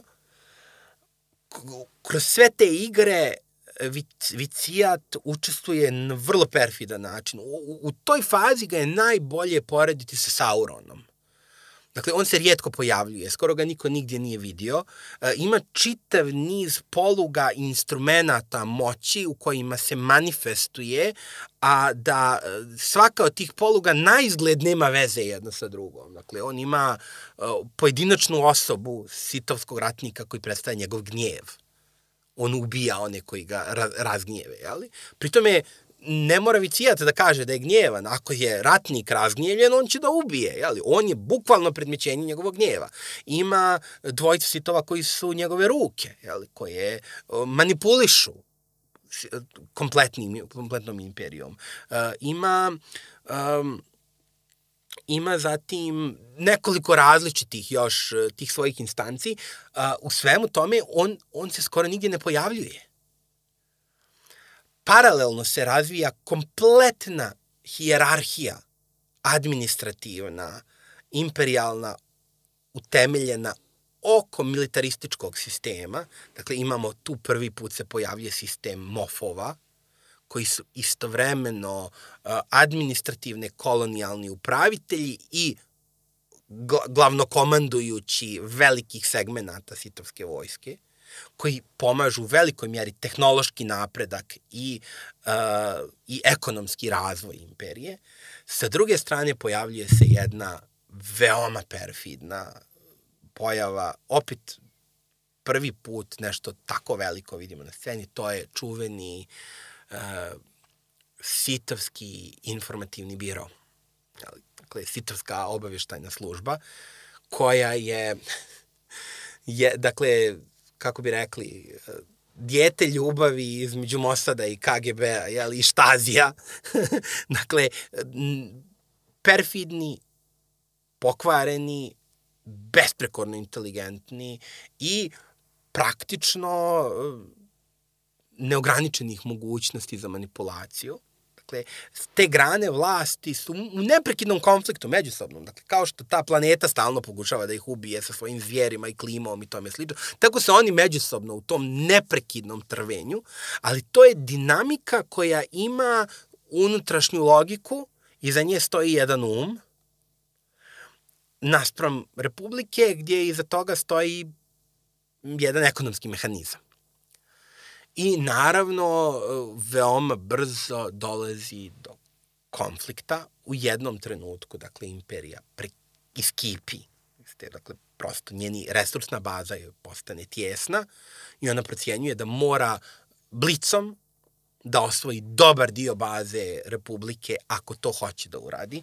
E, Vicijat to radi jednim majstorskim potezom, dakle, jedan od velikih taktičkih poteza. Dakle, on radi, opet, uz veliku pomoć tih napravljenih institucija, dakle, uh, ovaj, bezvjednostni biro, imperialni, uh, on rovari u Republici vjekovima. Dakle, oni su već tamo. Oni imaju potplaćene senatore, oni imaju ovaj, potplaćenu planetarnu aristokratiju na značajnim planetama, oni imaju uh, kontakt sa gusarima koji prekidaju ključne puteve, oni imaju vrlo zanimljive kontakte sa mandalorijancima, koje kroz opet jednu maestralnu političku igru uspjevaju da, da ujedine i pretvore u igrača na tabli galaktičkoj, a da niko nije sumnjao da imaju veze bilo kakve sa tim. Dakle, oni opet misle da se to dešava potpuno spontano. Dakle, uh, Imperija zapravo stajala iza onog mandalorijanskog rata o kojem smo malo prepričali. Oni su instruisali, pogurali, što bi rekao Gandalf, malo sam pogurao Bilba kroz Oni su, kako se kaže, pustili mandalorijance slanca. Dakle, uh, postoje dobre indikacije da je taj početni nalet Mandalorijanaca bio potpregnut njima, ali uh, dalje razmjere krvavosti tog rata su ipak zasluga samih Mandalorijanaca, nemojmo im obarati cijenu, ili tako. Uh, o, vrhunac te priče, dakle, oni rade istovremeno izlivanje na jako mnogo značajnih, uh, značajnih puteva, uh, jako mnogo značajnih sistema, istovremeno, uh, a da Republika nije svjesna da to je njihov rad, Mandalorijanci blokiraju centralnu trgovinsku arteriju, mi bismo danas rekli, ali Crveno more, ovaj, galaktik, ali bukvalno parališu i logistiku republičke vojske i trgovinu u samoj republici. I uh, u trenutku kada Republika je zaista visi na ivici egzistencijalnoj, oni im nude pregovore o miru. I kada Republika šalje svoje... Imperija im nudi pregovor o miru. Tako je, da. Vicijat im to nudi. Kada, kada Republika pristaje na to, organizuju se pregovori na, ako se ne varam, Alderanu, ali u trenutku kada, kada uh, tadašnji tadašnji vrhovni kancelar dolazi na pregovore sa ambasadorom Sitovske imperije, Sitovi rade nevjerovatno smjelu i za mnoge nejasno kako im je to uopšte pošlo za rukom, ali oni uh, rade, do, događa se događaj koji se obično zove pljačka koruskanta. Dakle, sitovske specijalne snage i odabrani ratnici upadaju u koruskant, uh, desetkuju njihove planetarnu odbranu, uh, spaljuju zgradu senata i spaljuju džedajski hram na taj način udarajući na jeli, temelj bezbjednostnog sistema Republike i praktično drže Koruskant pod opsadom dok kancelar na Alderanu ne pristane na krajnje nepovoljne uslove koji su stavljeni na sto.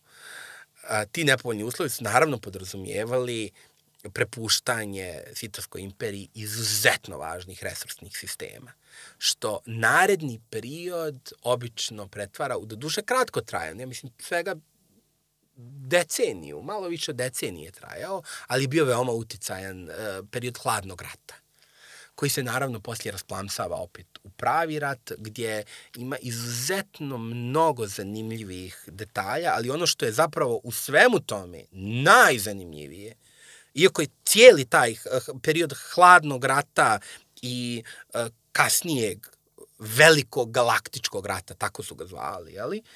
Uh, gdje, gdje sada opet, ako smo do sada imali republiku koja se bori sa tvrdim orasima, mi ovdje imamo dva galaktička sistema u konfliktu. Međutim, Vicijat ima i treći pomoćni plan. Dakle, on ima jeli, šemu unutar šeme unutar šeme. Dakle, on je umeđu vremenu, pošto svi su primijetili na Dromund Kasu da ga nema mnogo, on je umeđu vremenu podijelio svoju svijest, obuzeo još jednog ratnika u još jednom dijelu nepoznatih regija i tamo uspostavio kontrolu nad još jednom gigantskom imperijom, koja je opet imala svoje resursne prednosti u obliku tehnologije veoma nalik na onu rakatansku. Dakle, uspostavio je kontrolu nad jednom džinovskom flotom koja je u velikoj mjeri automatizovana i omogućava ogromnu kolonijalnu kontrolu sa vrlo malom količinom stanovništva. I kad se ove dvije mega države, mi bismo rekli, super sile, galaktičke iznure u međusobnoj borbi, Vicijat pod drugim imenom, Valkoriona, upada u cijelu tu priču i probljava sve sa trećom imperijom. Ja ne znam, to, to je, ajde recimo, kako to možemo da opišemo, Seleukijsko carstvo je u ratu sa Egiptom i onda dođu Rimljani i samo... Ne, ne, ima tu baš dobar ovaj, a, Arapi koji upadaju na scenu kad su Persije i Vizantije međusobno iznurene i šire se onako kako se šire. To recimo, je to. Recimo. Ali sad zamislimo da su, da su i, i, i Persiju i Arabe organizovali jedna ista osoba. Opet, opet jedna specifična crta sitovskog genija jedan način na koji sitovi vode politiku, dakle, veliki majstori geopolitike. A, naravno, nažalost, po Valkorijana njemu taj, njemu taj, njegov pokušaj ne polazi za rukom.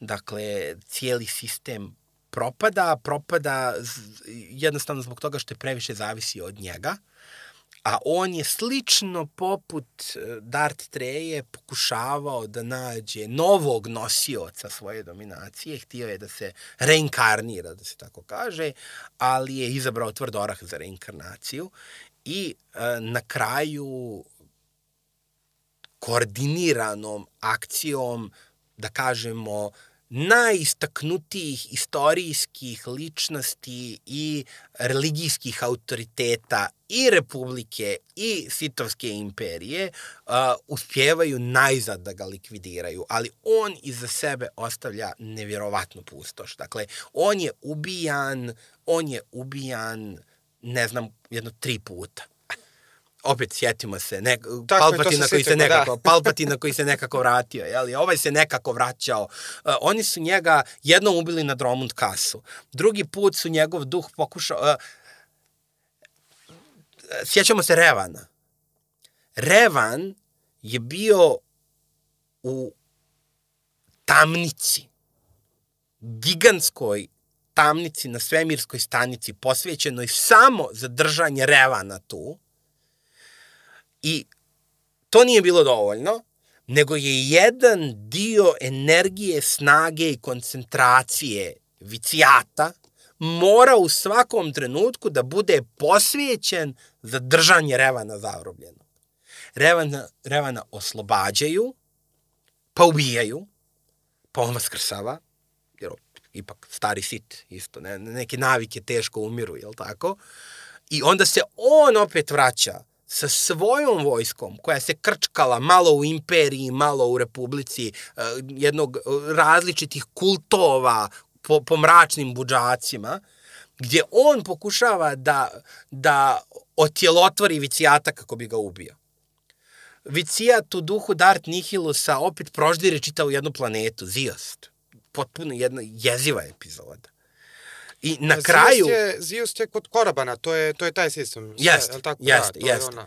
I na kraju, na kraju u Valkorionovom ruhu i poslije u još jednom pokušaju reinkarnacije kao Tenebre i kao Vicijat i kao Valkorion, oni moraju da ga, dakle, koordinirana ekipa heroja, da kažemo opet najistaknutijih mistika i ratnika, mora na kraju da ga ubija u glavi, u glavi jednog od harizmatičnih vođa pobune protiv najnovije imperije i u glavi uh, kako bi kako se ona zove, je li, velike učitelj, velike učiteljke, velikog učitelja džedajskog reda sa Telešan.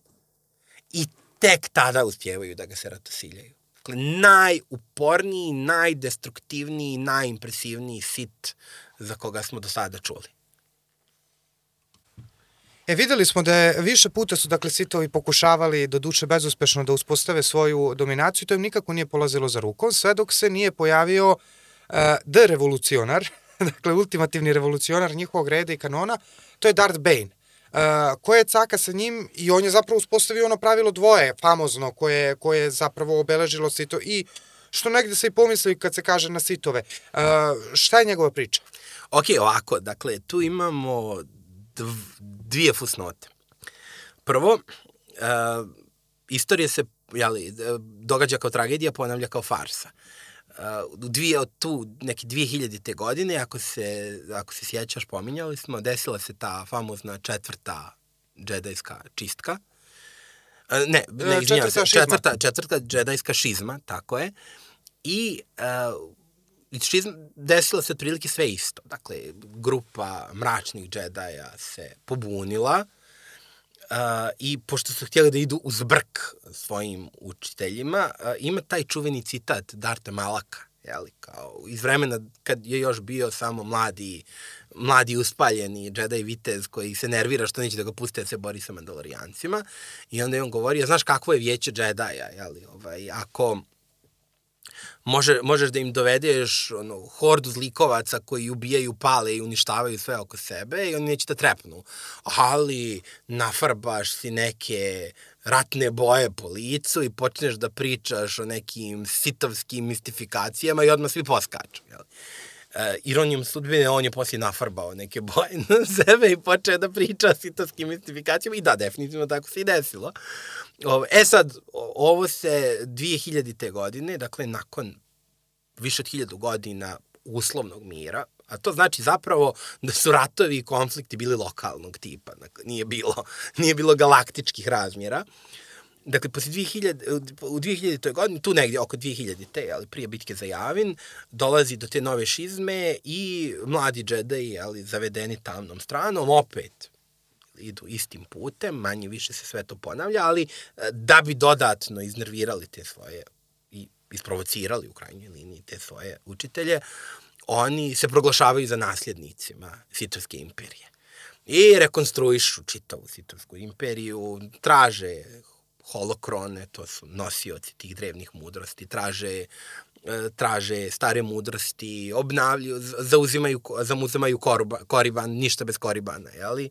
prave tamo Sitovsku akademiju, biblioteku, arhive, jeli? Kao, kao neku e, niskokaloričnu verziju Sitovskog carstva koja je zapravo slika u ogledalu ovog džedeskog reda. Džede, da. Ali, sa druge strane, naravno, pati od istih boljki.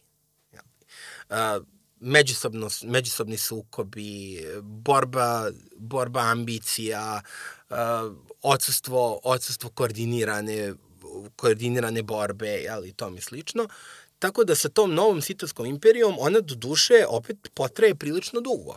Dakle, to je nekih hiljadu godina istorije, konflikta, ali uh, u svemu tome nema tih uh, velikih uzleta, nema tih šokantnih događaja kakvi je imao veliki galaktički rat i, i ti sukobi, sitovski rat, mandalorijanski ratovi prije toga. Dakle, to su sve, kažem, strašni konflikti, mnoštvo mrtvih, zavedenih džedaja, mnogo uništenih sudbina i slično, ali, ali opet nižeg intenziteta i uz um, slabu, promjenjivu do nikakvu sreću sitova. Dakle, uh, kad se taj rat privodi kraju, hiljadu godina prije bitke za Javin, otprilike, uh, sitovi su stvarno jedna tragikomična slika tih starih sitova. Dakle, oni su posvađani međusobno, ali uh, stiče se utisak uh, da postoji sistemski problem. I sistemski problem nailazi pronalazi i definiše upravo, i to si jako dobro rekao, uh, jedan revolucionar. Neobičan lik, dakle, uh, potekao iz rudarske porodice, iz jako teških životnih uslova, e, nije bio do mladosti svjestan da ima bilo kakav afinitet prema sili. Dakle, nije neko ko je treniran od malena.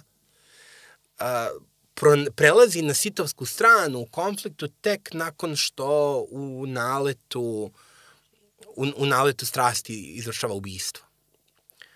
Bane. Jeli? Uh, on se pokazuje kao odličan student, kao e, strašan ratnik, kao neko ko sa lakoćom nadigrava druge, ali ono što ga čini neobičnim u odnosu na ostale sitove koji su jako raspoloženi za te mi bismo rekli dendijevske igre moći, ali on se zakopava u biblioteku. On on zapravo traži šta može da mu da prednost u odnosu na ostale, kao i svi. To je zadatak na Sitovskoj akademiji, ti treba da napreduješ, da se penješ u odnosu na druge. Međutim, ono što on otkriva jesu ciklusi. Ciklusi uspona i pada sitova i on otkriva jednu vrlo sistemsku falinku ta sistemska falinka podrazumijeva nešto što je priroda političkog ustrojstva Sitovske imperije. Mi bismo nominalno rekli da je to timokratija. Ili, ka, mi to obično zovemo aristokratijom, ali zapravo jeli, društvo časti. A, ali, ali u suštini bi to trebalo da je meritokratija. Ideje bi je trebalo da u opštem konfliktu svih sa svima ispliva onaj koji je najjači i da taj koji je najjači bude car, imperator, predvodnik, kako god. Ostali sitovi mu se pokoravaju jer je najjači i na taj način jačaju. Kad prestane da bude najjači, neko drugi ga smijeni. Međutim, problem je, i to Bane nalazi mnoštvo istorijskih podataka iz duge istorije sita, da to, taj princip ne funkcioniše tako u praksi. Ne funkcioniše nikada. Jer jednostavno e, gomila nesposobnjakovića koji su zavidni, neobrazovani, tupavi, će da se uroti da svrgne ono koji je najbolji među njima i onda će da nastave tu igru dok se ne pojavi opet neko ko je dovoljno bolji od svih njih da ih ugrožava, onda će opet njega da smaknu. I umjesto da imamo sistem koji izbacuje na vrh najbolje, imamo onaj čuveni iz, sistem iz Herodota, kada on objašnjava uh, tri, kad tiranin Trasibul objašnjava kako funkcioniše tiranija, pa onda ide kroz polje pšenice i ocijeca uh, odsjeca najbolje, na, najbolje vlati, oni koji štrče. E, Sitovska imperija je tako funkcionisala i koliko god taj njihov rat svih protiv svih zaista činio sve lukavim, opreznim i slično, njegov efekat je bio da se u tim igrama moći uvijek mogu lošiji urotiti da svrgnu boljeg. Bejnovo rješenje je bilo nešto, i to je ono što ti kažeš, uh, obično se on smatra za, za rodonačelnika ideologije od dvoje, ali to nije tačno. Dakle, ideologija, odnosno pravilo dvoje, može da se nađe u sitovskim učenjima starih vremena.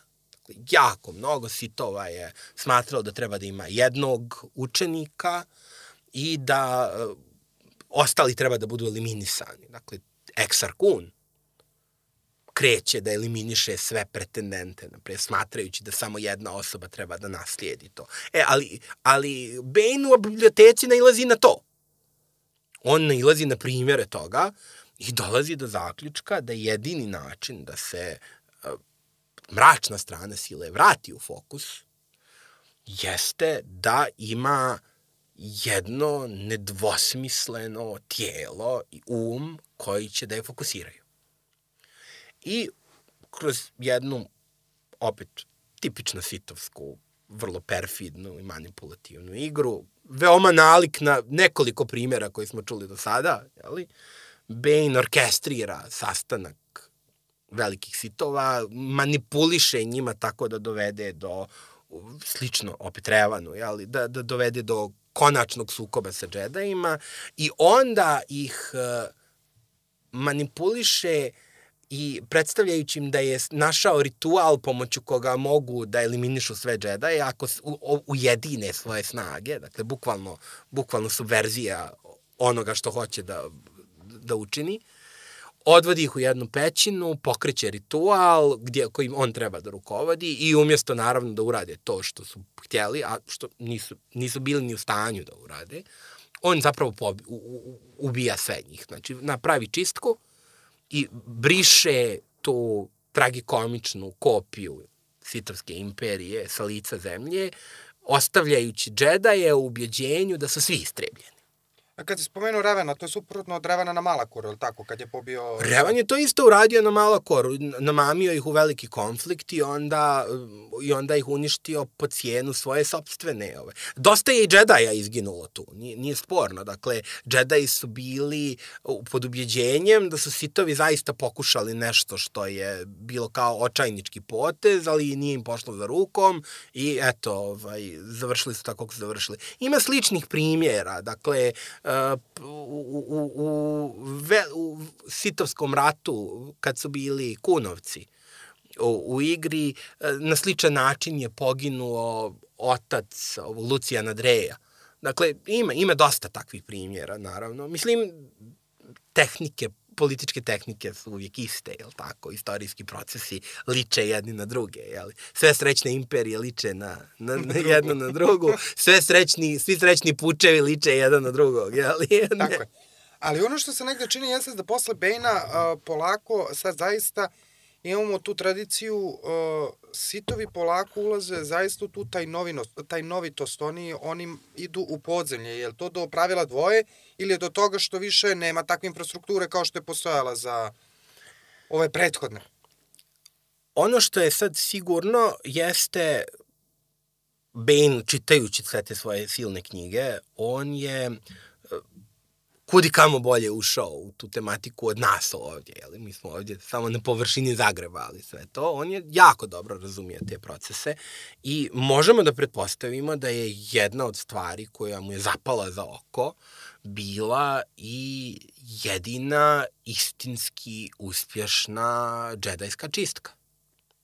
A to je bila ona koju je sproveo ne Sitovska imperija, nego upravo taj obskurni triumvirat koji se ponašao prilično anomalno u, u, u odnosu na sa tom klasičnom osvetničkom sitovskom kulturom koja je bila teatralna, dramatična, jeli, koja je tražila pažnju u krajnjoj liniji jer se uvijek osjećala uvrijeđena nekako u tom konfliktu. Dakle, on je odlučio da ide na jedan totalni pristup, ali pristup, um, ono što si rekao, dakle, imperija arkana daleko od toga, dakle, jedan od aspekata toga bilo je pravilo dvoje. Dakle, on uh, istog trenutka uzima svoju učenicu koju veoma brutalnim mjerama vaspitava, ona je dijete tek u tom trenutku. Duše dijete koje ima afinitet prema tamnoj strani sile, on je to prepoznao, ali to je jedna onako mračna i morbidna priča koja se završava i pojenta je u tome da ako je samo dvoje sitova tu, onda ne može nečasnim sredstvima onaj slabiji sit da ubije ovog, ovog jačeg, nego to mora da uradi, to mora da uradi pošteno, da se kaže, jeli? Dakle, kroz sobstveni, kroz sobstveni rast.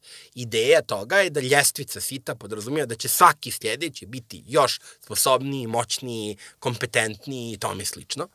Pritome je on ogromne, tru, ogroman trud preduzimao da učini sebe maksimalno e, imunim na starenje, na demenciju, na takve momente, kako njegova ova pomoćnica ne bi morala da sačeka da prosto omatori, ali da ga onda ono, gurne sa stolice otprilike jer je smatrao da to izigrava cijeli princip. I opet dobro je naglasiti da su relacije učenik-učitelj u Sitovskoj staroj imperiji na Koribanu bila takve Dakle, ali, ali oni su imali korektiv eh, jednog, eh, jednog aristokratskog morala. Jednog, jedne kulture bruke i časti. Dakle, dovesti, nekog, dovesti grupu Nikogovića da se urote sa tobom, da, da svrgneš uh, svog učitelja, pa to nije bila poenta. Jer, jer i taj učenik je htio da tim svrgavanjem napreduje, a ne eto prosto da dobi. Naravno, mislim kako, kako pošto je bio složen politički sistem, bilo je sitova koji su bili bukvalno manipulatori i igrači, bilo, mislim, duga istorija, to su hiljade godina, ima svega i svačaga. Međutim, nakon Bejna imamo zaista to, ali pravilo dvoje je samo jedno od faktora rasta moći.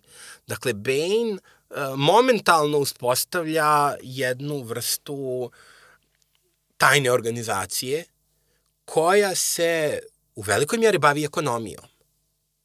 Dakle, ona skuplja sredstva, a tim sredstvima on trguje informacijama i ulazi vrlo ozbiljno u igru zakulisnih radnji i političkih manipulacija u samoj državi. Dakle, paralelno sa sobstvenom snagom, paralelno sa skupljanjem znanja i sposobnosti koja treba nekog narednog njegovog nasljednika da pretvori u sita koji je dovoljno sposoban da sam izađe na kraj sa cijelim džedajskim redom, on paralelno radi na mehanizmima koji će uspostaviti sistem domina koji će opet da parališe Republiku kao takvu. Jer je svjestan da tu postoje dva krila. Jel? Jedan je džedajski red, a drugi je Republika. I to nas naravno kroz direktnu liniju sukcesije dovodi do... Do Palpatina. Uh, tako je, do Darta Sidiusa koji je apsolutno jedan od najboljih igrača te konkretne političke igre. Dakle, to je samo po sebi legendarna priča. Mislim, ući ćemo i u to, naravno. Ali to je koncept eh, koji, koji je Bane pokrenuo i koji je zaista bio revolucionaran, ali takođe zasnovan na empirijskom iskustvu nagomilanih, neuspješnih pokušaja sitova da se ratosiljaju džedaja. E sad, uh, Republika je, uh, to je manje više poznato iz filmova, iz ove prikvel uh, trilogije 2000, s početka 2000. godina, ali ovaj, uh, je li bi Republika mogla da padne da padu nije bila sklona? Uh, drugim rečima, je to bilo samo do uh, ingenioznosti Šiva Palpatina, odnosno Darth Sidiousa, ili je, ili je zapravo Republika došla u taj stadijum da je jednostavno bila neodrživa, jer na kraju krajeva, to smo pomenuli koliko puta, ona se 30 vekova nije menjala. Ništa se u njoj nije menjalo. Da, ona, ona se nije mijenjala, ali e, imamo mi tu malo manjak podataka. Prosto u tom smislu što se istoriji Republike slabo pristupa iz geopolitičke i ekonomske strane. Tako da mi zapravo ne znamo kako je bilo ekonomsko stanje Republike u trenutku kada se sa njom događa to što se događa. Uh, ima, ima jedna mala epizoda između koju, koju vrijedi pomenuti. To je vrhunac Republike, takozvane The High Republic. E to je jako zanimljivo. To je recimo, ne postoji u legendama. Postoje priče iz legendi koje padaju u taj period. Ali fetišizacija zlatnog doba Republike koje nastupa prije onog vremena koji dobro poznajemo iz klonovskih ratova jeli, i, i, i naš, neposredno prije toga, to predstavlja obsesiju upravo upravljača ovog kanona koji pokušavaju nasilno da e, reafirmišu republiku kao nekakvu e, da kažemo, eskatologiju političkog sistema u galaksiji, dakle da potvrde poljuljanu, poljuljano povjerenje u instituciju Republike koje, koja se nije baš najbolje pokazala u toj velikoj krizi. E, tu, mislim, to je onako baš propaganda, taj dio kanona je baš onako propaganda koja prikazuje uh, Republiku kao rodno, rasno, samosvjesnu, sa nesebičnim političarima orijentisanim samo na progres, samo na boljitak za sve i gdje se oni mogu oštro posvađati međusobno samo zato što ne mogu da se slože oko načina kako da poboljšaju uslove za sve i svuda. Dakle, onako kao, kao um, predizborna kampanja Hillary Clinton, uh, A naravno, uh, protivnici tog divnog, dakle oni čak imaju i novi slogan koji umeću usta džedajima. Dakle, džedaji se više ne pozdravljaju sa silom, nego se bore za, uh, za svjetlost i život. Jel, život ne može da čeka. Jedna onako vrlo ispolitizovana slika, uh, dosta dosta odsječena od svega onoga što znamo o Republici, tako da možemo da pretpostavimo da je u pitanju propagandni uradak, a ne autentično svjedočanstvo o, o istoriji Republike, ali isto takođe zanimljivo da svi protivnici tog poredka tu su prikazani kao sociopate, bolesnici, ali neki nenormalni ljudi koji mrze sve što je lijepo i dobro, jeli, dakle, baš tako liči na, liči na predizbornu kampanju kod nas, ako, manihejski je od priče o tamnoj i svijetloj strani sile. Ali kad dolazimo, dakle, u tu Republiku zrelu za pad, uh, I da odgovorim na tvoje pitanje, dakle, da li je ona bila zrela za pad ili joj su joj pomogli, pa moj odgovor je da. Zapravo i jedno i drugo. Uh, ona, je, ona je vjekovima okoštavala. To je, to je očigledno. Uh, sistem eksploatacije je postajao sve više kolonijalan, uh, sve češće je dolazilo do izražaja su dolazili do izražaja ogromne socijalne razlike između gornjih i donjih slojeva. To je, to je dobar primjer planeta Koruskant, jeli? centralna planeta, galaktički grad. Jeli?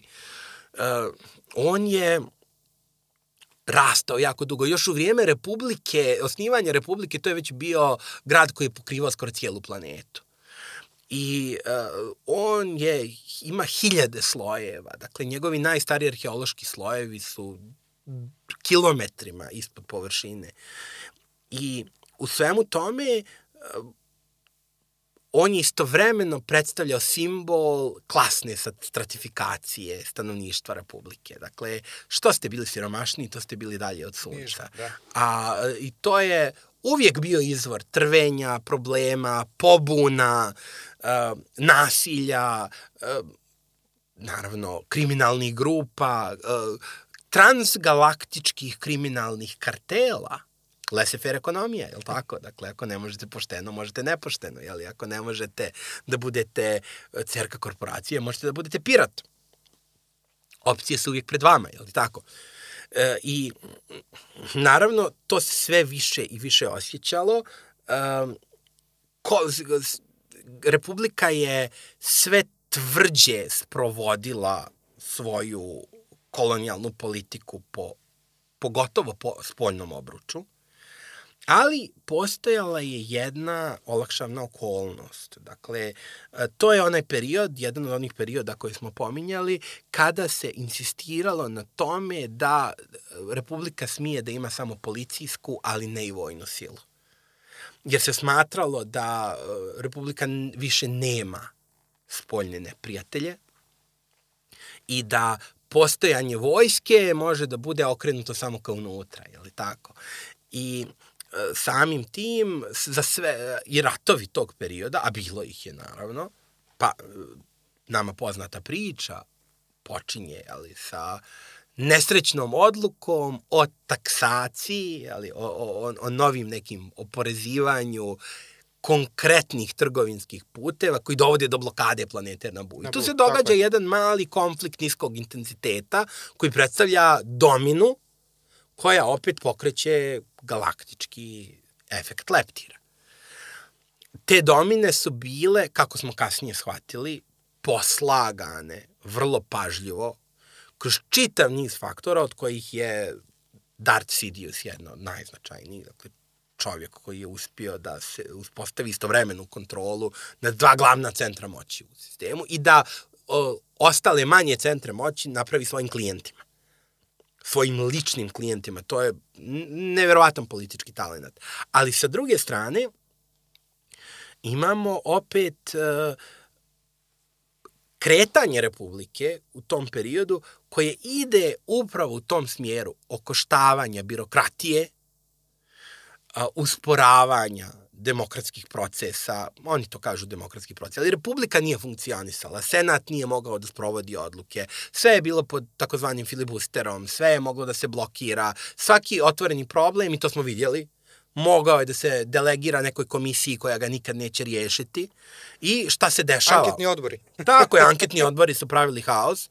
Naravno, lobiranje, podmićivanje, sve tome slično. I naravno, uh, ljudi željni akcije, tražili su čvrstu ruku, tražili su, i to je platonovska, opet platonovski mehanizam.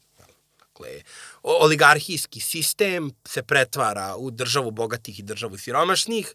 Siromašni traže pravdu, hoće da svrgnu bogate. Kada ih svrgnu, nastaje anarhija koje traži se, traži se čvrsta ruka. Kada dođe čvrsta ruka, imamo uspostavljanje tiranije i apsolutne neslobode opet, Hegelovska dijalektika, žeđ, masa za slobodom ih dovodi u situaciju apsolutne počinjenosti tiranina. A e, u tom trenutku ovaj, e, nije se pokazao baš ni džedijski red na visini uh, zadatka. Ovaj, uh, oni su, ajde, ako su oni bili neko jezgro Republike, uh, u jednom smislu, u drugom smislu nisu bili, bili su potpuno izvojeni, ali oni nisu zapravo tu, čini se, odigrali, odigrali u konačici kako, kako treba. Malo ih je zanela ta arogancija, taj On, mir oni nisu samo odigrali u konačnici, oni su u postavci. Dakle, kada je tabla bila postavljena, oni su u startu uskočili u, u, u tu tavu i nikad više nisu iz nje izašli. To, to, to, je, to je bez ikakve greške. Dakle, oni su bili navučeni i opet, uh, sjetimo se Darta Bane, koji sjedi i čita. Sidious je svakako isto čitao. Uh, uh, džedaji su sjedili na toliko velikoj arhivi da su se sami hvalili da ako nešto ne postoji u njoj, onda ne postoji tačka. Dakle, nije bilo teško ustanoviti šta se dešavalo sa džedajskim redom kada bi dozvolio sebi da se uvuče u, u konflikt krupnog intenziteta. Šta se dešava sa džedajima koji odu u rat I imamo situaciju, absurdnu situaciju, u kojoj umrli učitelj džedaja naručuje vojsku od, od fabrike klonova, koja je van jurisdikcije Republike, za potrebe Republike. I ta vojska nekako baš sjajno se pojavljuje baš u trenutku kada bi mnogo Republici dobro došla vojska. I sad u redu Republika dobija batinu koju može da iskoristi, super, ali džedajski red bi trebalo prvo da se postavi pitanje, čekajte malo, šta je radio učitelj džedaja naručujući vojsku za bilo koga? A druga stvar koju je trebalo da postavi jeste šta moje monahe koji se bave meditacijom nad misterijama univerzuma čini kompetentnim da se postave u poziciju generala vojsci koja je bukvalno od, od prvog trenutka postojanja odgajana da se bavi borbenom taktikom i strategijom. Šta ih čini kompetentnim za to? Umjesto toga, oni su uletili grlom u jagode, v, pritome ne priznajući ni sebi ni drugima, da ono što je bilo u temelju njihove uh, povlašćene političke pozicije u društvu, a to je bio uvid u transcendentnu volju kosmičke sile koja nekako sve te monolite galaktičke pokreće u određenom smjeru, dakle da nisu više bili u stanju da to rade. I u tom trenutku oni su zaista degradirali do jednog ratnog reda koji je apsolutno samog sebe pojao. Pojao se prvenstveno u liku Anakina Skywalkera koji je prošao isti put. Fridona Nada, Eksa Rakuna, Ulika Keldrome. Ima elemente i jednih i drugih i trećih. Ima i radoznalosti, ima i agresije, ima i arogancije, ima i empatije. Ima i revana. Ima i revana, ima rezignacije i, i potrebe da se reaguje potrebe da se nešto učini sada, odmah, da se napravi. Na... I naravno, Anakin je sjajan general, strastven borac, vole ga njegovi ljudi. Njegovi, njegova dostignuća su u svakom pogledu herojska. I može li neko da ga krivi što vidi da džedajski red u cijeloj toj stvari posrće, da se sapliće, da da, da, da, uopšte nije u stanju da uhvati u koštac vremenom. Ali Anakin na taj, upravo taj džedajski red, nije naučio da zastane i zamisli se komu vuče konce. Ali ako Yoda nije vidio komu vuče konce, ako Kenobi, Windu, jeli, uh, Ko, ko je još bio tada u... Kid Mundi, Kid Fisto, Tako mislim, je. Luminara, ozbiljna Tako ekipa je, je bila. dakle, ako, ako oni nisu bili u stanju sa svom njihovom mudrošću, suzdržanošću i poznavanjem žive sile, da naslute šta se događa, kako se to mogu da očekuju od Anakina Skywalkera? I to je jedna šekspirovska tragedija, to što se desilo, a desilo se ono što se po pravilu dešava. Dakle, kada neiskusan um hoće da koristi tamnu stranu, tamna strana koristi neiskusan um. Ona okreće njegove strasti protiv njega, ona ostriće njegov žar borbe protiv njega i pretvara ga u maštinu uništavanja. Pri svemu tome postavlja se jedna kalkulacija u kojoj je samo još nekoliko ubistava potrebno da se dođe do mira, da se dođe do opipljivog rezultata koji stalno izmiče i dobijamo naravno uh, ono što se zove velika džedajska čistka. Džedajska čistka poslije koje se džedajski red, koliko mi znamo, nije nikada oporavio.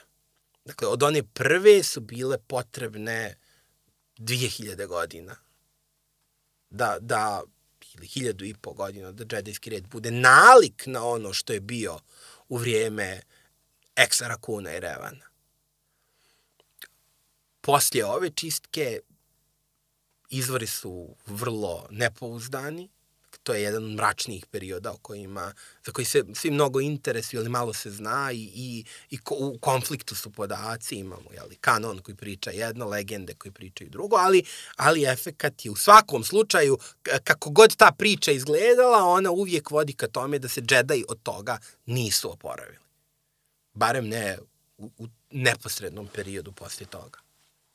Um, ovde smo sad suštinski brzo prošli kroz klonovske ratove, ne znam ni da li smo imeno spomenuli da se radilo o klonovskim ratovima gde se suštinska vodila borba između tako separatnih sistema, to je sistema koji su hteli se ocepe od Republike, na čijem čelu je opet bila marioneta Sidiusa Gazduku i sa druge strane Republike na čijem čelu je bio kancelar koji je ovaj uh, Šiv Palpatin, čiji je zapravo tajni identitet bio da taj Darta Sidious. I on je bio Sith Lord koji je vrlo vrlo to mudro kalibrirao stvari i dovo, to je slukavo, mudro, kako god. Evo ti si istoričar, ili imamo neki pandan tome? Uh, Da imamo jednog istog igrača koji upravlja sa dvije različite države. Ne da ja znam. Na tom nivou, ne, mislim, to su teorije, to, to je sad ona magija o teorijama zavere, o nekim navodnim masonima. To je na rade. nivou kao kad bi engleski O. kralj organizovao rat između Engleske i Hanovera. Pa sad, će ti, sad bi ti neki ovaj, uticajni istoričari, na primjer sa Georgetowna, rekli to je kao kad bi, na primjer, neki engleski, neka engleska elita organizovala rat između Rusije i Nemačke. ovaj, ali pošto to ovaj, uh, mainstream historiografski odbacuje, iako se radi o jednom ozbiljnom Pa autoritetu. dobro, ne, ali zašto je engleska elita? Mislim, ajde, da- ajde da uzmemo američku politiku u cijelom 20. vijeku. Je li to bilo to? Dakle, uh, šaljemo pomoć, podržavamo slabijeg, da se što duže biju, da mi na kraju isplivamo kao, kao pobjednici. Sad, a, a, a objektivno, objektivno, dakle, ne, ne u liku jedne iste osobe, ali svakako neposredni američki interesi su djelovali i kroz Sovjetski savez, i kroz nacističku Njemačku, i kroz kapitalističku Britansku imperiju, je li tako? O, tako je, s tim što ovaj, nik, nijednom nisu uspeli kao Palpatin. Palpatin je stvarno, ja, u tom, ja odatle polazim ovaj, od te pretpostavke, niko nije uspio, to je zaista maestralno to što je, što je, što je Palpatin odradio. I ta njegova galaktička, uh, on je suštinski uspostavio uh, galaktičku, uh, galaktičku imperiju.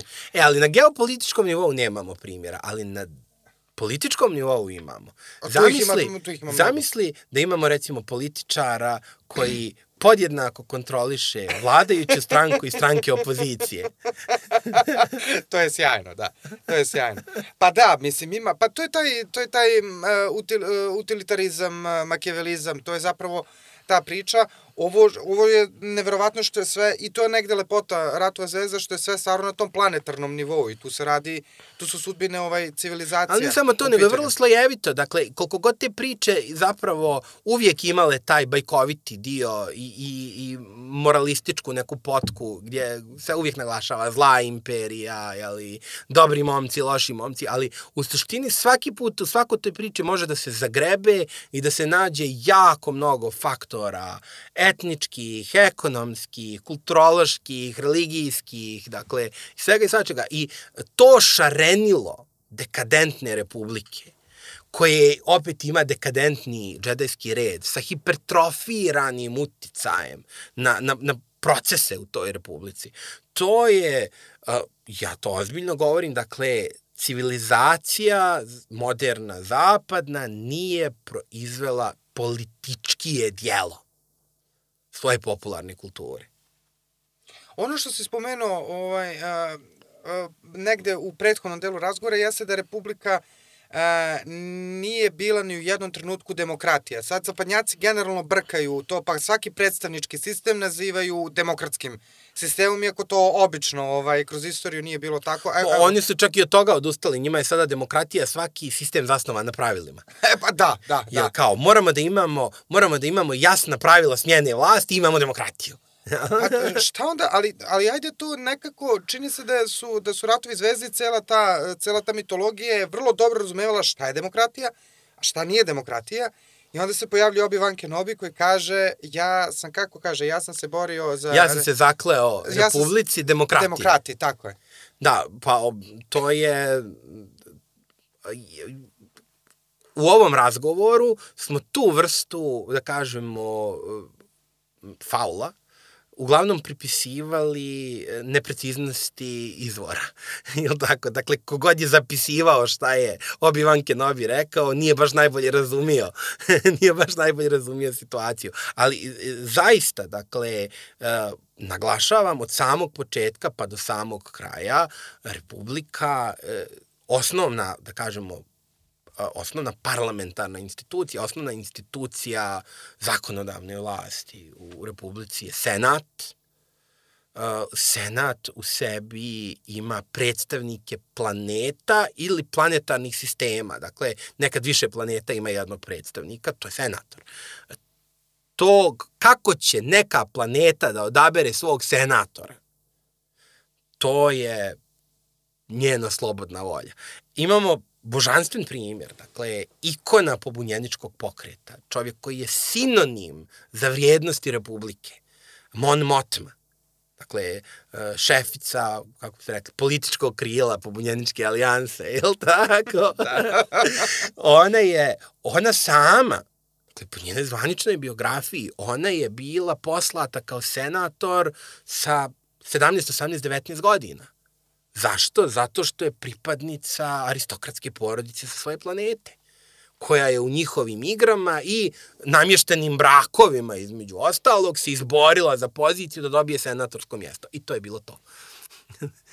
dakle, to je samo jedan primjer. Dakle, ikona republikanizma je naslijedila senatorsku funkciju to nije ono što mi obično podrazumijemo pod demokratijom, svakako. Ali je, pod, ali je blisko onoj republici, što, onoj republici Rimskoj, na primjer, republici... To je blisko ove... republici kakvu su htjeli da osnuju oci osnivači Sjedinjenih američkih država, tako je, tako. koji uopšte nisu predvidjeli da jeli, se narod tu mnogo pita. Da, da široke narodne mase u, u državama sad šalju elektore i biraju predsjednika, jeli to mislim, kao trebalo je da svaka, svaka suverena država odredi svoje predstavnike kako je odgovara, jeli, u, u skladu sa svojim suverenitetom.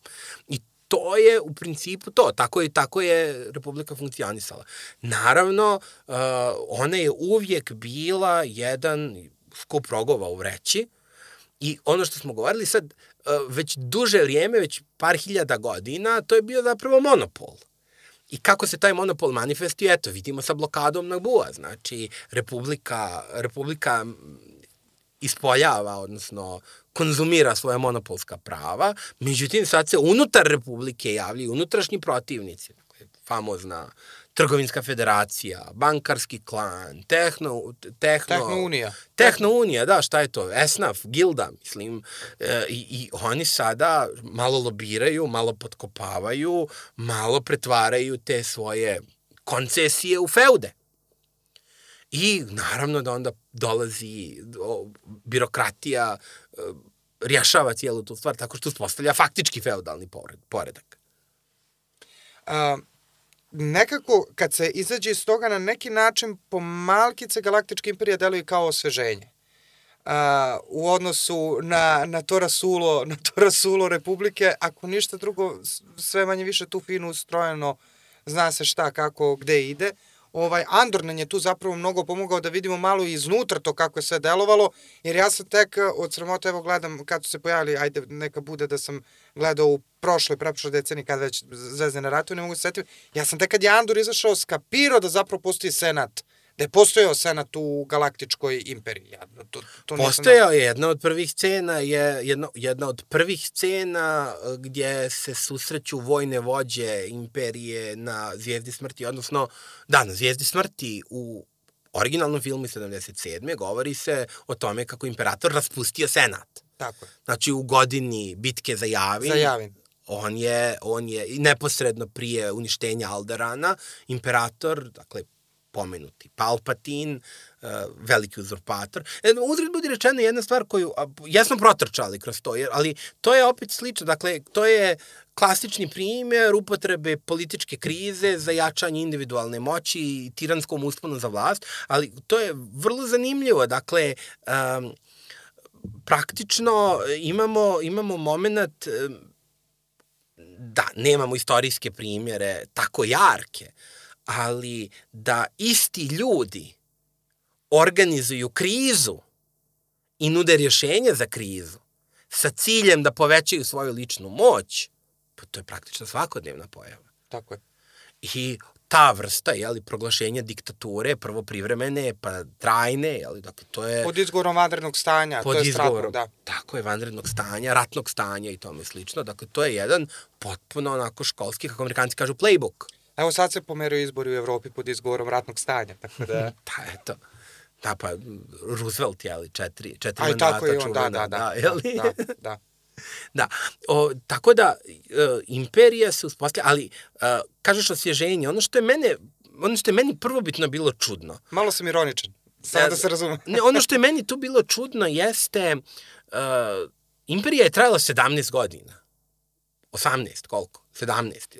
Tako. Nominalno Luke Skywalker ima koliko? 17 godina, jel? Uh, dakle, nevjerovatno da mi smo, mi smo do sada raspravljali o 30, 35, 40 hiljada godina istorije.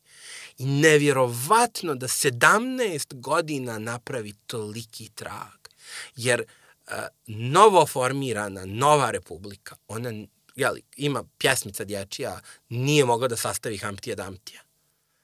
Znači, ta republika koja je stajala hiljadama godina, jeli, za hiljadu generacija i tako dalje, ona jeste opstajala jako dugo neizmijenjena. Ali kada je jednom uništena, uništena je totalno. Uništena. Jednostavno, njen autoritet je bio u potpunosti potkopan. Mi možemo da postavimo to pitanje da li on bio potkopan davno. Andor je tu zaista sjajan, sjajno svjedočanstvo jer on nama prikazuje uh, prizore uh, tipično imperialne eksploatacije i tipično imperialnog nasilja i tipično imperialnog otuđenja državnog aparata prinude u odnosu na obično građanstvo, na one famozna, jeli, svjesna bića. A to radi Republika. To su republički klonovi, to je republička administracija. Mi zaboravljamo da je e, Palpatin napravio čistku samo džedaja iz perspektive Republike koja želi mir i stabilnost, opet, da li jel, jel, jel imamo primjere iz istorije? Da harizmatični vođa pobi, sprovodi politiku čistke protiv jedne male socijalne grupe na koja je, koja je omražena iz različitog razloga, a to je opet nešto ne treba zaboraviti. Veoma često su džedaji bili omraženi. Za početak zato što, i to je stara konvencionalna mudrost, prosječnom čovjeku nije tako lako uočiti razliku između sita i džedaja. Druga stvar, kao što smo vidjeli u ratovima klonova, tokom u Jedi u ratu rade mnoge stvari koje nekako ne uklapaju se u tu ružičastu sliku svijetle strane sile, jeli, e, ljubavi, harmonije, mira i tome slično. Mislim, za početak, e, kako neko čija, čiji je kodeks mir može da vodi rat? Sve su to pitanja koja su pretvarala džedaje, a, a dakle oni su istovremeno bili i policija i, i utjerivači i koje što šta e, na lošem spisku kod velikog broja lokalnih vođa i onda kada je neko došao pa hajde da žrtvujemo tu grupu tu ne toliko popularnu i očigledno beskorisnu i nenaročito uspješnu grupu religijskih fanatika koja samo nešto muti, koja, koju inače doživljavamo, koja, koja ima neproporcionalno veliku moć u predstavničkim tijelima, iako je niko nije birao, iako je potpuno nezavisna od, od uh, institucija Republike. Pa ajmo njih da žrtvujemo za mir, za stabilnost i prosperitet. Nije teško. Nema njih tako mnogo. Nama kad mi kad gledamo te, te, te prikaze velike džedajske čistke kad gledamo ta, ta masovna ubijstva, jeli, to djeluje zastrašujuće, ali kad pogledamo našu istoriju, koliko je džedaja bilo u galaksiji, pa to je jedan prosječan puč u nekoj latinoameričkoj državi srednjeg nivoa sa toliko mrtvih. Dakle, to svaki, ne, ne mora čovjek biti Darth Sidious, ne mora biti, jeli, mističko biće u kontaktu sa metafizičkim zlom da bi napravio tu vrstu žrtve. Pa, prosječan političar u prosječnoj zemlji na našoj planeti će da uradi istu stvar. Ako procijeni da će rezultat toga biti učvršćenje i stabilizacija vlasti. Dakle, što se tiče tih koraka, to je nešto što je... Svaki korak Sidiusov je zapravo potpuno zakonomjeren. I zakonit, uzeti biti rečeno. I to je ono što to čini izvanrednim, jer još jednom mi pričamo o legendi koja je nevjerovatno istorična. To, to je nešto što stalno treba kao sliku da imamo pred sobom. E sad, galaktička, uh, galaktička imperija uh, je imala, uh, možemo ako hoćeš malo da porazgovaramo o njenom ustrojstvu, ali ono što je meni mnogo interesantno jeste to što si spomenuo. Znači, ona je ponudila suštinski neke stabilne strukture, pokazala se efikasnim u izvesnom smislu od, od Republike, ali posle toga kad je ona pala, kad su je ovaj, svemirski partizani srušili, ovaj, oni nisu znali šta će da rade sa tom pobedom oni nisu imali autoritet da ponovo uspostave republiku. Ali uh, ako pričamo o efikasnosti imperije, um, to je opet propaganda realno govoreći. Dakle, e, imperija je efikasna u onom smislu u kome je ratna privreda uvijek efikasnija u odnosu na mirnodopsku privredu. Mirnodopska privreda podrazumijeva slobodnu konkurenciju, podrazumijeva jeli, otvoreno tržište, neko propada, neko se uspinje, jeli, negde skače inflacija, negde ne skače. A ovdje imamo plansku privredu pod čeličnom šakom totalitarnog sistema, koja da, mislim, apsolutno postiže istorijski opet im, upečatljive rezultate u planiranju i organizovanju masovnih projekata, ali Kao što je Zvezda smrti. Ali, ali hajde da pogledamo, da, inače ja sam čitao, e, čitao sam analize koje kažu kao, opet to, znači kad se pogleda koliko je koštala Zvijezda smrti i koliko je to jednostavno bilo uz galaktičku resursnu bazu uraditi i koliko je to mali procenat, da kažemo, BDP-a Republike. Pitanje koje se postavlja nije kako su napravili, nego što, kako, što su toliko čekali. ali, ali ono što je tu ključno jeste uh, što se paradigma promijenila.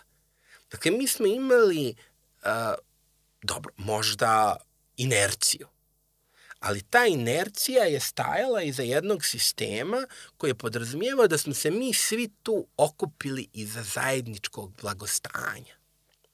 A šta je bio ipak temelj okupljenosti imperije? Tarkinova doktrina. Tarkinova doktrina nosi ime po velikom ofu Wilhufu Tarkinu, jednom od, od bližih saradnika imperatora Palpatina. Uh, koji je, između ostalog, idejni tvorac svijezde smrti i koji je smatrao da dovoljno jezivo oružje pokazano i primjenjeno je dovoljno da posije toliku količinu straha da spriječi svaki mogućnost pobune. Naravno, to je bila jedna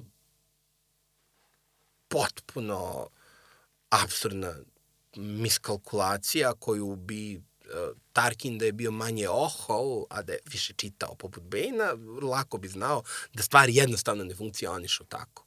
Dakle, i, i kasni razvoj događaja to naravno pokazuje. Dakle, uh, može se reći, veliko je pitanje koliko je alijansa doprinjela padu imperije, a koliko je doprinjela sama imperija sa uništenjem Alderana. Jer to je ona klasična priča sa drakonskim zakonima. Dakle, kada, eh, kada svaki prestup nosi smrtnu kaznu, onda više nema inhibicija. Pa, mislim, ako ću ja da isto završim u uh, imperialnim radnim logorima, ako se šetam pogrešnom stranom ulice i ako pokušavam da ubijem imperialnog guvernera moje planete, onda pošto mogu bar da ubijem imperialnog guvernera. Jer onda, on, ako, ga, ako uspijem da ga ubijem, onda me možda neće biti niko da me pošalje u radni logor. I to se i desilo. Mislim, čuvena bitka za Lotal se završava odličnim opaskom, kao mi smo sve vrijeme čekali, čekali da se imperija vrati, ali ona na kraju nije došla. Ostali smo je ispod radara, jel? Nisu, nisu stigli da se organizuju, da dođu, da se osvete, propali su umeđu vremenu. A, pričaš o bici za Lotal na kraju, rebel, na kraju pobunjenika. Tako je, tako je. A, tu moramo da uvedemo u priču ovaj, nekako i a, verovatno najkoničniju pojavu, a, bar po mom ukusu ovaj, iz perioda imperije i svakako ovog perioda posle Galaktičke imperije, posle njenog pada, a to je Admiral Traun, uh, koji je zapravo neka mešavina pruskog junkera, sa ne znam čim, ali onako... Admirala možda, Kolčaka. Admirala Kolčaka, da, ali deluje baš onako kao Friedrich Veliki, on ima i to držanje, taj stav i taj odnos prema uh, umetnosti, kulturi, prema vojničkom, i, ima taj vojnički geni. Uh, ovaj, koliko je, ko je, šta je u njemu magija? On je isto, ovaj, uh, pojavlja se malo i u Rebelsima, ali zapravo je on deo, ono, legendi. On je, on, on je, on je odatle prvenstveno potekao. legenda, tako je. Uh, on je legenda sam. Da. Najveći taktički genije u uh, čitavom jednom epskom narativu koji se vuče desetinama hiljada godina i koji se bazira na ratu. Dakle, u 40.000 godina ratova, ovo je najveći taktički genije, uh, potiče iz jedne od van galaktičkih kultura, to je ascendencija čisa, tako se zove, dakle, on, njihov, njihov sistem se iz nekog razloga zove ascendencija, dakle, jer slično poput Galaktičke republike ima tu, uh, ima tu fiksaciju na razvoj, na rast, jeli, to je jedna opet uh, uh, meritokratska uh, republika nalik na zlatno doba rimske republike sa svojim kursus honorumom, sa, sa uh, dostojanstvom vojne, vojne jeli, uh, službe, Službe, da. tako je. Međutim, to su detalji koji nisu bitni. Dakle, ono što je ključno jeste, nakon događaja koje svi najbolje znamo, jeli, a to je druga bitka za Javin i uh, pogubljenje imperatora od strane pa, opet kao, rekurentna tema. Dakle, imamo, imamo učenika i učitelja. Uh, učitelj nije zadovoljan učenikom, a pomalo je i odlučio da ga nikad niko ne svrgne. I on pokušava jednog učenika da zameni drugim. Već je to radio nekoliko puta, vrlo uspješno, ali učenik uh, ga hvata u raskoraku. Nema drugog, nema drugog načina da se to opiše. I na jedan krajnje nedostojanstven način ga skida sa scene. To je, opet, možemo da postavimo pitanje verodostojnosti izvora, jel? Ovaj, imamo samo jednu perspektivu na to, ali e, zaista e, je pomalo smiješno na koji način je Sidious uklonjen sa scene, budući na to koji vrstu genija je pokazao da bi se na nju popeo. Uh, u tom smislu Traun poslije se pojavljuje kao, kao dostojanstven nasljednik, ali opet veoma nalik na istoriju uh, građanskog rata u Rusiji. Dakle, nakon svrgavanja cara Nikolaja imamo uh, revolucionarnu vladu koja nije načisto šta hoće tačno da napravi i imamo jednu vrstu reakcionarne vojne grupacije koju predvodi oficir sa naglašenim osjećajem časti, uh, bijeloj uniformi, ali, koji uh, drži dosta do sobstvenih aristokratskih i manira i smatra da ono što odnosi prevagu njega u odnos na njegove protivnike jeste upravo kulturološka razlika. U tom smislu je da Traun veoma nalik na Kolčaka, ali Kolčak nije bio ni blizu tako genijalan vojskovođa. Traun, Traun to zaista jeste bio. Bio je uh, opet zahvaljujući jednoj osobini koja je državnička u svakom smislu, a, to je uh, što je on pristupao ratu ne kao igri brojki, dakle, ajde kažemo, veliki taktičar prije njega koje smo pominjali, možemo da pomenemo Revana, Darth Vader, uzgled budi rečeno, se pokazao kao izuzetno loš taktičar. Dakle, njegove vojne operacije, i Anakin Skywalker u svoje vrijeme, on je bio ishitren, spreman da vodi primjerom, jel, onako, više nalik na stare sitove nego, nego na ovo što je Bane pravio. Dakle, on je možda bio pomalo i nametnut pitanje je da li bi to bio pravi izbor. Duku je uh, u većoj mjeri nasljednik Bejnove trage, tradicije nego, i tragedije u krajnjoj liniji, nego Anakin, ali Anakin je prosto bio, uh, kako se to kaže, pozicija koju je trebalo imati. Ali Traun, dakle, nastupa kao veliki taktičar, za razliku od Kasusa Feta, pomenutog. Vođe ko... Mandaloraca iz vremena rata Mandaloraca. I to zapravo upravo jednog od vodećih mandalorskih e, generala, koji, kao što sam rekao, otkrio umjeće logistike. E, imperija nema toliki problem sa logistikom. Dakle, ona je sva logistika. Dakle, ona je, ona je cijela u tim uh, teretima, ovim, monopolizaciji puteva, prenosa, depojima, dakle, ona je, ona je sva jedan džinovski logistički sistem. U tom smislu je ona zaista hipertrofija Republike kao, kao, kao trgovinskog sistema. Ali, sa druge strane, e, Traun ima razumijevanje za kvalitativnu stranu istorije. A to znači da u istim kvantitativnim okolnostima suočeni sa istim kvantitativnim izazovom, različite kulture ponašat će se na različite načine u skladu sa svojim kulturološkim predrasudama i imaće različite rezultate. I način na koji je on bio u stanju da anticipira konkretne odgovore, da se prilagođava tom momentu kocke u trenutku sukoba, upravo je počivao na njegovom dubinskom studiranju kulture i umjetnosti svakog naroda sa kojim je ulazio u konflikt. I svake kulture, grupe i tome slično. A, bližimo se polako kraju ovaj, ovog dugog podcasta, ali ono što moramo pre kraja ovaj, da svakako da se dotaknemo te teme, to je svakako velika tema ovaj Luka Skywalkera i pokušaja objave, obnove džedijskog reda, ali ovaj i ovog famoznog prvog reda koji se pojavljuje do duše u filmovima, to je sad verovatno samo sve kanon, je tako? Tu, tu nema nikakvih legendi. Jeste. Ali za Luka Skywalkera postoji kako legende i to ozbiljne legende. Postoje vrlo ozbiljne legende.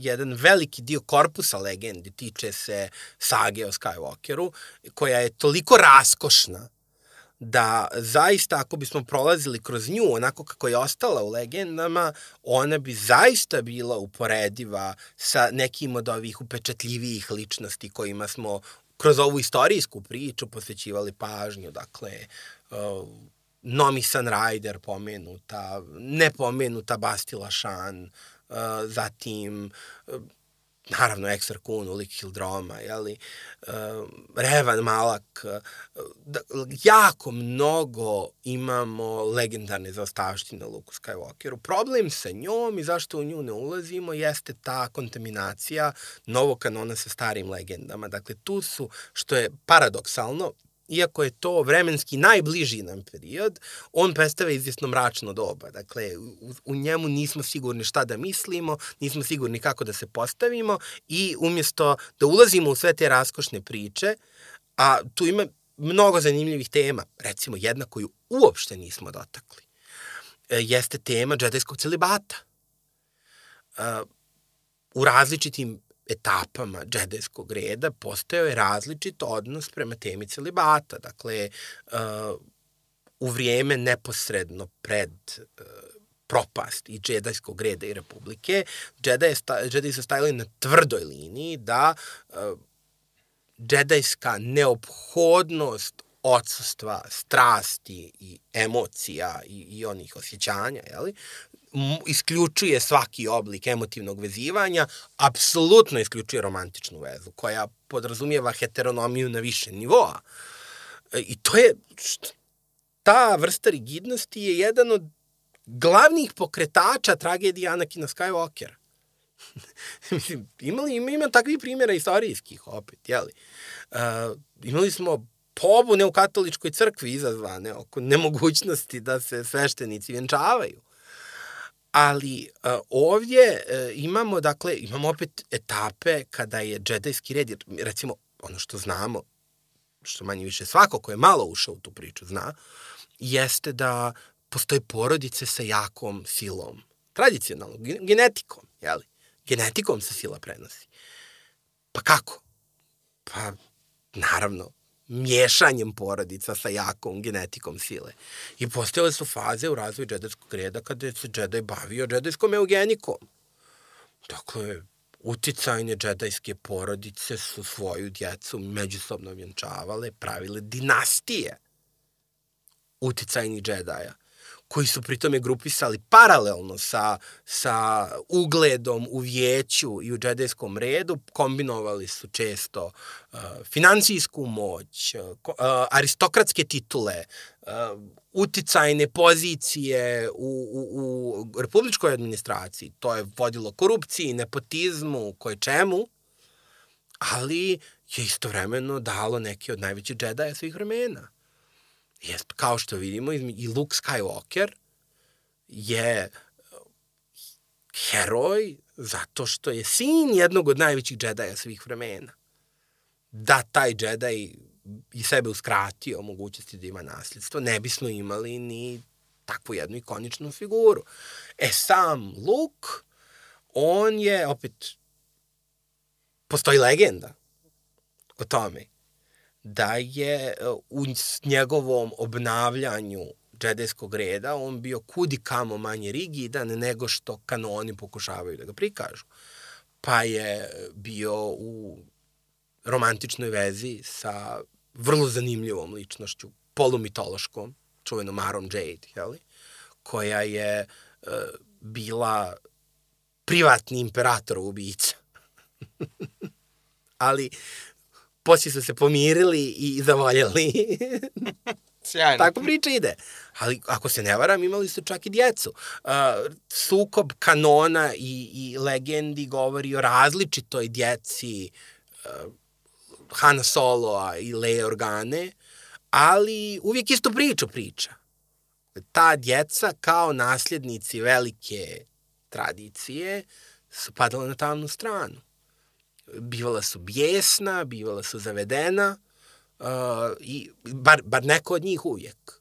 Dakle, bilo da govorimo o Kylo Renu ili Jasonu Solo, to je, to je opet, uh, da kažemo, šablonska priča.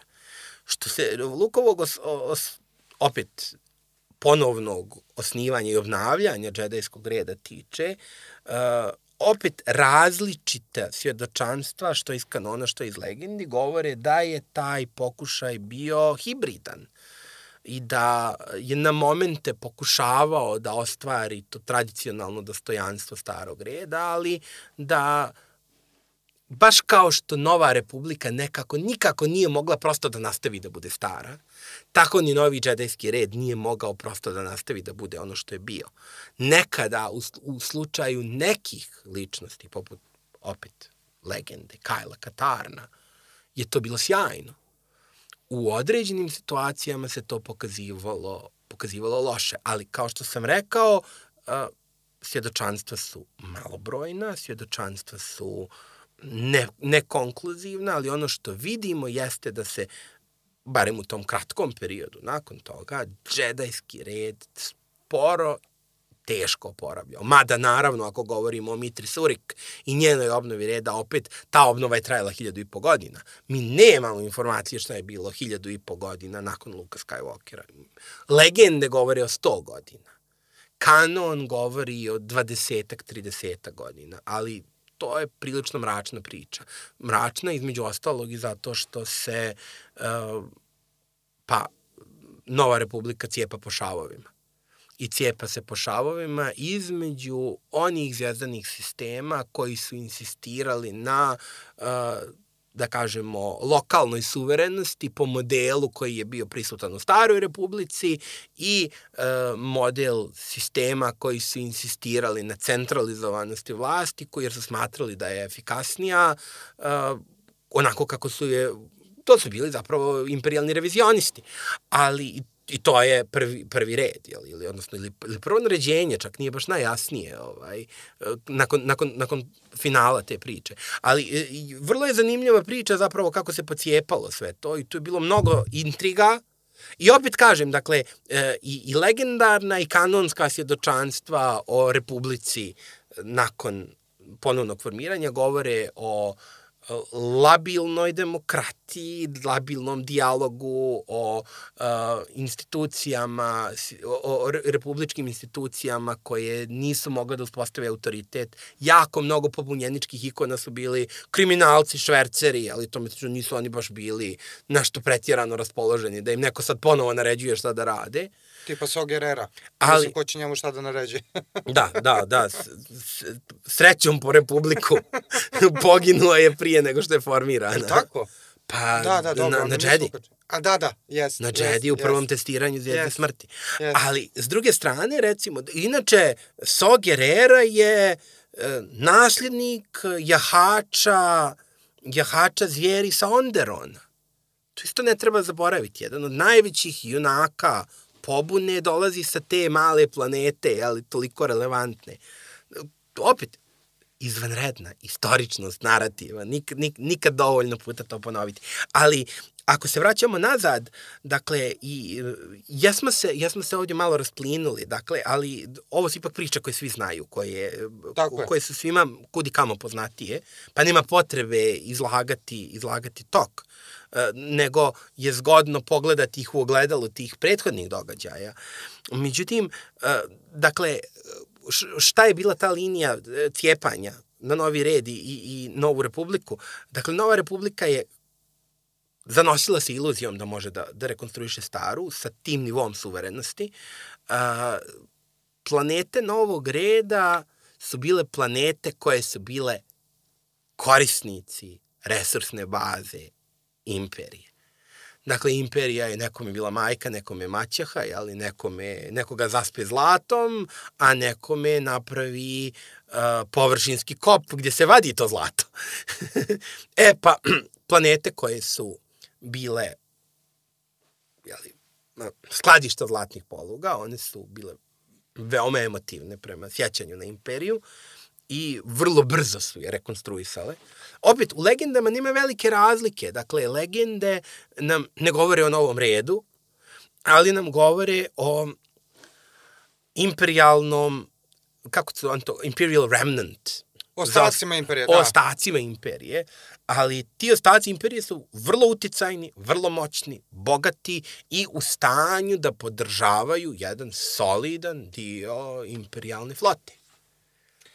Uh, imamo ovaj, uh, još jednu stvar o kojoj smo planirali da razgovaramo, a to je rekonkvista Mandalorijanaca i vraćanje Mandalora. To je uh, ovaj nekako, pošto smo pre nego što ovo finalno uđemo ovaj, u, pitanje, u pitanje stile kojim bismo mogli da zaključimo ceo ovaj naš razgovor, da prvo ostavimo negde mandalorijance koji su nam se nekako jedini, čini mi se, zasluženo istakli pored Džede i Sitova kao ravnopravna sila koja može da napravi karambol na nivou čitave galaksije.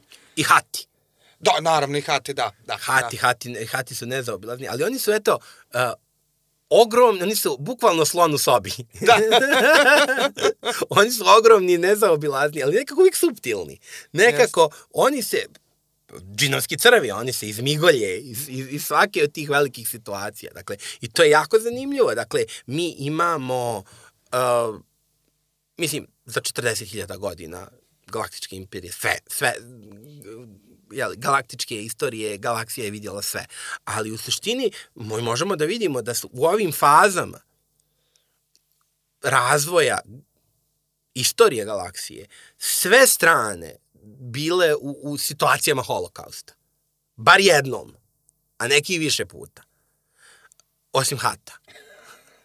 Znači, hatovi su u svemu tome kao oni bubašvabe koje jeli, preživljavaju nuklearnu eksploziju. Sitovski rat hatovi zarađuju. Jeli, Mandalorijanski rat, hatovi imaju neku svoju varijantu u svemu tome. Mislim, neki hatovi poginu. Da neki, se. Da, da, neki. Kao što su ginuli u klonovskim ratovima. Tako je, tako je, nije, nije to sada, ali, ali generalno kartel kao kartel, on jako lijepo pliva u tim situacijama, jer u dubini uvijek ostaje taj laissez-faire, jeli, kapitalizam, a hatovi su ipak majstori prvobitne akumulacije kapitala. Vječne prvobitne akumulacije kapitala. Zgodno kad imaš ceo svemir na raspolaganju. E, da, da, da, ali Mandalorijanci, uh, to je jedna od boljih priča, u stvari, koja, opet, novi kanon to vulgarizuje, legende naravno ne, ali, ali čak i novi kanon može, može vrlo lijepo da se rekonstruiše. Dakle, mi se sjećamo Mandalorijanaca kao nomadski horde. I oni u velikoj mjeri nestaju sa scene, povremeno se pojavljuju kao pojedinačni lovci na ucijene. To je inače njima vrlo popularno. Ili, ili plaćenici, to je popularna popularna rabota za, to, za taj profil. Međutim, onda u klonovskim ratovima odjednom nailazimo na planetu Mandaloru, koja namjerno ili ne, nevjerovatno podsjeća na post-ratni Japan. Dakle, sad odjednom imamo domaću planetu Mandalorijanaca, o kojoj nismo nikada imali prilike da čujemo mnogo, koji su uvijek bili nomadi, uvijek su bili u nekom jurnjavi, u nekoj pravili neke svoje lokacije, zauzimali planete koje im se sviđaju u krajnjoj liniji, ali baš da imaju svoju i sad na njoj vidimo jedno društvo koje je uh, bolno pacifističko. Dakle, ono je pacifističko, može se zamisliti takvo jedno društvo. Na Nabu, A ni na Bu nije takav u krajnjoj liniji. Mislim, ima ganganci. Ima ganganci. Pa imaju ganganci, ali oni su tamo, mislim, imaju neku svoju vojsku. Imaju. Nisu. Pa u krajnjoj liniji kad im je došla blokada pa da. trgovinske da. federacije, potukli su se s njima, yes. nisu ono. A ovi su onako baš samo, samo što ne grle drveće, jel, i pjevaju kumbaja. Dakle, prosto ne može da ih prepozna čovjek. I čovjek se pita šta im se desilo. Desilo im se naravno da su bili na pogrešnoj strani istorije u svim tim velikim konfliktima i Republika ih je, ne znamo, nemamo mnogo informacija o tome, ali gazila ih je. I prilično ih je gazila i oni su uradili isto ono što su uradili Japanci. Dakle, oni su, uh, oni su ratničku tradiciju pretvorili u, uh, prebacili na simbolički nivo. I oni su počeli da drže jako mnogo do uh, političkih rituala, ali su izgubili ratničku tradiciju i naravno pocijepali se iznutra. I mi onda imamo, odmah se na sceni pojavljuju mandalorski radikali, dakle oni koji hoće da vrate, hoće da vrate staru slavu Mandalore, Mrtva sraža. tako što će, tako, tako što će da je stave na stranu i uvijek nekako agresivnije strane u konfliktu, ali uvijek nekako i slabije strane u konfliktu. Dakle, oni su htjeli da se svrstaju uz konfederaciju, jeli, uz, uz uh, pobunjenike, prve pobunjenike, jeli, ove, separatiste. I oni su u cijeloj toj priči došli u situaciju da ih je uh, građanski rat između njih na kraju pretvorio u saveznike republike i odustaju od mirnodopske politike bukvalno u 5 do 12 prije nego što imperija preuzme preuzme i uništi republiku. I oni ostanu bukvalno na vjetrometini. I u tom trenutku im se dešava uh, Mandalorski holokaust ili, ili genocid Mandalore ili ne, nisam siguran kako se, kako se tačno naziva, ali a, planeta praktično biva pretvorena u staklo. Dakle, u još jednoj demonstraciji imperialne sile koja ne treba nikada zaboraviti, koja uopšte nije neophodna zvijezda smrti da bi uništila sav život na jednoj planeti. Dakle, ne treba zaboraviti, to je Dart Nihilus radio onako sam ali Dart Malak je to radio sa jednom konvencionalnom flotom običnih uh, zvijezdanih razrača. On je sravnio Taris sa zemljom, dok je držao blokadu na njemu. I, dakle, 3000 godina prije Zvijezde smrti. Dakle, Zvijezda smrti je više bila stvar teatralnosti, nego što je ona bila sad neki veliki, u, u krajnjoj liniji sjetimo se atomske bombe Ne treba zaboraviti da su Amerikanci veći broj žrtava napravili bombardovanjem Tokija, Tokija napalmom tako. nego u Hirošimi bacanjem atomske bombe, ali teatralnost, ali jeli, poruka koja se ostavlja. Tarkinova doktrina. Tarkinova doktrina, dakle, treba zastrašiti fundamentalno. Treba, treba utjerati strah u kosti. uh, opet, kao što smo rekli da je doktrina bila falična iz malog razloga što jednostavno ne funkcioniše, tako ni funkcionisala ni kod, mandal, ni kod mandalorijanaca. Ove, pritome se tu pojavljuje opet ova e, grupa koja je očigledno bila u podzemlju, koja nekako nastavlja uh, opet imamo, imamo dvije grupe mandalorijanaca. Imamo staru aristokratiju, koja zaista vodi porijeklo od tih velikih porodica. Imaju čak i neka prezimena, jeli, Fet, Visla, jeli. Uh, I oni, uh, oni su izgubili u potpunosti svaku sličnost sa tom starom kulturom, ali su njeni nasljednici.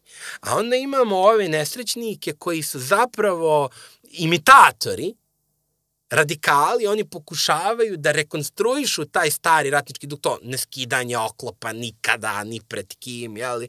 Dakle, e, zapravo, kako se to zove, radikalni, radikalni, ono, radikalni islamisti, jeli? radikalni mandalorijanci, ali oni nemaju tu vrstu uzemljenja u tradiciji.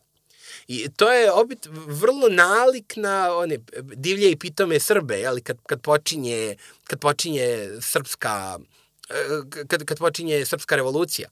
Imamo, uh, imamo Srbe u Austro-Ugarskoj koji nisu ljudi uopšte sposobni da se biju sa Turcima. Su oni već ono, peta generacija trgovci, djeca im sviraju klavir, ali oni pričaju jezikom koji je već nema mnogo veze sa srpskim, ali vode porijeklo od Brankovića, od, od Nemanjića, jeli, imaju jaku svijest o toj tradiciji. Sa druge strane, dole su neki čobani, neki, jeli, or, svinjari, ratari, da. svinjari, šverceri, hajduci, koji su kao duh pravih Srba i oni su ti koji su stanju da se biju vrlo zanimljivo. Dakle, jedan od razloga zbog kojih Mandalorci dosta podsjećaju na nas. Ako, ako nećemo da se poredimo sa Evoksima, recimo. Um, je konačno sa uh, Sidiusom ovaj, bila to je posle pada Sidiusa i posle dolaska Luka Skywalkera, je konačno sila vraćena u ravnotežu? Je se vratilo ono što su oni Jedi i sa i ovaj od starina što su ovaj želeli da postignu sa kako se beše zove bendu. Bendu, da. da. Pa nije jer nekako Palpatine se vratio. Ali uh, to je ima ima jako mnogo vulgarizacija narativa o zvijezdanim ratovima. I e, neki od njih su, nažalost, ušli i u kanonske tekstove, neki su ušli i u originalnu građu filmove. Dakle, ima tu dosta problematičnih stvari. Ali čuveni midiklorijanci, nismo stigli da ih pomenemo. Pa i zašto bismo? pa zašto bismo, mogli bismo ih pomenuti kao, kao vrlo dobar simptom dekadencije džedajskog reda. Jer šta su midiklorijanci? Dakle, e, sila protiče kroz sav živi svijet ništa čudno. Neke biljke imaju osjećajnost sa silu, neke životinje osjećaju silu. Pa i neki mikroskopski organizmi koji sticajem okolnosti za simbioti mogu da žive u pojedinačnim tijelima. I onda banalna činjenica da će neka grupa simbiotskih organizama da se u većoj mjeri pojavi u krvi nekoga koji inače više kanališe silu, biće protumačena kao da su ti mikroorganizmi izvor same sile.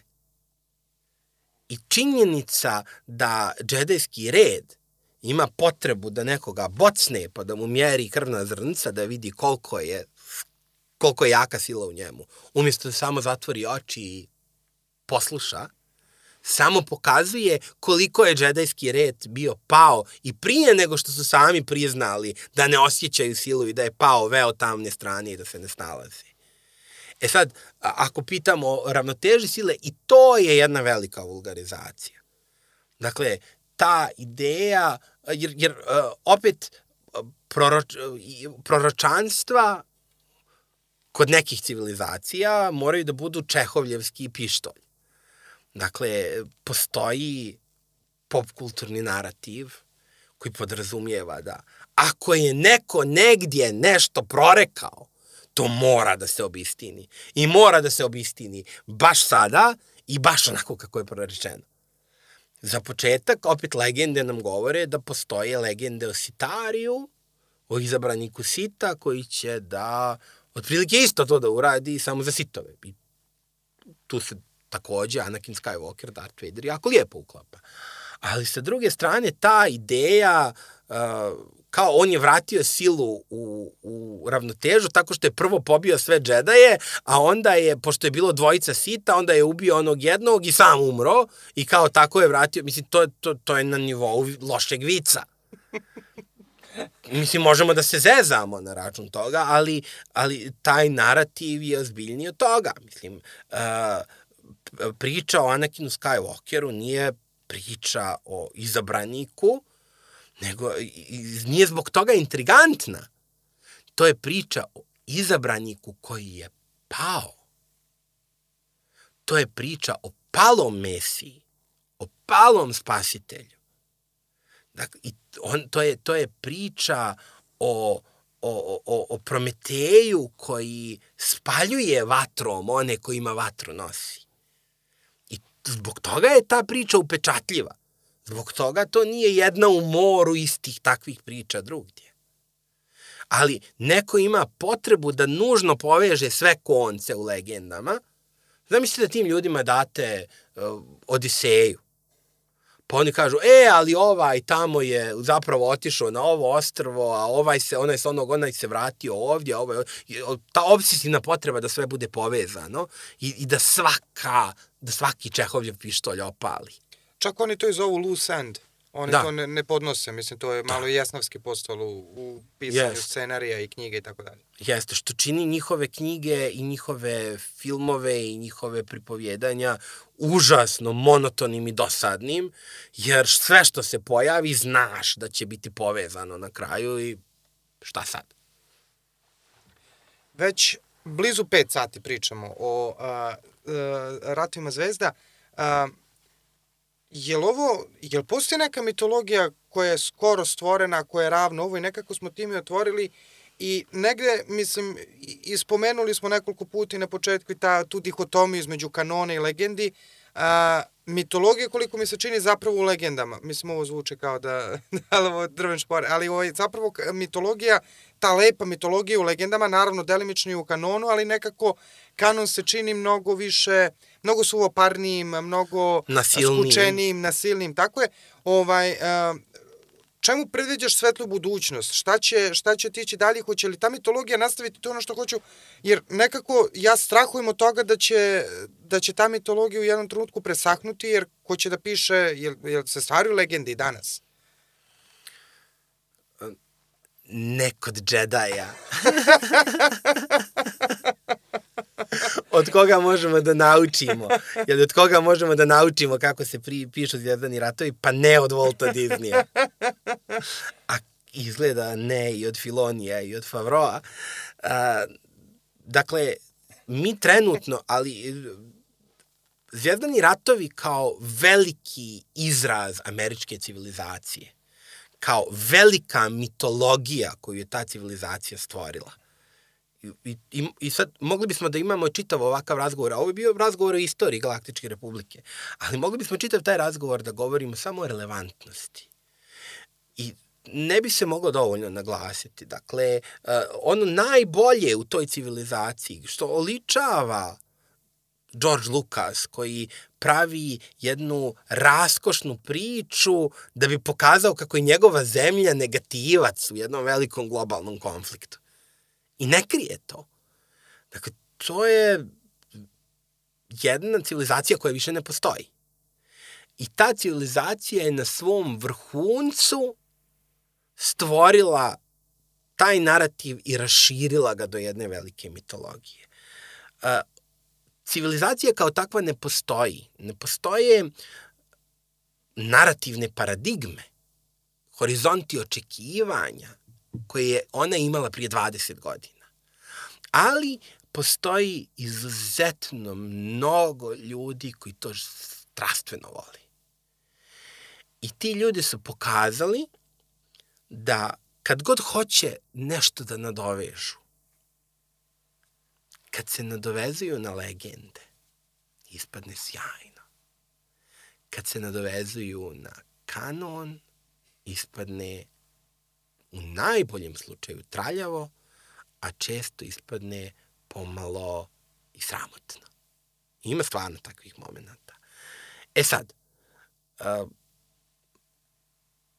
legende su isto pune nelogičnosti, gluposti. U, u krajnjoj liniji jedan od razloga što je kanon toliko loš jeste što se bavi najnezahvalnijim periodom za pripovjedanje. Kad se pogledaju dosta legendi koje se bave koje se bave periodom nakon pada imperije i ubistva Palpatina. Pa to su iste priče kao i ove iz kanona i nisu mnogo kreativnije niti bolje. Nebrojeno puta nova još veća zvijezda smrti, nova, nekako se Palpatin vratio, jeli, ovaj, uh, hoće da naprave republiku, ne uspjeva im, ponovo se raspadne, pa dođu neki drugi vanzemaljci sa strane. Dakle, ima tu mnogo generičkog materijala.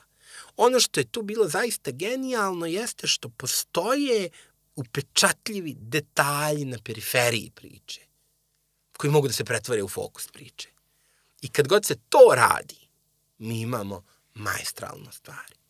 Dakle, imali smo mali detalj originalne priče o tome kako su planovi zvijezde smrti došli do princeze Leje. Taj detalj je pretvoren u možda jednu od najboljih priča cijelog tog mitosa, to je priča o posadi broda Odmetnik 1, koja se cijela žrtvovala za tu pobunu. A onda u toj posadi bila je jedna osoba u pozadini po imenu, po imenu Kasijan Andor koja je opet poslužila za jednu od najuzbudljivijih, najpolitičnijih priča koja nam je dala najopipljiviju sliku imperije do sada. Dakle, ima ljudi koji to znaju da rade, ima ljudi koji to mogu da rade. I u krajnjoj liniji e, jako mnogo ljudi, jako mnogo ljudi širom svijeta te, te priče voli. I dokle god oni budu u mogućnosti, dakle, dokle god ne budemo došli u situaciju da, jeli, poput Eksara Kuna, dolazimo i spaljujemo arhivu na Osusu, jeli, ili, ili sitovi u, u, na Koruskantu, dakle, da, Dart Malgus je spalio arhive na Koruskantu, dakle, dokle god nisu u stanju da popale sve to što je napisano do sada, uvijek će neko da ga nađe. I dok god bude ga nalazilo, govorit će pa ovo je bolje. Dok ne počnete i vi da pravite barem, barem jednako dobro. Tako da u tom smislu to je priča koja će rađati još mnogo priča, bit će tu mnogo toga lošeg, otkrivat ćemo nove materijale, neki će biti sjajni, neki će biti nikakvi, neki ćemo imati strpljenja da čitamo knjige i knjige o vrhuncu Republike, iako je to nešto što zaista ne zavrijeđuje pažnju. Preporučujem slušalcima tvoje recenzije na Gudricu. Serijale. Recenzije, da, knjige. pa knjige ne, ali bar recenzije. Tako je, dakle, e, samo nek se snima, samo nek se piše, nek se crta, pa će naći će se još nešto. Ne znam da koliko će nam trebati da ponovo dobijemo vitezove stare republike, Stara republika se još uvijek piše, mada i ona je oslabila, jeli, kao, kao video igra.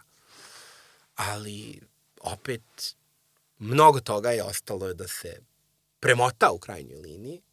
Ja mislim da naša civilizacija generalno treba da uđe u jedan period meditacije i da izađe iz neuroze stalnog traganja za novim sadržajima i posveti se čitanju onih koji su provjereno dobri, a koje nije stigla da pregleda, pa I tako će najbolje poslati poruku šta je ono što žele da vide. I tako će prije doći do novih uzbudljivih sadržaja nego jureći stalno i dižući gledanost svakakvih novih kanona, da tako kažem.